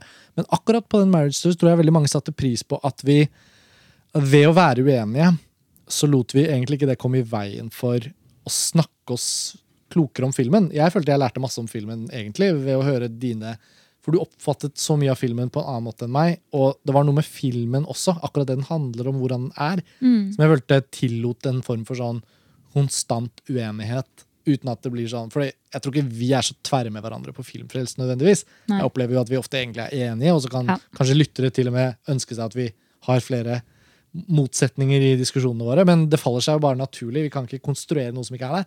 Men for akkurat den filmen og den episodens del så husker jeg også at vi, vi hadde tiden og roen til å snakke ordentlig om det. Og selv om vi ikke vi endte opp med å bli enige, så syns iallfall jeg Det var en, på en bare sånn personlig plan. Selv om vi tok opp det og gjorde det til en podkast, så kunne det også bare vært en samtale vi hadde om en film. Ja. Og man sitter etterpå og tenker ja, jeg vet mer om filmen nå fordi vi snakket om den. Og det, Ja. Derfor hadde det også vært rart å begynne å snakke om den på nytt nå. Og liksom se om vi kunne rekonstruere den Ja. samme samtalen. Den fins allerede i den episoden. Så lytterne kan jo bare For, for vår del. Men, men, eh, men jeg har ikke sett filmen på ny siden Venezia. Så hvis det er noe mer å tilføye om Marriage Story ved gjensyn eller Tore Joakim, du har jo ikke eh, sagt noe særlig om den filmen. Nei, um, det er jo På 200-plass. Nå sa du alt! Ja, men jeg syns det er litt sånn kleint, for jeg har den på 95. Ok. Beklager, sorry, Pernille. Men, men det, det er noe med det, Igjen tror jeg det handler ikke så mye om filmens nødvendigvis kvaliteter, men litt om ideologi, tankegang, innfallsvinkel, hvordan man lager film. Altså Det er en film som er basert selvfølgelig veldig mye på dialog, og på en intensitet til tider i dialogen. Som for meg kan bli litt sånn anmasende til tider. Og så skal det liksom skvise drama ut av ting jeg føler ikke helt er der. Litt som 'Jakten' av Thomas Winterberg, som jeg også irriterte meg veldig grønn over. Um, men eh, det er bare en sånn litt sånn personlig ting som jeg har. eh, og som Jeg skal være forsiktig med liksom å trekke en Ja, jeg føler jo at man ikke kan si det ikke er et drama der. Fordi eh, som, altså, Nå er ikke jeg forelder selv, men jeg kan jo se for meg at en kamp mellom to foreldre om hvem som skal ha mest rett på barnet, er et ganske stort drama. Mm. Uh, sårt drama. sårt drama, ikke Ja, noe av det minst. Såre med Marriage Story har jeg fort, og det sa jeg den gangen. og Jeg opplever jo det som noe av det mer gripende med filmen. Da. Altså guttens men, observ- Ja, så, men det handler- det er jo ikke egentlig det, altså det handler litt om hvordan det iscenesettes i form av dialog, og så ofte litt sånn ulne svar. Det var det jeg altså hadde problemer med i jakten. Hvorfor kan du ikke bare si rett ut? Hvorfor må du si det på en måte som blir misforstått med en gang? For at manuset skal leve, For at manuset skal leve. Det er fullstendig klar over, men det, sånn, sånne ting irriterer meg. da. Ja. Så det er At du føler drama dramatikeren sitter der. sitter der og skal skvise det ut og lage ambivalente uh, utsagn som kan tolkes i verst mulig retning. Men, men det er jo din femteplass, eh, Ja, Pernille. og jeg hadde et gjensyn med den eh, rett før jul, og er fortsatt veldig enig med meg selv etter alt jeg sa i Venezia. Veldig bra. egentlig. Og er uh, kjempeglad for at den finnes, og bare hvordan den har plassert Adam Driver eh, nå i, i et slags sånn derre Han er jo på, en, på listen over klasseskuespillere nå, føler jeg, etter denne filmen. Så det er jeg veldig han, glad for. Har, han har jo fått et løft fordi jeg tror mange som har sett at han er en veldig god skuespiller, har jo også sett at han har tatt seg en tur innom Star Wars og gjort litt sånn ting her og der. og og gjort også særere roller. altså pa pa Paterson, Patterson holdt på å si Parkinson, ja. Men, men, og, og, Men så med Black Clansman sånn, så, så Der er jeg han var veldig god. Ja, og det er jo ingen tvil om at Adam Driver er en glimrende skuespiller. Men uh, han, han er jo Han har jo et range, som de sier, da, her. Og det, det nok en gang, altså Min kritikk mot filmen går jo heller ikke på at liksom, Adam Driver er mindre god. eller Han er jo kjempebra. Scarlett Johansson, som jeg alltid har likt. og følt at har vært hun har jo blitt en sånn blockbuster-skuespiller fordi hun har tatt sine valg som, som superstjerne, på en måte, men, men hun har jo også gjort en og annen film innimellom som er sinnssykt imponerende ut ifra hva man kan gjøre som skuespiller. Fra om det er Under the Skin eller liksom Så jeg har bare, bare blitt så glad på hennes vegne også. Jeg har ikke sett Jojo Rabbit, men hun er jo dobbelt Oscar-nominert. Um, Jojo er jo en 2020-film, mens Marriage Story er 2019-film. og jeg trenger ikke gjenta alt det, men den vokste seg da aldri helt som det store verket for meg. Og jeg ble sittende utenpå den filmopplevelsen. Men, men uh, Veldig flott at Pernille har det som en sånn fanesak. den ja, filmen. og jeg, jeg har veldig- respekt for det, for jeg, jeg, jeg, jeg skulle ønske jeg kunne oppleve filmen sånn som du gjør det. Ja. Ja. Kan du huske sånn i forbifarten om det er noen andre som har den på topp ti? Eller er det jeg alene? Eh, Nei da, den er, eh, den er representert på lister. Ja. Ja, i mange lister. Men det er fint. Så, nei, nei, og jeg har, jeg har fulgt det hele høsten og vinteren. Men så er det av og til noen som, om det er i kommentarfeltet på montasje eller på Twitter, eller sånn, som, som kimen din sier sånn glad, glad for å se at det ikke bare var jeg som Og jeg tror på en måte at den fikk såpass unison hyllest på et tidspunkt at de som ikke syntes den var like god, kanskje var litt sånn Hæ? Men denne må vi jo kunne diskutere, på en måte. Ja. Men vi gjorde jo det i den episoden, da, fra Ja. Venezia. Så vi, vi var jo fremme sånn sett. Og, men dette har jeg sagt mange ganger. Jeg skulle alltid ønske at jeg var den som var pro en film. Jeg synes alltid det er surt å bli Det er det beste jeg vet, å være pro ja, mot alle andre. Det er jo ikke noe gøy å ja, Vi elsker jo film på en sånn barnslig måte, alle sammen. Så man har jo ikke lyst til å mislike noe. Men det, det fine med Marriage Story sånn sett er jo ikke at jeg syns ikke den er dårlig dårlig. Det er bare det at jeg opplever at den har et potensial den ikke forløser. Og, og det går fra hvordan jeg så filmen. ikke sant? Og, og, og det potensialet forløses for deg, og den har de egenskapene som, som en sånn dramatisk fortelling bør og skal ha. Og da eh, skulle jeg ønske jeg var at jeg var der du var. Det var. diplomatisk og fint sagt. Ja, Nei, men det, det, sånn er det. Sånn er det i alle tilfeller. Men uh, selvfølgelig noen ganger når man kommer inn inn på et uenighetsspor, så er det jo litt gøy å ta det. Ja. Og så se hva som kommer ut av det. Men, um, men vi oppsummerer et glimrende filmår, og det er din femteplass. Og, og jeg kommer helt sikkert til å se den igjen en dag, og da er jeg jo veldig spent på om jeg faktisk liker den bedre eller ikke. Ja. Ok, er det da min femteplass? Ja. Da har vi kommet til Dag Johan Haugeruds barn. Og hvis noen av dere andre har den på listen, så er den nærme da, eller skal vi vente med den? Den er ikke høyere oppe hos meg, dessverre, men den Nei. kunne virkelig like gjerne ha vært det. altså. Ja, Men da snakker jeg litt om barn, jeg, da. Eller vi. Dag Johan Haugerud har jo da over tid utmerket seg som en, en fremragende norsk filmskaper. Og jeg tror mange, da de så 'Som du ser meg', og så 'Det er meg du vil ha' like etter, merket at ok, han har gjort mange fine, litt sånn finurlige kortfilmer. Han har hatt en stemme og vært merk... Liksom, man har merket seg ham. Men det er selvfølgelig det er ikke mange som så Thomas Ylland Eriksen og historien om Origami-jenta på, en måte, på kino, eller som husket den, eller som har festet seg ved den voldsomt. Men han har hatt ganske høy produksjon de kort, innenfor de kortere formatene, og ikke minst skrevet flere romaner. da. Han vant vel P2-lytternes romanpris et år, hvis ikke jeg husker feil. Så, så, så det er jo ikke noe tvil om hans liksom, kunstnerskap. Men etter Som du ser meg, så ble det jo alvor. Og den fikk jo mye oppmerksomhet. Og, um, og så lager han Barn, som da er et virkelig, syns jeg, et sånt symfonisk storverk som har skikkelig tematisk liksom, Den er så godt skrevet. Og den behandler en kjempekomplisert, dramatisk idé. Det er et barn som for, forårsaker et annet barns død i skolegården. Det er en så klar, dramatisk hendelse. Og man snakker alltid om det, det igangsettende, for et, igangsettende hendelsen for et drama. ikke sant, og sånn og sånn og sånn. Men på et eller annet vis så blir filmen så velskrevet, så velstrukturert. Den er så spennende bundet opp i masse forskjellige rollefigurer som glir inn og ut av hverandres virkeligheter og hverdag. Men at den er i tillegg så føler jeg at selve visjonen er så perfekt realisert gjennom hvordan skuespillerne presterer på Haugeruds dialog.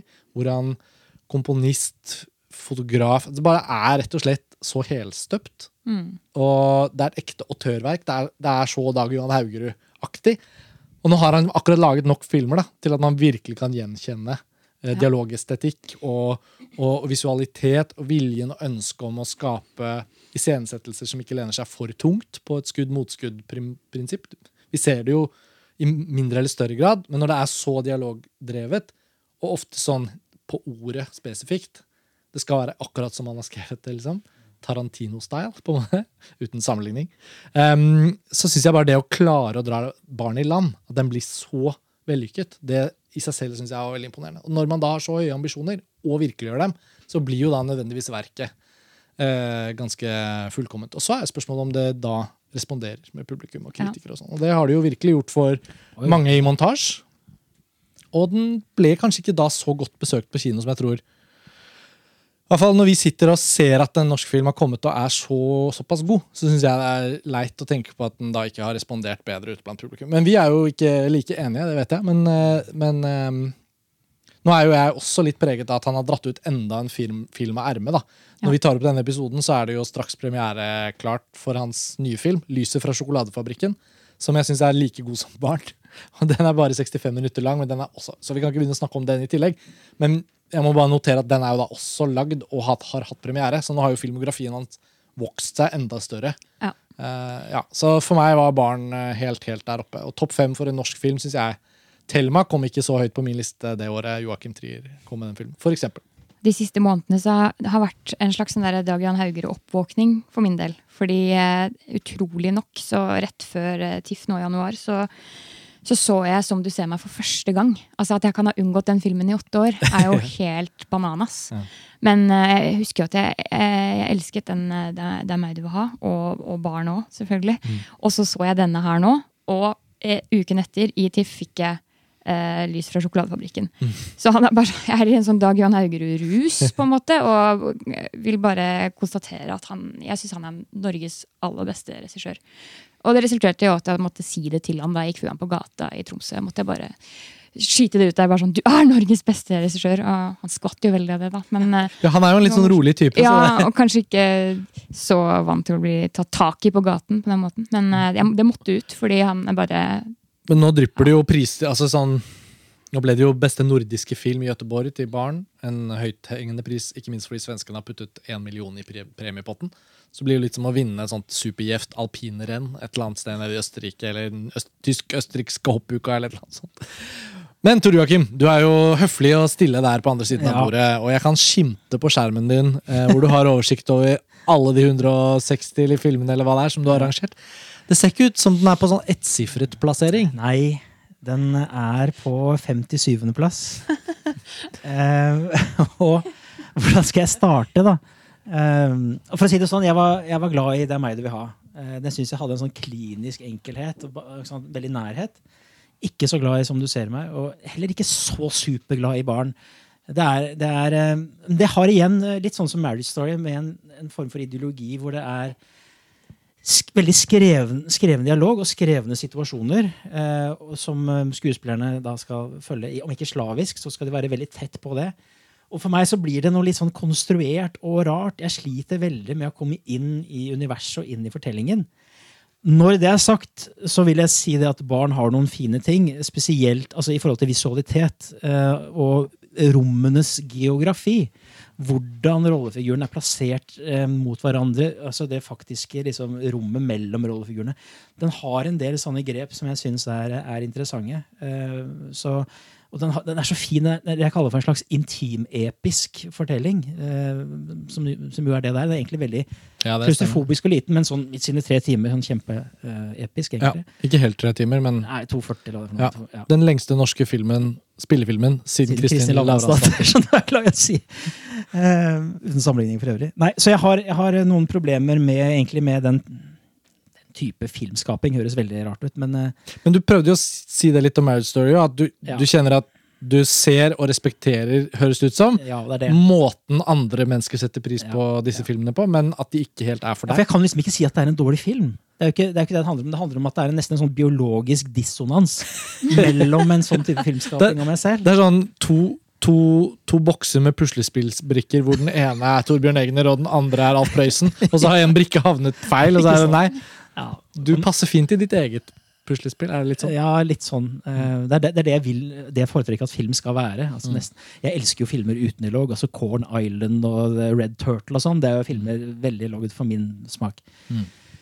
Ja, Så, nei, men det er fair. jeg, jeg gjenkjenner eh, kvalitetene, men ikke den store for meg. Jeg kan bare skyte inn en morsom eh, observasjon uh, under min visning av barn. For jeg har sett den én gang, og det var jo i Venezia. Ja. Uh, etterfulgt av veldig morsomt premierefest å være med alle der når de fikk de første karakterene, eller terningene Ja, fra. Norge. Eh, Men på visningen jeg så, så var det vel nesten bare italienere i salen. Og det var så gøy å se reaksjonen deres, fordi man tenker jo at Barn er en sånn utrolig norsk film. Og altså med all politikken og liksom skolesystemet og hvordan ting funker, samfunnet vårt. Og dialog. Og dialog, ikke sant? Ikke. Altså, ordvalg. Ja. Og, men, men den gikk altså rett hjem til disse italienerne også. Det var så gøy. Det var jo, de ble møtt med stående applaus, og det var jo Q&A etterpå med Dag Johan. Og da var det noen da som rakk opp hånda og bare ja, ble så overrasket over hvor likt dette systemet er det italienske. Jeg bare sånn, what? Og overraskende respons da. Fra, det det, er jo var gøy å se. spennende. Kjempegøy å se. Spennende å se hvordan sånne Altså ting man tror er lokalt, Ja. reiser til et annet land og egentlig kan leses like Jeg, jeg glemmer aldri uh, den fantastiske Det er kanskje ikke egentlig gjenfortalt i særlig grad, men Bård Breiens 'Kunsten å tenke negativt' hadde premiere på uh, Karlovy Vary filmfestival i Tsjekkia. Og den filmen korresponderte så tett på uh, samfunnet i Tsjekkia at ikke bare ble den kjøpt inn, og den ble en kjempesuksess på tsjekkiske kinoer, men teksten har blitt satt opp som teaterstykke. Og liksom det er blitt en hel greie rundt den filmen og den fortellingen. da, Kunsten å tenke negativt. Det derre premisset er liksom blitt en kjempesentral Et verk som liksom virkelig holdes i live i Tsjekkia og andre steder i Europa. Og det er sånn, Den filmen ja, den ble godt mottatt i Norge. Det var, alle var sånn Ok, det var et litt sånn tøft verk. Men den er jo ikke liksom plukket opp igjen. Det er jo ikke sånn at folk går rundt og henviser til den filmen i det hverdagslige. Så den er blitt mer av en film for tsjekkere enn nordmenn. Jeg sier ikke at det skal, samme skal skje med barn, men noe av gleden over at norske filmer kommer seg ut på festivaler eller får distribusjon i andre land, handler jo om den der slags litmus-testen som kan, kan den fortellingen her korrespondere. da. Og det er jo noe som har skjedd veldig med Joachim Triers filmer. Kanskje særlig estetisk. At han har stått for en sånn ja, er filmatisk ikke sant? Hans bare sånn eh, sårbare filmatiske poesi ko koblet med litt sånn spesifikt fokus på en viss type rollefigurer og, og filmspråkets muligheter og sånn. historiske lek. Ja, ja, ja. Og det har jo gjort at Joachim Trier for eksempel i Frankrike blir bedre besøkt på kino enn i Norge. Det handler jo mye om at det er veldig mange flere mennesker i Frankrike òg, da. Men det er jo et tegn på styrke, tenker jeg, for norsk film. Og da vi var i Venezia, så var jo vi også redaksjonelt interessert i, i hva andre måtte kunne tenke om barn. Så på montasje så fins det også en engelskspråklig artikkel skrevet av den italienske kritikeren Tommaso Tocci, som skrev om filmen helt fritt i utgangspunktet i den premieren i Venezia. Og det er jo også så kjempespennende å lese, syns jeg. Fordi han så jo også selvfølgelig kvaliteter som Ja, det var morsomt, for han satt jo ved siden av meg på visningen, og det, det hendte jo innimellom at han, at han lente seg over og sa men er det, er det et parti, eller hva betyr det? Jeg bare, Ja, ja. I Norge så er det sånn. Mm. Men, ja, ok, ja, å, da ble det veldig Ja, ja, ja. så gøy. Veldig. Så nei, Dag Johan Haugeruds sesong. Den, den, Sesongen pågår fortsatt, åpenbart. Holdt i live av denne nye filmen, 'Lys fra sjokoladefabrikken', som blir 2020. da. Men eh, barn som eh, lesere og lyttere vil se, så går den jo igjen på mange av, mange av årslistene på montasje. da. Jeg gjentar bare det at vi er jo bare tre her i podkastpanelet, og inne på montasje så vil dere kunne se mange flere av listene. Hvor da barn altså går igjen. Det var min femteplass. Da rykker vi opp til eh, din eh, fjerdeplass, Tor Joakim. Ja, fjerdeplass. Igjen en film som jeg tror jeg er ganske alene om å ha på topp 20, muligens. Jeg har ikke sett gjennom alle listene nå, men eh, det er eh, selvfølgelig science fiction siden meg, og det er Ad Astra.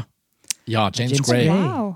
Som vi jo Jeg vet at dere har hatt en podkast om den. Dere så den i Venezia. og Mm, så der. Jeg var jo ikke der. Eh, så jeg så den på egen hånd. Um, og jeg hadde riktignok hørt på podkasten deres sånn delvis først, før Ja. dere begynte å gå inn i spoilerterritorium. sånn. Ja, jeg tror vi varslet det ganske Ja, altså varslet da skulle jeg og sånn. Så, og, ehm, men jeg hadde bestemt meg for det å gå inn så frisk som mulig, eller så Mm. upåvirket som mulig, og, eh, og ble veldig veldig begeistret for den filmen. Jeg, Som jeg skriver i min listeomtale også, så mener jeg at Ad Astra er dobbelt misforstått. Eh, Jeg syns at de euforiske meldingene som kom etter Venezia-premieren, de er overdrevne. Sammenligningene For amerikanerne var helt over seg, ja, altså, sånn, sånn voldsom, ambisiøs science fiction som 2001. Altså, det, Mm. Den er ikke der. Nei. Men så mener jeg også at de som har kritisert eh, filmens litt sånn B-filmelementer, men litt sånne rare sånn, Plutselig er det en westernsekvens inni der. Sånn. Hvor kommer det fra? Noe, a- noe aper og ja, Jeg skal ikke spoil for Alt du men- nevner nå, elsket jeg. Riktig, og det er det jeg skal frem til. Jeg mener at eh, den filmen eh, ligner mer på filmer som Jurassic Park og The Abyss. Altså hvor, hvor det ikke er nødvendigvis en sammenheng mellom disse setpisene og dette tankegodset den presenterer, men Mm. hvor det er mer sånne hindre på veien som bare er, er noe i seg selv. Mm. som man ikke egentlig... Altså, For å bare hoppe inn i din Ja. egen eh, Av alle inspirasjonskildene at Astra Stolt kler seg i, så er det én jeg ville bedt den om å ta av seg. Mm. Det tror jeg er liksom det Terence Malick-aktige. Ja. Etter min smak. Hvis vi hadde fått mindre av det, og at den gikk mer hardcore inn for det Gjerne liksom mer av den strukturelle parallellen til Apokalypse nå, for eksempel, som er en veldig viktig film til James Gray. Mm. Som han har vært inspirert mye av. Og Gjerne ikke så mye av 2001, og sånn, men det tenkte jeg aldri så mye. Jeg, det, jeg følte det var liksom solgt inn helt feil. Ja, men Omtalene Fordi- var jo veldig på det. Ja, men så Gray hadde vel nevnt det som en favoritt-science fiction. ikke sant? Ja, intervju. ja. Og hvem har ikke den som en topp tre science fiction? Jeg syns jo den derre blockbuster, klok blockbuster entertainment-aspektet ved Ad Astra var jo det beste. Men jeg syns filmen også sluttet litt å være det på et tidspunkt. Skulle ønske den var mye mer av det. Men dette, Ja, jeg, jeg, men jeg liker jo nettopp det du beskriver. Det liker jeg den liksom dobbeltheten mellom å være litt sånn pølp på den ene Ja. siden og være litt sånn ambisiøs på den andre siden. for du og- følte åpenbart at de to s- jeg syns det var- symbiotisk jeg- fant hverandre. Jeg syns faktisk det, selv om man jo skulle tro at de krasja. Men eh, du, og du ser det også reflektert i den fantastiske musikken, som et av mine favorittsoundtracks av året. Hørt masse Eh, på Max det. Richter, selvfølgelig, og hans variasjoner over Bach og sånn. Men, Ja. Og Lauren Bath, som har litt mer sånn tradisjonelle ting. Da. Ja, han har også, også vært inne og ja, han gjør de litt mer sånn simmeraktige, sånn litt sånn kjedelige tingene. Okay. Mens uh, Max Richter gjør Richter, på en måte. Eh, men også musikken har den dobbeltheten. Det er det som er poenget. Akkurat sånn som filmen har det. Ja. Men du må, du må kunne kjøpe det. da, At disse, disse sekvensene, som er fantastiske individuelle set pieces, de er litt sånn for seg selv. Mm. Du må ikke nødvendigvis eh, prøve å presse dem inn i en slags sånn eh, kontekst som handler om, de store temaene og sånn. Så eh, jeg, jeg mener du må, du må kjøpe filmen for akkurat det den er, og ikke for noe, noe annet. For meg så var liksom åpningssekvensen i Ad Astra ti av ti. Jeg syns den var fenomenal. Helt fantastisk. Men så tror jeg kanskje det tapte seg litt fort, fordi jeg syns ikke resten av filmen levde opp til å være så grandios, da. Sånn som det virka som at det skulle være i starten. Og, men det var jo den bavianscenen du nevnte, og den, den spenningssekvensen der synes jeg også var helt sånn Den rev meg jo ut av min nesten sånn komatøse tilværelse under visningen. Men jeg, mitt problem, hovedproblemet hovedproblem i filmen er ikke nødvendigvis handlingen og, og det den forteller. Det er mer jeg syns at innpakningen er litt kjedelig. Jeg vet ikke, Ja. jeg bare følte at jeg var distansert fra det til å bli investert. da. Men hva er det da som er det kjedelige her? Altså Er det fortellingens idé, liksom? At han skal reise tempoet. Tempoet. Ja. For den har litt sånn merkelig struktur. Jeg liker egentlig strukturen litt. Altså Apokalypse nå-messig. Den derre Travel Up River, eller Ja. du, kom, du er liksom på en reise hvor Det er ikke helt en road movie, kanskje? Det føler jeg ikke. Eller er det det? Space road movie. Jeg vet Ja, ikke. Han han er det, innom alle disse etappene Mm. som fører til sånne sekvenser. ikke sant? Ja. Så man kan snakke om åpningen for en utrolig åpning, og så kommer han til månen så bare sånn, For en utrolig sekvens på månen! Og så synes jeg, og så Bavian. Fantastisk sekvens. Ja. Du kan si, ja, Det den ikke har, eh, og det, har, det er jeg helt enig med deg, Pernille, den har ikke den der musikalske eh, klipprytmen. Nå nevnte jeg i stad Jurassic Park og The Abyss, og sånn, som er litt egentlig samme filosofi, men som er mye tightere og strammere, og du glir organisk inn og ut veldig mye, mye bedre. Ja, og de har flere sånn sirkulære, dramatiske det det muligheter. Ja. At ikke alt bare går i én linje. Den er, den er veldig lineær film, Ja. dette her. Eh, men jeg syns allikevel at den eh, jeg, jeg liker den eh, Jeg liker den tankegangen. Og han er jo jeg har jo alltid vært veldig begeistra for James Gray. Jeg synes jo den, den forrige filmen, også Lost City of Set, den er jo, den var, min- jeg tror var min tredjeplass. Ja, ja. sånn. Også kjempehøy, men den er jo da mer renskåret i sitt prosjekt Mm. enn det kanskje denne er. da. Ja, for, for de som ikke er James Gray-fantaster, så var jo så var det ganske grått og tungt å bli med ned med The Immigrant, The Immigrant, og sånn. ja, ja. Eh, det har vi jo snakket om. Ja. Og dermed var jo Lost City of Z en veldig sånn opptur. Så sånn, Åh, han har dette i seg. Så det var jo, og, og Ad Astra følte jeg er mer en del av den bra vendingen i James Grays filmografi enn ikke. Mm, ja. Mens mange hardcore James Gray-folk syns jo ikke Lost City of Z var noe særlig. Nei, det er helt, så- uforstå helt uforståelig. Nei, så, men um, jeg syns fortsatt at We On The Night er så bra. Ja. Men Mm. det er fordi at det er litt Det er en litt sånn, sånn type film jeg syns det er så leit at ikke flere lager. Mm. Sånne små historier som har litt spenning og action i seg, som handler om familier og drama. Så, sånn, ja. Ja. Ja. Vi skal ikke ta hele den Nei. runden, men, Men eh, bare, Det var deilig å få si noen ord, for jeg, etter at dere har hatt den podkasten, jeg altså, Når jeg hørte den, så hadde jeg lyst til å komme Mm. ja, liksom, men altså, du må gjerne Du må, trenger ikke avslutte ennå. Jo, jo, jo, jeg har sagt det jeg skal si, så kan eh, Må jo nevne at den har veldig bra foto, da. Hoyt van Hoitema. Ja, selvfølgelig. Ja. Svensk-nederlandske fotografen som Mm. Christopher Nolan også har plukket opp, og som nå er bare helt der oppe i skyene og lager de største og Jeg er enig, fotoet er veldig Er fint, men det er ikke på Dunkerque-nivå. Nei, nei, nei, men, sånn, men Nolan er jo Nolan og Apropos kjøpesenter. James Gray er jo ikke på nivå heller. Da. Apropos kjøpesenter, jeg snakka om Aniara i stad. Den har også en veldig fin sånn kjøpesentersekvens på månen. Da, som, så, Ja, det er, jeg synes må, jeg sånn, sånn. det? Det morsomme er at Dette sa jeg i den andre podkasten vår òg, og det hadde vi jo alle snakket om på tull. Men sånn Jeg syns konseptet om månen i Adastra, altså ideen Hva skjer på månen i en sånn science fiction-fremtid, Så det var såpass bra at det var sånn tre sesongers TV-serie med en gang. Kom igjen, bare lag det. Jeg vil være på månen. Eller så sa du du ville ha en sånn Mad Max-aktig film. Ja, ja, det ville jeg også ha. Men sånn, jeg følte Til å være så mye kult tenkt Mm. om månen som en sånn del av science fiction-univers, så, så syns jeg bare det var så utnyttet. da. Mm. Så kort sekvens i Ad Astra. Det burde vært mye mer. ja, det er Men, men. Nå er det Disney som eier Ad Astra, da, fordi det er en Fox-film. Ja. Så det kan jo hende at Disney bare saumfarer sine intellectual properties. Og bare hm, Månesekvensen i Alastra, kanskje vi kan bygge noe ut fra det? ja, det kan vi nesten håpe på. Vi får se. Jeg, jeg, eh, jeg må, ikke for å skuffe deg, Pernille, men hvis jeg skulle sett Marriage Story eller Adastra om igjen, så tror jeg jeg hadde tatt Adastra først. Bare for å oppleve noen av de Ja, ja. beste sekvensene. Det er Sånn, jeg tar fram uh, spisepinnene mine og gir sånne stikk til Pernille. ok, Ja. Skal vi gå videre, da? Det er din fjerdeplass, Pernille. Fjerdeplass. Da forlater vi verdensrommet, men vi forlater ikke Brad Pitt. Fordi nå skal vi oh, overgang! Nå skal vi til den niende filmen til mesteren Tarantino. Ja. Og nå, nå er vi så nærme toppen at jeg tenker vi tar den Tar det nå. Gjør vi ikke det? Jo. Skal vi si hvilken plass vi har den på? Jeg har den på tredjeplass. Jeg har den på tredje. Ja. Ja. Det var veldig tett. Eller veldig enig. Tett, likt. Da er vi jo fryktelig enige. Kjedelig enige. Men det er aldri kjedelig å snakke om Quentin Tarantino, syns jeg i hvert fall. Pernille, det er din plassering. Du får begynne. Ja, hvor skal man begynne, da? Åh, det er eh, superunderholdning på menyen. Og eh, jeg vet ikke. Det er liksom Han leverer alt i eh, Once Upon a Time in Hollywood. Han er nostalgisk, han har masse skaperglede, han er nerdete.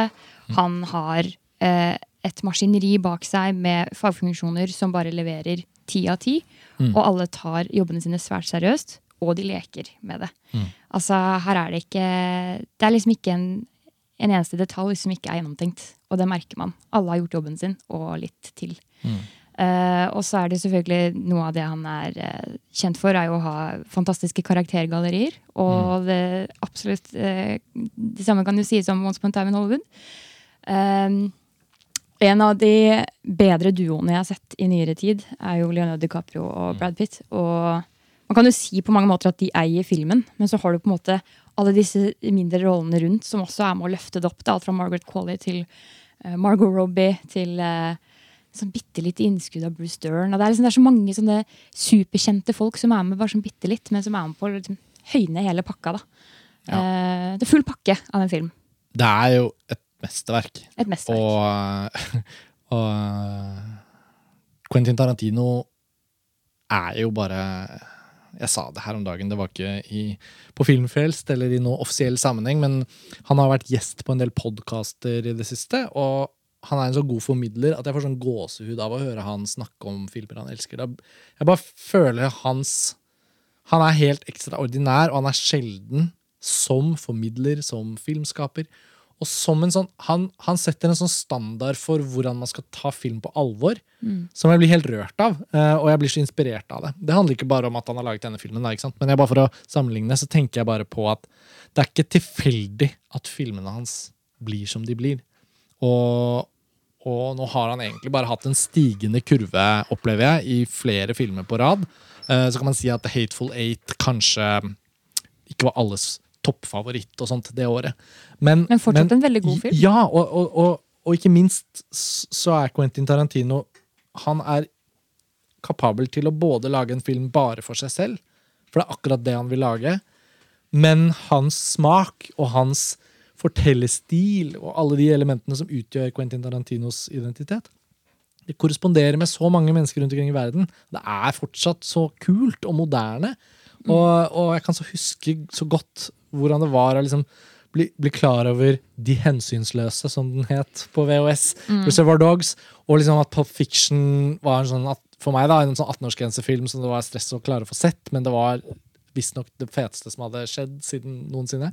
Og så etter Pulp Fiction så var det jo på en måte bare selvsagt at Quentin Tarantino er liksom på toppen av prioriteringslisten når som helst. Når kommer det noen nye filmer? Og egentlig er jo bare alt veldig bra. Og så kan Det er en sånn begivenhet Ja, å vente på en film fra ham. Og så er, det så, så er det så rørende at han har sagt det skal bli bare ti filmer. ikke sant? Så dette er niende. Ja. Så blir det som sånn der, det Vi kan ikke ta ham for gitt. Det kommer ikke hele tiden. Men det er likevel ikke opplagt at det skal bli så bra som denne her ble. Mange har jo Jeg syns det er irriterende at den skal komme på hvert eneste år på topp 10-lista hver gang han har film. Ja, Men- det, det er litt kjedelig, men det er jo han, Hva skal man gjøre? Man kommer ikke unna det. Nei, det er og det vil man ikke heller. Og jeg må bare si jeg elsker Quentin Tarantino. Og jeg har blitt mer og mer klar over det. Og jeg bare tenker at han er en skatt. Og Once Upon a Time in Hollywood er jo på mange måter også hans skjønneste film. Jeg ble så Ja. rørt over at den er så den er så nydelig kjærlighetsbrev til mange ting. Og, og han har mye brutalitet i filmene sine. Sånn som Django Unchained og sånn er jo en veldig vond film. Han bruker masse humor og greier og greier, og greier men det er også en film som er sånn Fy faen, slavetiden, liksom. Åh, det er jo helt jævlig. Å presentere det med humor. Ja, det er veldig Altså, sånn, spesielt. men det går, men det er også litt sånn uh. um, Så det er ikke en kritikk mot filmen, det er bare det at Once Upon a Time in Hollywood er en film det er så lett å elske. Ja, men jeg, jeg bruker adjektivet underfundig, som, jeg ikke, som egentlig ikke er et adjektiv man vanligvis forbinder med Tarantino. Men jeg synes i dette Ja. tilfellet så kan du bruke det adjektivet i sin, i, i sin litt sånn rare tone. Ja, Eh, altså jeg- I hvert fall i store deler av filmen. Ja. Jeg er ikke uenig. Men underfundig er også sånn Jeg vet ikke. Jeg det er så rart ord, fordi jeg kan jeg som har, Nei, nei, nei, men eh, underfundig er sånn Jeg har veldig sånn Jeg føler Miranda July er underfundig. Skjønner du hva jeg mener? ja, Oh, me and you and everyone we know. Alexander Payne når han er litt sånn lakonisk. Sånn. ja. Eh, Tarantino ja, Det er i hvert fall en litt annerledes film enn hva han har holdt på med. Den har ikke så mye sånn hardtslående, eh, konseptuell vold, eksempel. Gladvold, nei. Eh, Det jeg syns er fint med den, er jo at det egentlig handler mye om iscenesettelser. Altså at det er så vakkert iscenesatt, dette her oransjefargede eh, solstatsuniverset. Eh, bruken av skilt og biler og sol og lys. Jeg synes det, det handler vel så mye om det synes jeg, enn om disse litt sånn rare rollefigurene. Og det er, det, er, det er heller ikke så ofte jeg ser fra Tarantino. Det er ofte rare rollefigurer som driver filmen fremover. Men det er veldig sant det Pernille sier om at du, du, du trekker jo frem hvor mange fine typer han klarer å liksom, I randsonen av fortellingen, egentlig. Ja, Selv om de kanskje bare er med et par minutter, Nettopp. så står de der og er sånn perfekt kledd fra topp til tå. Mm. Kostymene, håret, alt er sånn på plass. Ja, kom på en liten detalj. Sånn. Når, den, eh, når de Manson-kidsa da, er på vei opp for å slakte Sharon Tate, så er det en av dem som får litt tvil, og som prøver å finne en årsak til å stikke og ikke bli med på dette. Og hun klarer det jo. Og det er da datteren til Ethan Hawke og Uma Thurman. Mm. Og eh, det fant jeg ut etter å ha sett filmen, fordi det var i sommer da, da i, i sommeren 2019 jeg hadde sett filmen. Maya Hawke. Ja, og så, sånn, men altså, hva var det med henne? Og da hadde Lars Ola allerede sett den i Cannes, så vi så den sammen, og han så den for andre gang. Og bare, så, ja, det er datteren til Ethan Hawke og Uma Thurman. Det er sånn som i seg selv også blir litt sånn rørende for meg. da. Hun har da vært et lite barn, kanskje vært med på settet på Kill Bill i Kina og sånn. Og så vokser hun til, og så blir hun skuespiller, og så er hun i en Tarantino-film, og så bare har hun tre minutter i filmen. Men de er veldig bra tre minutter, ikke sant? Sånn Ja. som du sier. Det er, det er, men det kan man si om mange Tarantino-filmer, og det er jo bare å gjenta det, for han er like bra på det her. Og, og, og relasjonen mellom Brad Pitt og Leonardo DiCaprio Det er også så kult når to så superkjente skuespillere, som har så ikoniske rollefigurer vi allerede forbinder dem med, likevel klarer å viske det ut og bare bli de de er i denne filmen.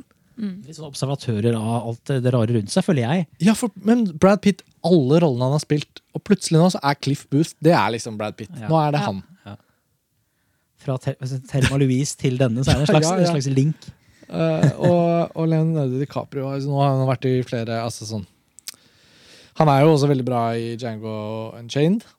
Det må sies, Men det er jo så sykt stor forskjell også mellom hva han gjør i den filmen og denne. Så Mm. Tarantinos liksom Han har jo også range Mm. uh, innad i sitt eget univers. Jeg, jeg syns også Once Upon a Time in Hollywood Den er kanskje den mest rørende Tarantino-filmen, egentlig. Ja, for det er et slags ord til alt han er fan av, da. Ja, jeg, jeg vet ikke med det da, men jeg blir emosjonelt investert i Tarantino-filmer. Jeg syns ikke de bare er sånn kule ting å se på. Jeg syns, sånn jeg uh, sluttscenen i, i, i Reservoir Dogs liksom, med Harvey Keitel synes kan bli rørt av den. Ja, Inglorious Bastards har jo flere sekvenser hvor jeg, hvor jeg syns er, jeg synes er kjemperørende. Ja, jeg ble, jeg ble, den, er mer, den er litt for mye en komedie for meg til at jeg tar den der helt sånn, kommer helt inn under huden okay, på det. Okay. Uh, her ble jeg det. Også fordi jeg syns altså ideen hans om slutten er tro, Vi kan ikke endre historien. ikke sant? Vi kan selvfølgelig ikke gjøre det. Men det han kan gjøre som historieforteller, når han tar disse kontrafaktiske ideene sine og, og, og virkeliggjør de, så kan han gi oss Altså Filmen er det eneste mediet hvor du egentlig kan puste liv i noe som egentlig er dødt. da. Og så vet vi jo at det bare er på film. Ja. Men det er likevel noe vakkert over det. En veldig vakker Men ønsketenkning. jeg mener at Ja. Grunnen til at vi kommer dit, og at, at, vi kjøper det, er fordi han er så flink til å bruke tid på enkeltsekvenser. Og det har han gjort mange ganger. Han trekker og trekker ut spenning, spenning, spenning bare, bare, bare, bare ved stillhet. eller et eller annet. Og det er det mange av, føler jeg, i denne filmen. Ja. For eksempel litt sekvensen- seigere enn det han pleier å være. Ja, altså når Cliff Booth kommer da til denne, denne gården, eller ikke sant? Altså, hvor det, Ja, ja, ja. tid, Spawn Ranch. ja, bruke noe tid her er jo helt fantastisk. Det er en helt utrolig sekvens. da. Ja. Uh, Tarantino sier i en podkast at, han- at han er veldig stolt. Han mener kanskje det er en av de beste sekvensene han har regissert. Ja. Han er jo ikke så ydmyk, som når han først begynner å fortelle, så Det er veldig, veldig veldig bra. Um, jeg syns også de to lange sekvensene med Sharon Tate, spilt av Margaret Robbie, når hun skal ut og kjøpe bok Mm.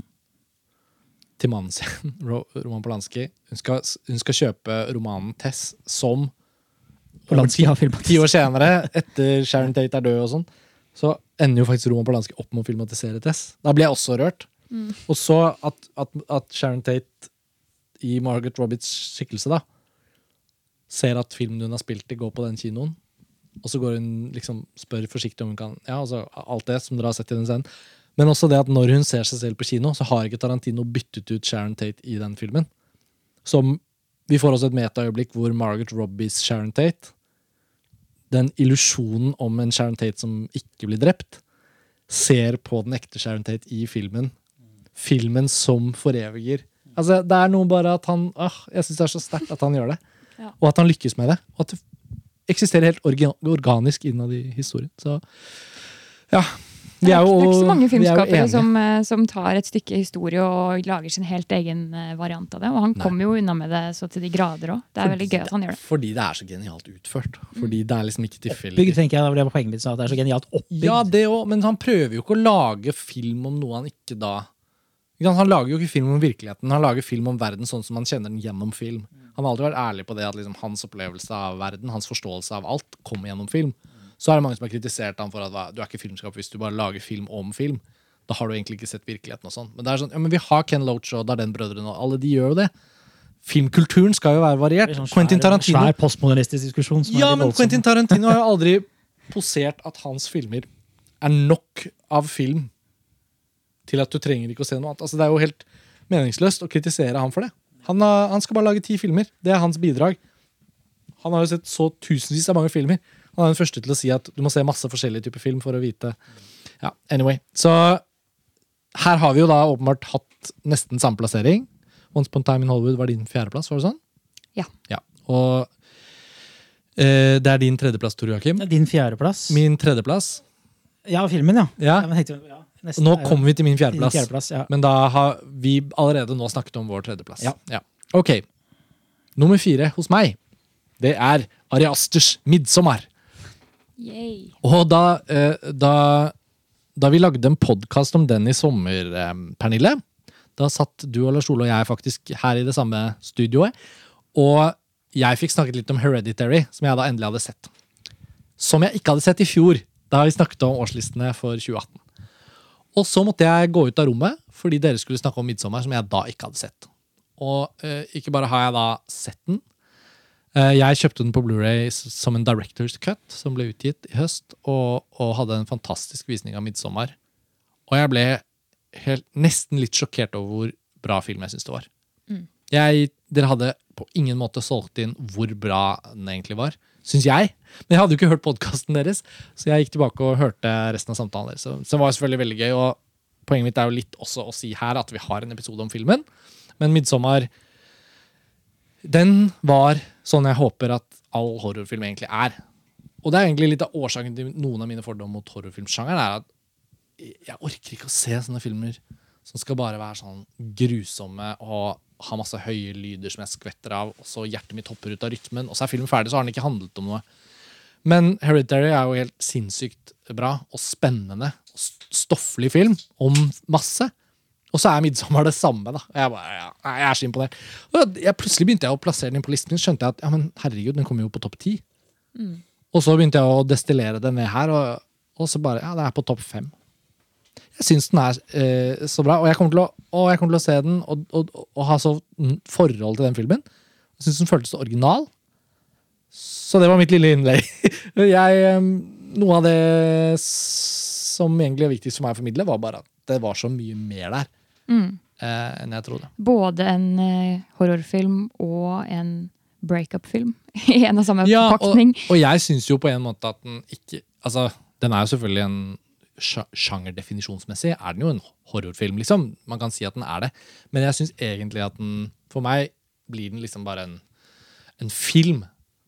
Litt som Ja, den er jo blitt av og til sammenlignet litt med ikke sant? Det er noe Polanski eller det er noen The Wicker Man. Ja, ikke sant? Jo, men noen, mange av de psykologiske grøsserne som vi setter pris på, ikke fordi de bare er skumle, men fordi de har klart å ta en handling, en, liksom en psykologisk dimensjon, noen rollefigurers liv, og klare å veve det inn. Til og med liksom Hva heter den John Cassavetes-filmen til Brian De Palma hvor uh, The oh, Fury. hun, ja, The Fury, ja. Ja. Nettopp. Utrolig nok tenkte jeg en del på The Fury. Også. Det er jo veldig forskjellige filmer, men på en merkelig måte bare ja, jeg, jeg, jeg, jeg likte den så mye bedre enn jeg hadde trodd. Så den endte opp på fjerdeplass.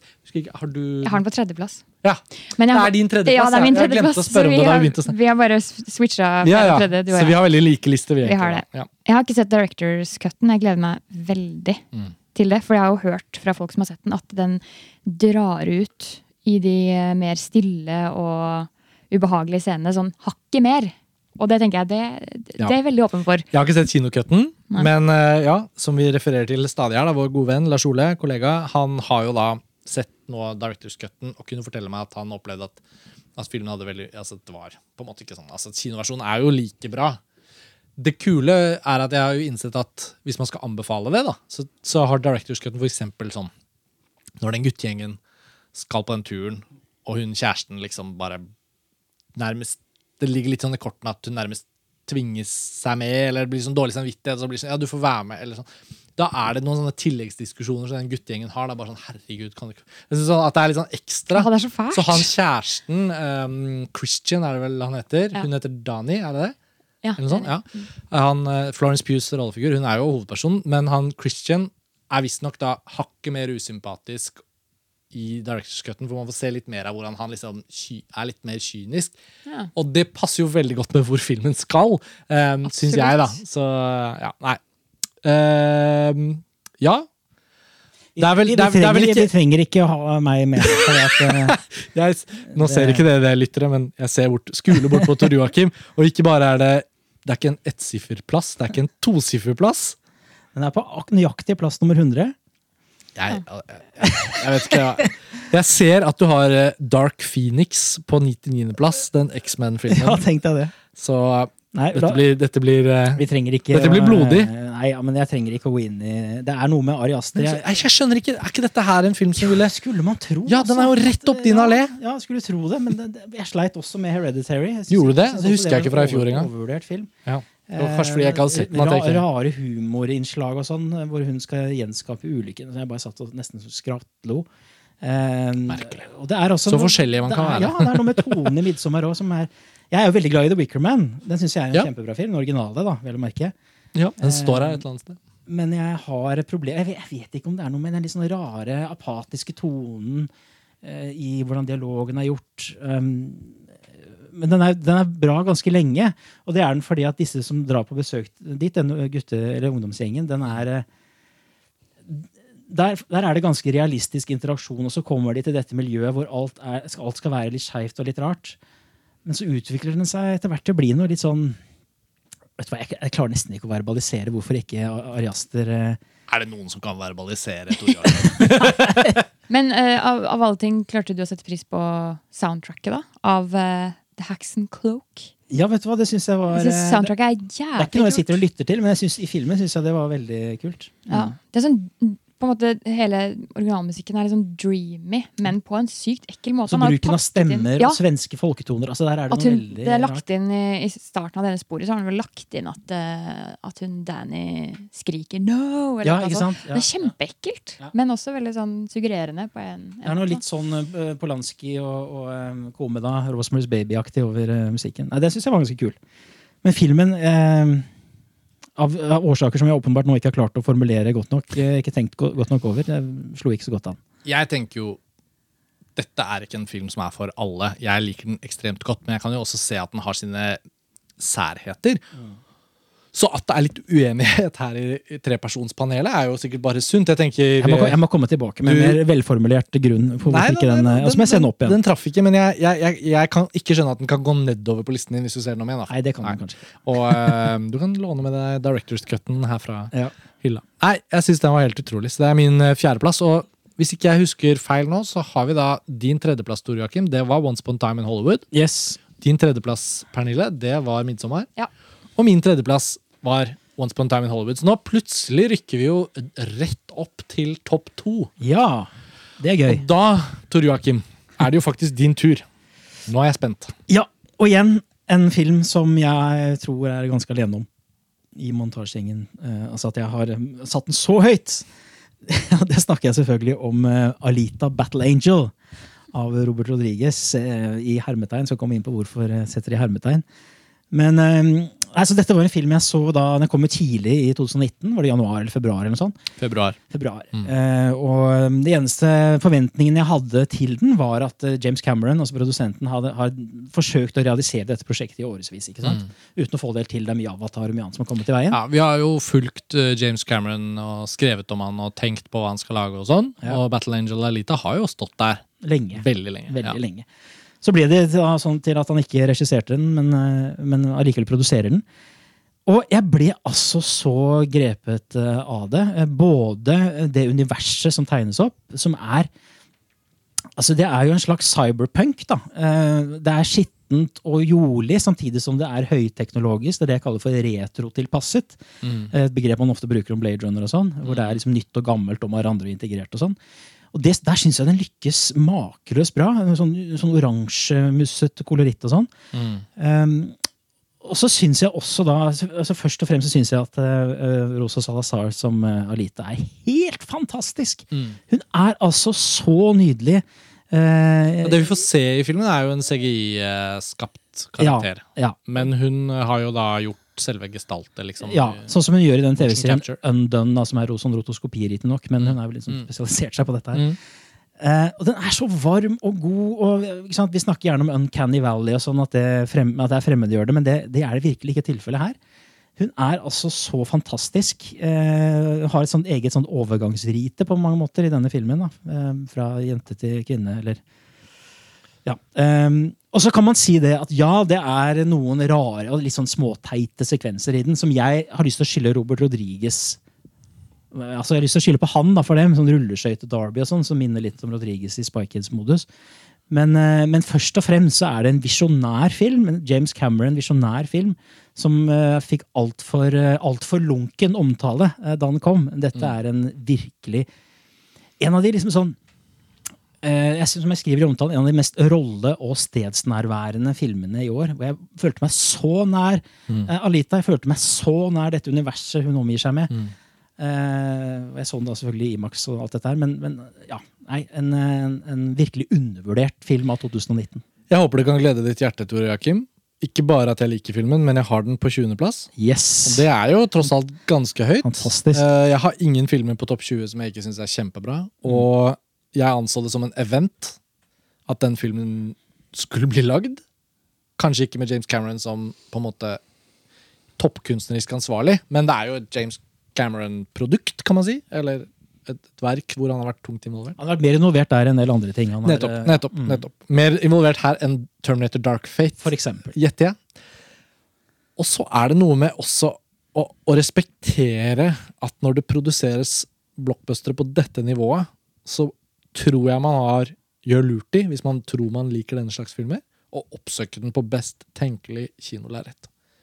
Og nå har vi fått Imax på Storo, og jeg så den der, og det var det verdt. Sånn to ganger der. Ja, og jeg skulle gjerne sett den en gang til der. Og jeg har jo et håp om at um, dette er en film som av og til kan bare plukkes opp og settes opp for de som kunne tenke seg å se den. Og jeg syns det er en skikkelig bra film. Uh, den har mange litt konvensjonelle elementer som gjør at man totalt sett kanskje ikke Jeg sitter kanskje ikke igjen med en andreplasspakke, da, ikke sant? men det betyr jo ikke egentlig at jeg tror jeg har hatt like mye glede av den som deg, på en måte. Og um, jeg syns hun hovedpersonen var helt fantastisk. Alita, nydelig figur, nydelig gestalt. Alt var egentlig kjempefint. Og jeg syns den er brutal på en måte som jeg var litt sånn sjokkert over, men kult. ikke sant? Tenk, den kan kanskje se ut som en litt sånn barnevennlig film, det følte jeg jo ikke at den var. Det var mye hardere univers Ja, enn en jeg hadde forventet, men det var jo da desto bedre på en måte, da. Fordi premissene og det universet egentlig er såpass brutalt at hvis ikke du viser det ordentlig, så blir det jo ikke helt troverdig. Og jeg syns det var det var tøft. Og ja, den rulle... Rollerball-sekvensen. Ja, Rollerball, det var ikke den ja, filmen de het, ja. kaller det for et eller annet i filmen òg. Det er en eller annen egen sånn Ja, men det er en film også som heter Rollerball. ja, ja det er det, men nå bare sa jeg noe som jeg følte Ja, at var ja. riktig. Men, men eh, det er jo ikke den sekvensen jeg selvfølgelig har mest lyst på. Eh, Jeg aksepterer at den kommer, Mm. men så er den gjort unna greit nok. Og så går man videre. Jeg vet ikke. Nei, jeg gleder meg til å se den igjen. Jeg har fortsatt bare sett den den ene gangen, men jeg husker den veldig godt. Og da jeg gjorde opp listen min, tenk, når det, når det under topp 10, i hvert fall under topp 15, så er det jo klart at da jevner det seg jo litt ut. Da, da, da kommer det 10-20 gode filmer. Eh, men jeg følte på alle mulige måter at Alita Battle Angel skulle inn på topp 20. da. Og dere har jo allerede diskutert Jeg hørte på den Oscar, eller dere har snakket om det i Oscars-podkasten. At eh, Hvorfor ble ikke den nominert til Ja. eh, visual Ja. eh, effects Ja. en del andre ting? Ja, det, Så det er jo også en sånn ting. Ja.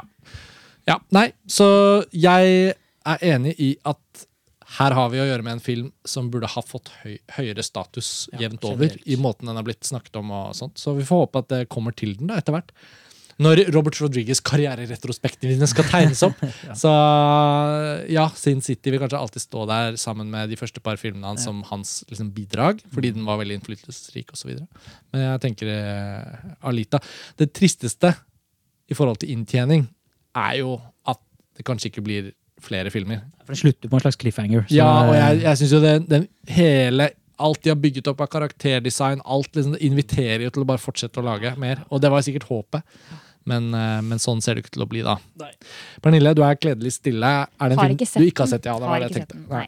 Så Jeg- jeg bare ta anbefalingen. det Det, det er jo en anbefaling. Dessverre. Men eh, Andreplass, ja. det er flere som har anbefalt den til meg, så det er jo ikke, absolutt ikke fremmed for å få tak i den. Det bare ble jeg liksom aldri med det. Filmen er veldig god, i hvert fall. Men jeg syns ingenting under Blu-ray er akseptabelt. Nei, det er det i hvert fall og, og, og, og helst også hjemmekinolerret som et minimum. Ja. Høy lyd. Høy lyd. Um, egentlig kunne man også diskutert den enda grundigere ned i sånn tematiske ting, og sånn, for vi har ikke egentlig gjort noe særlig på den. Alle sånne androide-ting er jo kjempeinteressante. Og de, Ja. de scorer alltid høyt hos meg, om det er Ja. X-Maken eller Blade Runner eller hva som helst. Så der er det også masse ting og AI og alt mulig. Det får vi komme tilbake til ved en eh, senere anledning. Ja, for jeg føler liksom Hvis vi åpner neste russiske dukke i sånn snakkesammenheng, så Ja. skal vi ned til tre-fire andre nivåer. Ja, ja. Men det er en film som jeg, jeg føler ikke den er enkel og lett konstruert heller. Så i en drømmeverden så hadde vi hatt tid til å lage en sånn skikkelig saftig episode. Ja. Men det var noe med rundt premieren og sånn, så gikk det litt fort i svingene. Og vi, om var, vi var ikke på samme sted. og Nei, sånn, sånn Kanskje jeg får inspirasjon til å skrive en Ja. retro-omtale om. Det- Det applauderer jeg. Mm. Hvis, hvis så skjer. Hvis så skjer. Um, veldig kult at du har den på andreplass, i Tor Joakim. Og jeg håper lytterne noterer seg at dette er en film som bør ses. Pernille, Mm. da er det vel din andreplass, da? Ja, min andreplass er altså mesterverket som har løftet eh, DC-universet opp fra kloakken hva det gjelder filmatiseringer. Det er gulløvevinner Joker av Todd Phillips. Og er det én film fra 2019 som er litt sånn alles fav nye favorittfilm, så føler jeg jo litt at det er Joker. Men også en av de mest sånn omdiskuterte og kritiserte filmene. Og, og den er en fare for samfunnet. Og jeg har vært i noen sånn Twitter-krangler om den faktisk også. Jo, men absolutt. Men den er Dataspilldiskusjonen på 90-tallet, liksom. Ja, men, men Joker eh, Man kan si hva man vil, men er det noe den i hvert fall har blitt, er det jo en sånn skikkelig Zeitgeist-film. Ja. Den endte opp med å klare å bli en film som snakket til veldig mye av det som foregår. Kanskje i hovedsak i det amerikanske samfunnet. I resten av verden så har det vært litt sånn en bra film med en ikonisk tegneseriefigur som er kjempebra spilt, og så går alle og ser den, og alle er enige om at den er bra. Og ikke, ikke minst så er det en sånn skikkelig ekte overraskelse. Fordi uh, forhåndsbøssen Vi så den jo på verdenspremiere i Venezia. Men Ja. forhåndsbøssen var jo at eh, den var Altså det var en skikkelig skikkelig bra uh, DC-film. Ja. Men jeg trodde jo ikke at den skulle slå meg så hardt i bakken. Jeg satt jo med nesten konstant gåsehud Ja. og sånn uro i meg. Fordi jeg, jeg merker man merker jo tidlig eh, hvor mørkt dette her skal bli. Mm. Og det lysner jo egentlig aldri heller. Nei, det gjør ikke Det det. er jo bare så jævla bekmørkt og sørgelig, egentlig, at eh, ja. Ja, jeg har den på 13.-plass, så Ja. den er høyt hos meg. Vi har den- har den på 17. Ja, men min ja, Jevnt over. Om ikke vi Hva har den tror du, Joakim? Ja, endelig, endelig. um, vi, vi har en podkast om den, det Ja. skal sies. Jeg føler vi må bare nevne det de gangene det gjelder. Ja. Sånn at eh, Jeg vet jo at vi har mange lyttere som sparer episoder og sånn. Og hvis det er noen som nå har sett Joker og, og glemt litt at vi lagde en episode i Venezia før den hadde, det, Vi så den jo en måned før den hadde vanlig kinopremiere. Så er det jo bare å gå tilbake og høre på den episoden. Vi spår jo at den kommer til å få masse Oscar-nominasjoner, og det har den jo gjort. Ja. Um, Hildur Gunnadottir tar vel hele, alle fire prisene. Ja. Vi, vi, vi, vi har jo flere punkter på Joker som vi kan komme kort innom nå. For den er jo da på alles lister. eh, høyt på din liste, Pernille. Eh, Todd Phillips, dere. Altså, autøren bak Hangover-trilogien. Eh, mannen som fikk sitt gjennombrudd med var det Old School. eh, Jeg syns jo Due. Date også var morsom. Ja, da, Date, ja, men det, det var etter Hangover, da, så Ja. da var han jo vel etablert. Men han er jo en av disse Jeg trodde han var litt sånn Ivan Reitman-figur lenge. Altså, han var den, den Han kommer fra Jeg måtte jo bare spøke litt med det i Venezia eller på den podkasten. At utrolig nok så har jeg skrevet en slags sånn regissørprofil på han. En artikkel som ligger på montasje fra Jeg tror det var da Hangover 2 hadde premiere. Og jeg prøvde å se meg litt opp bakover og se hvor Todd Phillips egentlig kom fra. Og det er utrolig morsomme, interessante, syns jeg, er jo at han kommer fra han kommer fra, fra dokumentarfilm. Han gjorde en, en film om en uh, punkrocker i New York som heter Gigi Allen. Eller som het Gigi Allen. Han døde av en overdose mens Todd Phillips holdt på med filmen. Uh, ble vist i Sundance. Ble plukket opp uh, til å gjøre en dokumentar om sånn frat boys, frat culture. Så, og så ut fra det, ikke sant? Hangover, ja. ja, ja, så ut fra det. sant? Litt sånn drøy mannlig oppførsel. Litt sånn skadelige menn. Selvdestruktive mannsfigurer. eh, broken masculinity. Altså, sånn- det ligger i de første filmene hans. Og så kan man se på komediene med Will Ferrell og så The Hangover og så, og så videre og så videre. Og så i Joker er det egentlig det absolutte destillat av hans rollefigur og tematikk som er på en måte oppsummert i, i Joker. Og så er det det eneste han har bare gjort, er å bare stryke komedie. Bare droppe komedie og egentlig bare lage samme filmen. Eller Har samme rollefigur. mørke komedieaspekter. Jo, men hvis du helt tar vekk sjangeren komedie, og du ikke er ute og lager en komedie Nå mener jeg også strukturelt i studioen. ikke sant? Du er ikke ansatt til å lage en komedie her. Du lager Joker, og du lager den på billig, lavt budsjett, og du har litt frie tøyler fordi dette kan vi stelle. Det er Joker, liksom. Og Joaquin Phoenix i hovedrollen. sånn. Og så er det jo humor som oppstår i Jokers som film. Men det virker som om Todd Phillips da, etter så lang karriere med masse komedier, sånn, det han er interessert i, eller det han da tematisk vet noe om, kommer aller sterkest uttrykk når han skipper komedien Ja. og bare lager en sånn drit, dritmørk film om menn som har så mye destruktivitet i seg at de kan ikke noe annet enn å, enn å realisere seg selv gjennom ødeleggelse. Og Det er jo det som gjør det til et skikkelig verk. Og så er det fascinerende at folk syns det er en farlig film. Altså, det, ja.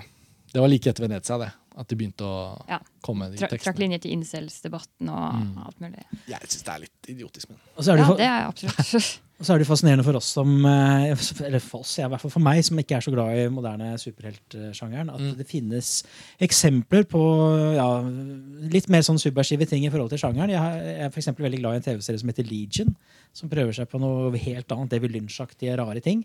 Og så har du en film sånn som denne som prøver å pushe det. Eh, men det er klart at det, det er nesten mer interessant å snakke om det vi nå har snakket om, enn å sette det inn i en slags perspektiv med andre jokers og andre superheltfilmer. Det er jo for noen veldig naturlig å sammenligne med Heath Ledger eller for min, min favoritt, av Joker, Jack Nicholson. Men, men det, det blir liksom litt sånn en slags sidediskusjon, nærmest, i, i, i dette her. Ja, jeg syns den er helt standalone. At det er liksom Ja. derfor den er bra. Ja, ja. Og så, nå skal det jo selvfølgelig bygges videre på det her. Det rare er jo at Warner har brukt så mye tid og krefter på å lage sånn DC Universe med Zack Snyders Batman og alt dette, og Supermann og sånn. Og plutselig får de en mye større profitt fra en sånn lavbudsjettert Joker-greie, som Todd Phillips har pitchet inn og sagt ok, hva måtte vi gjøre dette? Og at den er mye mer forankret i, i en eller annen form for sånn jordlig realisme, da, skal vi si det sånn, enn det der fantasyaktige eh, konseptet som vi så i Batman vs. Superman og Justice League. og sånn. Så, men, men de fortsetter jo med Wonder Woman og Aquaman, og sånn, så jeg vet ikke om disse tingene skal eksistere parallelt eller ikke, men Og der kan jo fortsatt uh, humoren uh, ligge helt trygt. Ja. Men isolert sett så er jo Joker egentlig et portrett av psykiske lidelser. ja, ja, det er jo det. Og ja, spesielt det, kommer jo veldig tydelig fram når man har strippa vekk all, all komedien. Fordi den galskapen hans blir jo bare vond, egentlig. Det er jo ikke noe morsomt når han har latterutbrudd. Eller eh, Nei, altså, når han misforstår jokes. bussen når han må og, gi den lappen og sånn. Ja. Det er sånne små ting som det som bygger filmen, Og så føler jeg. er det noe vi kan kjenne oss ganske mye igjen i dette i forhold til eh, avslagskulturen. Av sagt. Ja. Altså, det å bli for uh, nærmet, forulempet, hva heter det for noe? Ja. Krenket, Mm. som mange av oss eh, har opplevd. Ja, hvordan det, det er derfor mange, liksom, det er en veldig naturlig parallell her, som mange har trukket allerede til Scorseses King of Comedy. og sånn. Mm. Eh, og, og, og, som gjør den litt mer universell, da, og som gjør- Joker i dette tilfellet til en litt mer sånn everyday man i forhold til de andre superhelttingene. Ja. Gjør den litt nærmere. Nærere. Matt Reeves gjør jo nå filmen The Batman. Med Robert Pattinson Ja. som Bruce Wayne og, og Batman. Og det ser jo ut til å stake ut enda en liksom, ny greie. da. For han skal jo da gjøre en Batman-film som ikke skal skrive seg inn i Zack Snyders prosjekt. Og det blir veldig spennende å se hva Warners nå gjør. Altså, hva Skal de nå anse Joker som en slags sånn startfilm for en ny type Ja, men altså, DC Universe jo- something? Eller skal The Batman skrive seg inn, inn med Wonder Woman fra høyre og venstre? hvor, mange, Altså, hvor mange ganger er det de har reboota Spiderman? ikke sant? Altså, det, Mm. Sånne ting vil være helt naturlig. at det kommer helt... Jeg håper i hvert Ikke bare ny reboot av helten, men av universet generelt. ja, ja. Men hvis du tar Matt Reeves' uh, Planet of the Apes-trilogi, da, selv om han ikke Mm. regisserte første filmen, så gir jeg den trilogien til han. Jeg syns det var helt fantastisk bra. Jeg også syns den var god, bortsett fra musikken. Og, ja, du likte ikke Eh, Jeg syns det var bra. Fuck you. Synes alt var, ja. Giacchino can do no right for deg. Men nei, poenget mitt er vel bare at, at, at Matt Reeves er jo en type filmskap hvor jeg kan se for meg litt at ok, det kan jo, det kan jo ikke passe inn med Wonder Woman og sånt. Det her det skjønner jeg i hvert fall ingenting av. Nei. Men Det, de, ja. det skal dog bli interessant å se om de gjør han lille Bruce Wayne fra Joker til barnet som blir voksen i The Batman. Om det faktisk er en kobling. Det vil jo vise seg. Jeg tror opptakene på den er begynt nå. Så det blir vel 2021. Hvor mange Joker kan vi se i filmhistorien da, før man til slutt sier sånn Nei, nå er det nok, altså. For meg er det bare én joker. Ja, det er Jack Nicholson. Det Det, er Jack Nicholson. Ferdig med den saken. det er en joker mange andre ikke har sett. i det hele tatt. Du avskriver Heath Ledgers Joker, Nei, altså? jeg den er kjempebra. Men for meg er Jack Nicholson guden over alle på denne jordkloden når det gjelder skuespillere. Det er en av hans eh, mest eh, ekstravagante roller. Så det, det Jeg synes det uslåelige med Heath Ledgers Joker, hvis man først setter pris på hva som blir gjort der, da, er jo at det er en sånn genuint uhyggelig rollefigur som aldri forklares. Og det er så Det, det, gjør, det gjør inntrykk, må jeg si. Og Todd Phillips, eller Joaquin Phoenix Joker, er jo bra fordi han forklares. Altså, Han er jo egentlig en dannelse altså, sånn, Det er jo vel så mye en Arthur Fleck-film som det er en Joker-film. da Hva heter det sånn eh, creation story? Nei, origin story. Origin story, Ja. På en måte kan man si det. Men eh, jeg tror jeg skal tilbake til det som ble sagt her i stad. at Det er jo faktisk først og fremst en film som er en film alene, og den er bra nok sånn som den er. Og hvis ikke det fantes noe annet å referere til, hvis ikke det var laget før, hvis ikke det var noe, så tror jeg den vil fortsatt vært en veldig bra film. Så var det en liten shout-out til musikken, da, som har fått så mye Jeg nevnte den så vidt i sted, Ja. Altså, har fått så mye kreditt. Den har fått- den har vunnet både BAFTA, Golden Globe og Grammy, kanskje, og det ene med det andre. Og vinner da sannsynligvis også Oscar. eh, Så kan man si hva man vil om det. At det er, den er bra, men er den liksom så bra? Det, det vil jeg nok ikke si. Men eh, jeg, jeg syns også det er en fascinerende måte å, å angripe denne sjangeren på, som har jo så mye tradisjonelle, kjedelige troper i superheltsammenheng. Og nå kommer det en komponist som bruker ganske minimale eh, instrumenter. cellobasert og sånne ting. Og ligger i det mørke registeret, stort sett. Så, eh, så det, det syns jeg også er et originalt og fint grep. Jeg har ikke hørt så mye på det for seg selv, det må jeg innrømme. Men jeg syns det passer Det er mest- godt i scenene. Det underbygger et alvor der. Og ja, jeg er veldig mye med på den der gåsehudfaktoren som jeg hadde. da. Musikken har mye skyld i det. altså. Ja, jeg vil si det er hennes mest tilgjengelige, også til å lytte på egen hånd. eh, Jeg har lytta en del på det. Sammenligna med Tsjernobyl eller, eller mm. Soldado, hva heter den? Sicario. Sicario 2, Day of Soldado. Mary Magdalene og eh, ja, eh, disse tidligere filmene hun har gjort. Så Hun har fått en litt sånn lynkarriere òg, da. Det har, har det. gått veldig fort. jeg skal faktisk møte, møte henne om ikke så lenge. Jeg har lyst til å spørre henne litt om Ja, det må du gjøre. Er det i Berlin? i Berlin. ja. Ja, fantastisk. Det er eh, Det er ikke viktig i seg selv, men det er nå engang sånn at filmkomponistkategorien på Oscar og sånn har jo vært veldig mannsdominert. Mm. Og eh, samtidig som det fins utrolig mange ekstremt bra kvinnelige komponister. Jeg Ja. nevnte det litt på Oscar-podkasten vår, hvor vi spår jo. Rachel Portman var jo første som Ja, ja. fikk i, for mange, Em- Emma på Ja, 90-tallet. Ja, Rachel Portman, og så har vi jo Mika Levi, selvfølgelig, som på et eller annet tidspunkt må få noen anerkjennelse, for hun lager så sinnssykt bra scores. Og pl plutselig er Hildur Gudnadottir. Så det er jo flott for Norden òg, da. Ja. Um, nei, Joker står fjellstøtt. Uh, jeg vet ikke hvorfor den egentlig havnet på 13.-plass. Den kunne sikkert vært på 8.-7., men jeg føler det har jo vært snakket så mye om at på min liste så steg det seg opp noen muligheter til å trekke fram et par filmer som ikke har fått så mye Jeg har tenkt nøyakt på nøyaktig samme måte. ja. Så Joker eh, står der. eh, gjorde det helt enormt bra på kino, selvfølgelig, som alle vet. Så det er jo sikkert en film de fleste har sett. Um, det var din uh, Lang eh, Ja, men vi- alle hadde jo litt på hjertet om den. da Ja. Var det noe du følte du ikke fikk sagt? Nei, det blir jo Eh, litt sånn, altså Jeg er jo med på alle de enkeltstående episodene og filmene jeg har på liste her øvrig. Så det, er- jeg vet ikke, det blir litt sånn gjenta meg selv. da. Ja. Ja. Vi har jo det litt sånn hvert år, at vi ofte snakker om at Ja. vi, må ikke, vi må ikke gjenta for mye. Men eh, det er vanskelig òg. Man vil jo gjerne snakke litt om de forskjellige Mitt umiddelbare inntrykk etter visningen i Venezia står. Ja. Er det da min andreplass, rett og slett? da? Ja. Eh, og det har jeg Nå er det jo rart at dette kom to ganger på rad. da. Min andreplass det er i Rokazo Coredas Shoplifters. Og før eh, vi møttes i dag, så har jeg tenkt en del på at på tross av at det er da lenge siden den hadde premiere i Cannes og vant Gullpalmen i 2018, så må jeg også innrømme at jeg føler vi har, vi har snakket om Altså, den podkasten vi hadde om den filmen, var veldig grundig. Og jeg har hørt på den igjen og tenkt at ja, der, der fikk vi sagt det, på en måte. Og så har den jo vært snakket om en del fordi den hadde premiere og sånn. Og jeg har slitt litt med å finne ut hva nytt jeg kan si om den filmen. Så det eneste jeg da liksom vil si nå, øh, og da jukser jeg selvfølgelig litt, og så kan du slenge deg på, øh, Tor Joakim, det er jo det at nå har vi å gjøre med, med Bong Joon-hos Parasitt på kino. Sørkoreansk film, som er selvfølgelig veldig mange er, er av gårde og ser på kino nå og snakker om.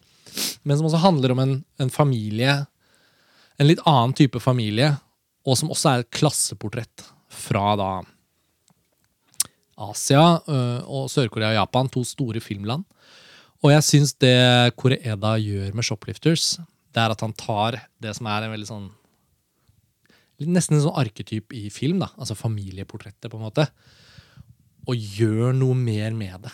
Jeg føler ikke at han gjør en sånn stor innovativ, dramatisk ting. Det er ikke sånn at han liksom finner opp en helt ny måte å fortelle familiehistorie på. Det kan man kanskje si litt mer om Bong, da, at han gjør noe sånn konseptuelt ut av, ut av de to familiene han skildrer i Parasitt.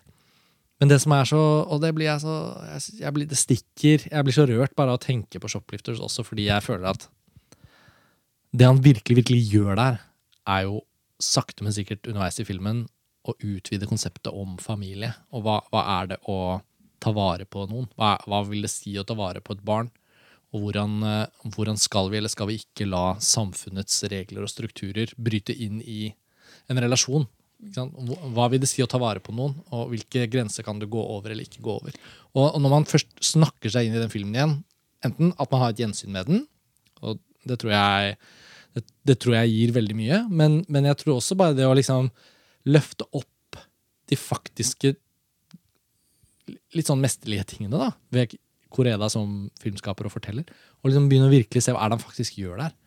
Fordi de er så liksom unnselige også, de filmene. Sånn som Søstre også husker jeg var en sånn film som, Det har nesten ikke noe narrativ. Det er liksom bare disse søstrene som innser at de har en ny søster, og så sier de 'kom, kom og bo med oss'. Vi, skal ta, vi, vi, vi er søstre, vi må ta vare på hverandre. Og det er egentlig det. Og så blir det veldig gripende fordi det bare er gripende. Og jeg syns han klarer å gjenspeile livet på en eller annen måte som også gjør at en japansk familie i Shoplifters som jeg får se på på kino, føles plutselig som om jeg kjenner dem. Og det var helt uaktuelt å ikke ha den filmen nærmest øverst på en toppliste. Så er det dette forferdelige topplistereglementet som gjør at det blir sånn kollisjon. Ideelt sett så hadde den kanskje vært um, topp, toppfilmen fra 2018. Og så i 2019, fordi filmer flytter på seg og kolliderer med hverandre, så er det vanskelig å ha den helt øverst. Men den er på en måte nesten øverst. da. Filmens tagline er jo 'Sometimes you choose your family'. Det syns jeg er så treffende og egentlig veldig oppsummerende i en liten setning om den filmen. Jeg, jeg synes jo jeg, altså jeg bare, Du sier, sa egentlig akkurat det jeg ville si, Karsten. Men jeg følte jeg hadde en genial plan om listen for 2019 ved å plassere Par Parasite og Shoplifters på samme plass. På niende, for, da ville jeg hatt niendeplass, for mitt tilfelle. På grunn av mange av de tingene du snakker om, men hvor det også er litt forskjell. Jeg, pleier, eller jeg sier det at Shoplifters kanskje er litt mer intern og involverende, mens Parasite er mer ekstern og kommenterende. Skal Ja, det er veldig presist sagt, da. Og, og, og for, det, for det Parasite bruker en del arkitektur og en del andre ting. Det er for så vidt også, det gjør for så vidt også Shoplifters. Eh, Jeg trekker en parallell til Osu, som selvfølgelig ligger veldig nært. mm. Med hvordan liksom eh, familieforhold forrykkes pga. noen vage handlinger og sånn. Men, eh, men i motsetning til Osu så, så gjør, eh, gjøres det også mer ut av uh, omgivelser her. Litt sånn bustete, skittent uh, beskrivelse av disse fattige, den fattige familien. da. Et sånt eh, skittent, vakkert eh, univers. Um, så det er litt synd at ikke jeg kan sette de ved siden av hverandre, fordi Parasite er en 2020-film i Norge. Jeg føler at eh, jeg, som jeg, Begge Og- de to om et filmene føler år- jeg ja, Om et år sitter vi her og snakker om sant? Gjetter jeg. Ja, så, men, Men ja. Det er faktisk en, en bro mellom de filmene, og det ville føltes nesten uansvarlig å ikke trekke den opp. Og nå i podkastform så er det i hvert fall mulig, da. Uten at vi bruker så mye tid på Parasitt. Så syns jeg i hvert fall det skal få lov å skinne på Shoplifters. Og siden filmen på en måte har blitt litt gammel, så tenker jeg at dersom noen av lytterne nå kjenner etter og sier ja, søren, Shoplifters, den endte jeg vel aldri opp med å se ordentlig, så er den jo i hvert fall Den er jo i norsk distribusjon. Den er jo til leie på iTunes og Get og Altibox og overalt. Og Og fysiske Blu-ray og DVD. Og, så det er jo ikke noe vanskelig å få sett Shoplifters, og det syns jeg jo virkelig folk bør gjøre. da. Eh, og særlig hvis dere nå har vært på kino og sett Parasitt og tenker fy søren for en film. De er ikke like. Egentlig er de veldig forskjellige. Men det er jo innholdet som er spennende å tenke på når filmen er ferdig og man går og går rundt i hverdagen sin. Og, og, og det at det er vanskelig å sympatisere helt med hovedrollene i begge personer. Nettopp. egentlig. Ja, Mm. At den eh, egentlig da, litt sånn realismen i det. da. Mennesker har også usympatiske trekk, og vi tar avgjørelser som ikke ser så bra ut på papiret, men det føles riktig der og da. Og, så Ja. videre, og, så videre. og det er jo en scene i Shoplifters med hun moren i familien som sitter i et avhør, Mm. uten å si noe mer om det. Som er bare Ja, da knekker jeg helt sammen. Den gråten. Ja, Det er bare så bra, og hun holder det inne. og nei. Så det er helt åpenbart. Det er jo egentlig en først, en, ett og et halvteplass, vil jeg si hos meg, da. Men det er andreplass, ja. Mm. Ok, herregud, nå er vi ved førsteplassene. Woo! Og det er, jeg tror jeg har sagt det hvert år, men sånn Ja, da er vi helt utmattet, da. Så førsteplassen er bare å løpe gjennom, og så er vi ferdig. Ja, men vi har vel forskjellige Nei, ja, vi, det får vi se. Vi har eh, Du har Jeg har forskjellig, Du har forskjellig. som alltid. Vi vet jo, Eh, vi har jo fått høre hva som er førsteplassen. Ja, Ja, så nå får, du, nå får du snakke litt. Fortell oss. Det er jo en film som jeg tror alle kanskje har sett, og det er jo Lars von Triers uh, The House of Jack Built. Og eh, jeg har jo vært litt delt på von Trier opp igjennom. Jeg, er, eh, jeg, jeg kan være akademisk fascinert av den tidlige dogmeperioden hans. Altså sånn. Jeg elsker jo Rige og alt dette her, også en del av disse tingene han gjorde i den perioden. Men jeg syns han er enda flottere når han kan peise på og lage tablåer og i slow motion og alt dette her som han gjør i Antichrist og Melancholia og sånne, eh, sånne ting. Da er jeg Dette er film for meg. ikke sant? Og heldigvis så er han jo det også i denne filmen. Um, det er en Det er en spesiell Det er en saftig film. Den, den har liksom noe, noe lekent ved seg, og det er um, hva skal jeg si? Altså, Von Trier har jo snakket om at han liksom, nå er han litt sånn lei. Hvis du har sett intervjuer med han og sånn på, på YouTube, eller hvor som helst, så ser han veldig sliten og gammel og, og inntørka ut, hadde jeg nær sagt. Stakkars. jeg skal ikke Men så, så kommer da denne filmen som har en voldsom livskraft. livskraft. Den er så leken. Eh, og jeg tror også en veldig personlig film. Eh, hvor eh, Jack, da, spilt av Matt Dillon, er et slags bilde på han selv. Eller huset til Jack eh, er huset til von Trier, basically. Det er eh, barokt, og det er mørke avkroker, og det er uh, ja, Jeg kan jo si, si, noe jeg sier i omtalen, hvor jeg sier at uh, det er en slags pompøs skildring av fallet, en kunstner innhentet av moder Justitia, som frem til nå har skygget hans kontroversielle livsprosjekt på behørig avstand. Jeg syns det er noe selv... Om ikke selvironisk, så selvgranskende der, som jeg syns er veldig fascinerende. Og så er det en fest av en film i siste, siste akt. ja, det kan man si. så, nei, altså, det var veldig overfladisk, men det er en film man kan snakke om kjempemye og i kjempedetalj, men det er en egen podkast verdig. Ja, fordi det morsomme er jo at uh, filmen er både sånn Hvis man skulle skrevet fem linjer om den eller hatt en kjapp prat om den, så er det masse man kan si. Ja. For den, er sånn, den har jo så mye holdt på å si snacks, det blir feil ord, da, men det er så mye greier. mye greier. Uh, og mye grep og mye ideer som det er hos von Trier. Det er jo morsomt å snakke om hans filmer. da. Uansett hva han har laget, så er det jo provoserende eller, eller mottar hyllest. Det er alltid noe. Ja. Som er selvfølgelig et av hans absolutte fremste trekk som filmskaper. At han aldri er uinteressant. Aldri. Det er jo alltid noe. Ja. Og denne gangen òg. Dette var jo også Cannes 2018, apropos. Mm. Og, jeg var jo ikke der, så jeg så nei, nei, nei, nei, men jeg mener bare, bare for å referere til da, at uh, alt dette som skjedde i Cannes, på den famøse pressekonferansen eh, hvor han prøvde å forklare noe, og poenget kom feil ut, og så ble han liksom persona non grata. og det var ikke måte på. I, i House, og Dermed var jo Nymphomaniac aldri i Cannes. Den var jo i Berlin og Venezia, de to delene. Og jeg bare må le at det, han har jo brukt halve filmen her til å fremme en slags sånn Det er nesten noe essayistisk over hele strukt... Eller men, de, av og til så blir de meningsbærende metaforene i The House of Jack Bill ting som blir sagt i overført betydning om noe annet, så blir det så lett å lese det over i at egentlig von Trier bruker hele filmen til å komme med en form for sånn kritikk tilbake til sine kritikere. Ja. Og det er så treffende og gøyalt. Filmen blir jo en komedie. Ja. Når man da er ferdig med den kjappe praten, sånn som du nå sa, så er det egentlig bare sånn Herregud, nå må vi sette av flere timer. Da må man gå kapittel for kapittel, ja, ikke sant? Og det er, det er en mettet film. Ja. Og den er så rik på så mye rart. Og så er det jo så åpenbart at ikke alle er enige om den filmen. Den er, vel, den er jo ikke fallen. Nei, nei, nei, jeg vet, jeg vet. Men så kan man si at ok, det er noe engang sånn at noen av filmene hans er ekte mesterverk blitt. Mm. Og de står seg, på en måte. Men, kommer den her til å bli stående som en av de? Vanskelig å si. Jeg tror den kommer til å ha den derre selvanalytiske, som du sa nå, Tor Joakim. Altså, det at han ser på seg selv gjennom filmen. Mm. Så er den jo kanskje hakket mer leken da, enn et par andre av de. Ja, det er ganske beholdende, sånn ikke kjedelig. Tungmagede. Og fandenivoldsk. Altså, er det ikke faktisk et sånn billedlig fuck you til festivalen inne der? òg? det er jo, jo, av Ja, men han, han, han, klipper jo, Det er jo en, en liten sånn montasje hvor han siterer sine egne filmer. Og, ja. Ja. Den er morsom. Jeg har den på um, 15.-plass, ja. så det er jo fortsatt høyt. Jeg har den tommel opp. Så uh, hvis du skulle hatt noen innsigelser, uh, Pernille? Nei, jeg, bare, jeg, jeg, satt og tenkte nå at jeg vet ikke om det her er en film jeg egentlig kommer til å se igjen. Jeg tror kanskje det ble litt sånn mettet visning da jeg så den i Cannes. Ja. Og det var en veldig spesiell og kul opplevelse, det, for jeg fikk jo med meg alle disse uh, beryktede walkoutsene som skjedde ja. i, i, to store puljer. Ja. Uh, okay, den hadde jo premiere kjempesent. Ja.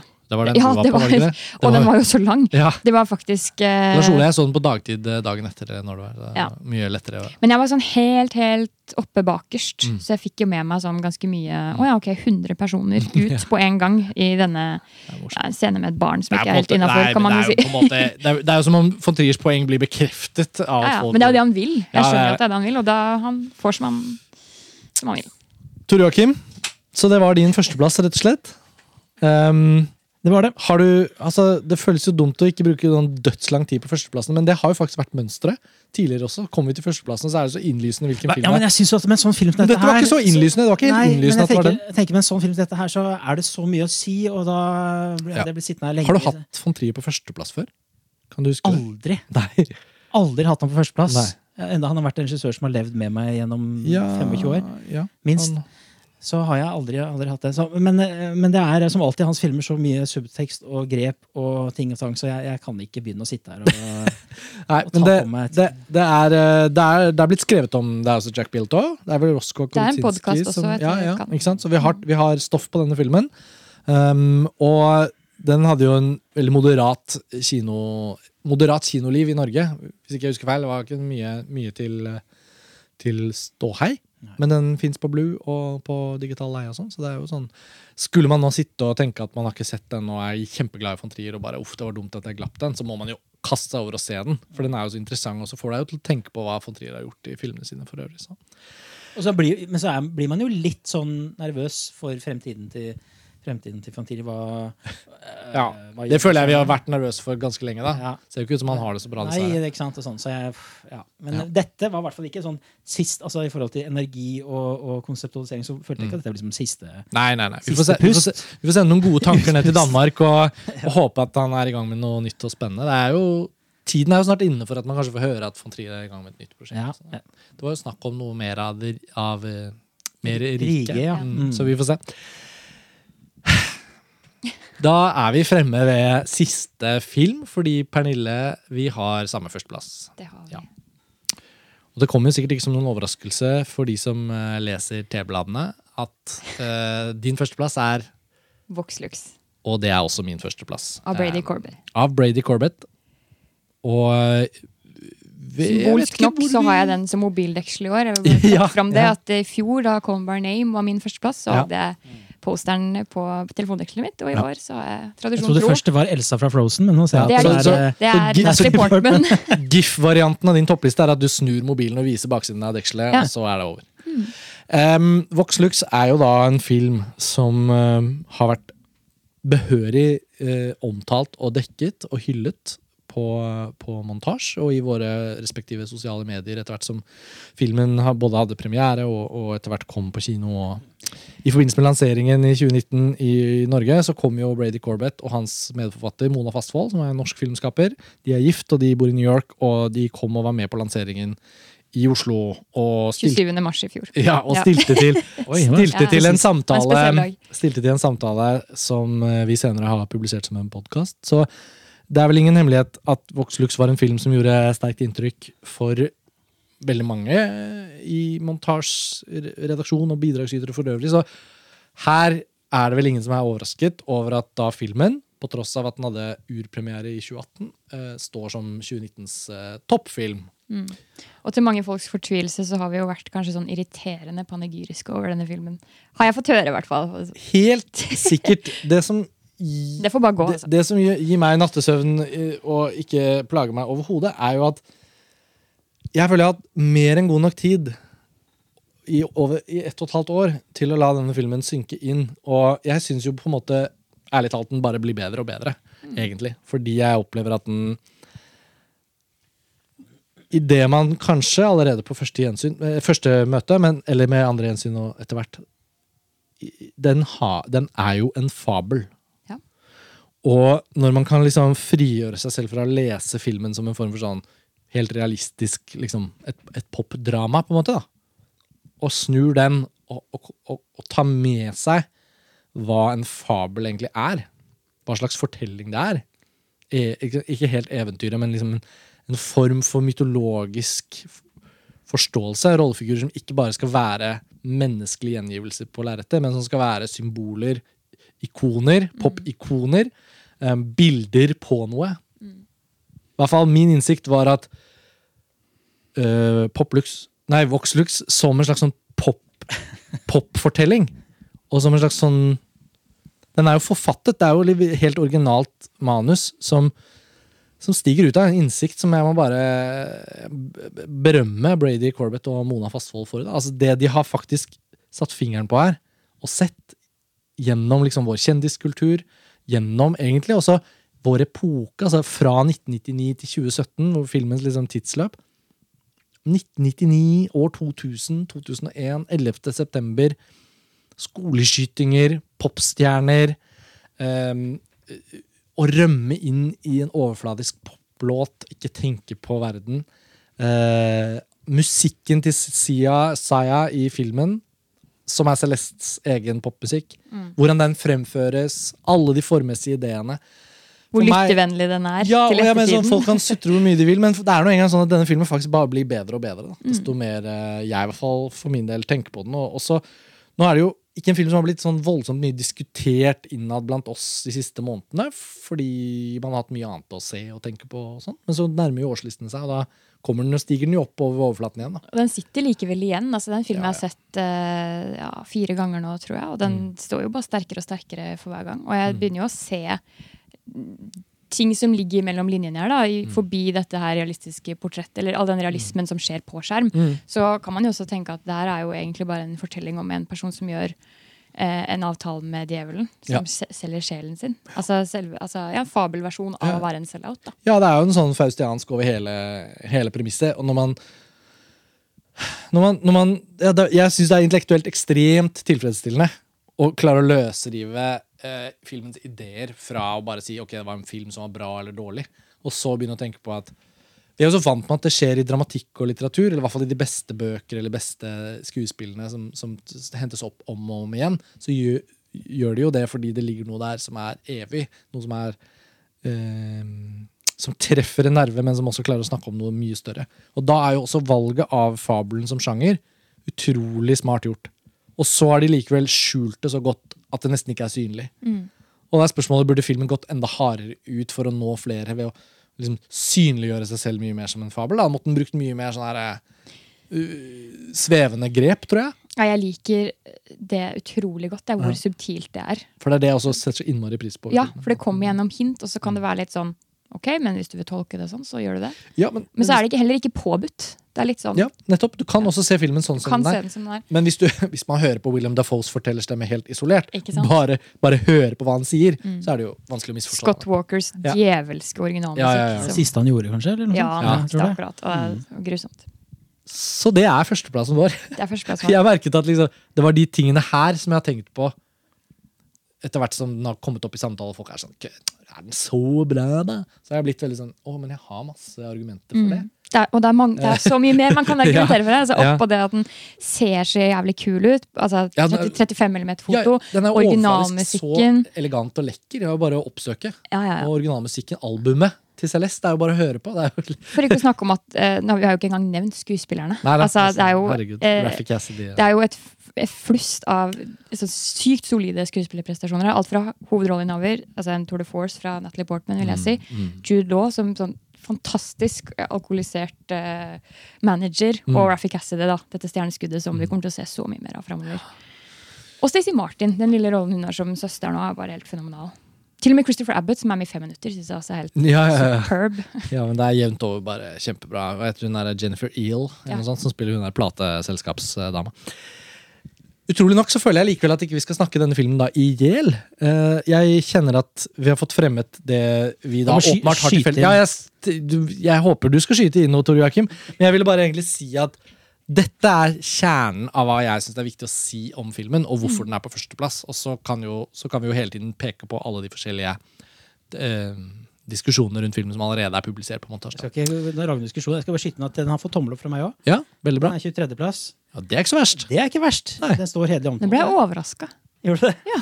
Jeg hadde liksom forberedt å sitere Celeste og sånn som et motsvar til deg, men nei, nei. greit. Da Vet du hva, Jeg syns det det. er så mye bra i den filmens første akt og siste akt, og så har jeg et lite problem med den akten som alle fremhever som det beste, som er konfrontasjonen mellom mor og datter. Jeg har alltid vært forelska i Natalie Portman siden Liaden på i- i 90-tallet. Og elsker henne i alt hun har gjort, nesten Black Swan, hva som helst. Um, men den, den inderligheten var, klarte ikke jeg helt å fange i den sekvensen når de da snakker sammen i denne dineren. og sånn. Altså, de minuttene rundt der der sliter jeg litt. Og jeg vet, jeg vet veldig godt at det er en sekvens som veldig mange fremhever som det beste ved hele filmen. Men der faller jeg litt av. Og så blir jeg veldig, til gjengjeld veldig med på alt det andre. Den eksessen, overflateeksessen, den syrlige overflateeksessen Mm, i mm. musikkvideoene og de konsertscenene. Og, og, og den nesten sånn kroppslige beskrivelsen av, av den eh, reisen som hun har. da. Mm. Må jo også bare trekke fram at filmen er så spekket med sekvenser.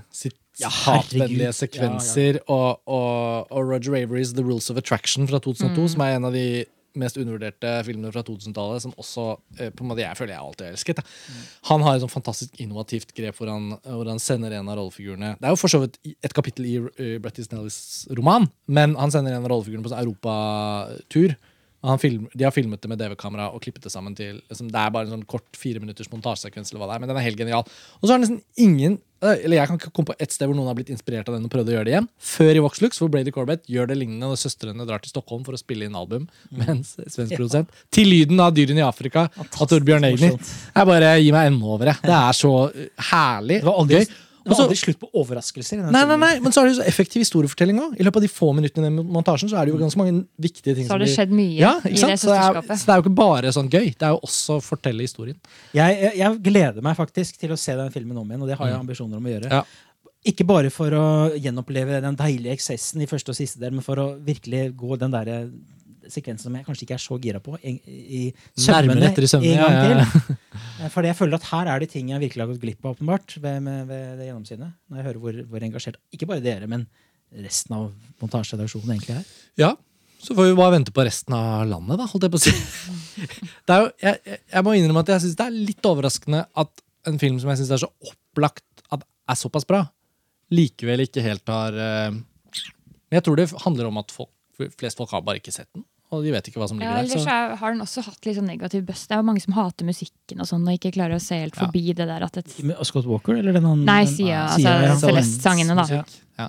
Nei, jeg Ja. Folk er forskjellige. Det Ja. vil jeg alltid respektere, men jeg er glad jeg har så lett for å se kvaliteten i denne filmen. For da er det jo mye morsommere å snakke om når man liker den. Eh, Det gjelder jo eh, om så mye. Jeg, jeg tenker vi er i mål, jeg, dere. Er vi ikke i mål? Jo, det vil jeg si. Hvis, Um, ja, mm, mm, mm, det er det. Vi snakket om å kanskje ta noen hederlige omtaler og sånne X-plasseringer og sånn. Jeg, jeg lurer liksom på om vi kanskje har tøyd strikken litt. Ja, det ble jo en lang episode, dette også. Vi tenkte at med et mindre medlem i panelet, og det, sk- vi hadde jo ønsket at Lars Ole kunne være med, så det var, ikke noe, det var ikke noe vi gikk for, å bare være tre. Men da hadde vi kanskje trodd at episoden ble radikalt kortere, men det har den ikke egentlig helt blitt. Jeg oppfordrer kanskje til at folk sjekker ut Sjekker ut listene våre på montasje. Der er det publisert masse forskjellige topplister av alle de andre som ikke er med på podkasten. Og eh, som eh, både Tor Joakim og Pernille og jeg kunne snakket litt mer om nå, så har vi jo da tommel opp, hederlige omtaler, vi har noen sånne X-plasseringer som er ubestemmelige filmer som vi likevel vil si noe om. Eller TV-serier. Eller TV-serier osv. Så har vi tommel ned som er gøy. Og jeg har opprettet en egen kategori i år som heter 'Måtte den brenne i helvete for alltid'. Ja. Og der har jeg bare cats. Det, det er bare cats. Tom Hoopers cats, nettopp. Um, jeg, jeg, har en, jeg har noen sånne rare obskuriteter som jeg har hatt lyst til å trekke litt frem. Men istedenfor å begynne, Fordi da er vi i gang igjen da, Jeg tror kanskje det beste er å oppsummere podkasten nå. Um, Enig. jeg syns alltid på slutten av disse episodene at vi må berømme lytterne våre. Og takke dere for at dere er med på hele reisen. Dere som fortsatt sitter og hører på. Det er jo så gøy å lage podkast når vi har så fine lyttere som setter så pris på, på lange episoder. For det er jo veldig gøy å lage. Og årslisteepisoden Det er jo så mange, den- mange små minipodkaster igjen, på en måte. ja, det er jo det. Og, men den, Det den, den modnes jo litt som en god vin i januar. For mange lurer på hvorfor ikke den publiseres tidligere. Men, men eh, det er nå engang sånn at når alt kommer til alt, så må det være eh, rett tid, rett sted og eh, rett gjennomtenkte refleksjoner. Så Tor Joakim, Pernille, takk for denne gang. Da kan vi oppsummere filmåret 2019. Wrapped up, som Celeste ville sagt. Oh, det var bra. Og, og vi er jo i gang med filmåret 2020, som allerede er fantastisk. Så det er jo bare å glede seg. Det er ett år til neste gang. Um, nå skal vi snart av gårde til eh, filmfestivalen i Berlin. Yes. Og det kommer andre små og store episoder før og etter det også. Så, så dere får bare holde på abonnementet. Fortell en venn om filmpodkasten Filmfrelst.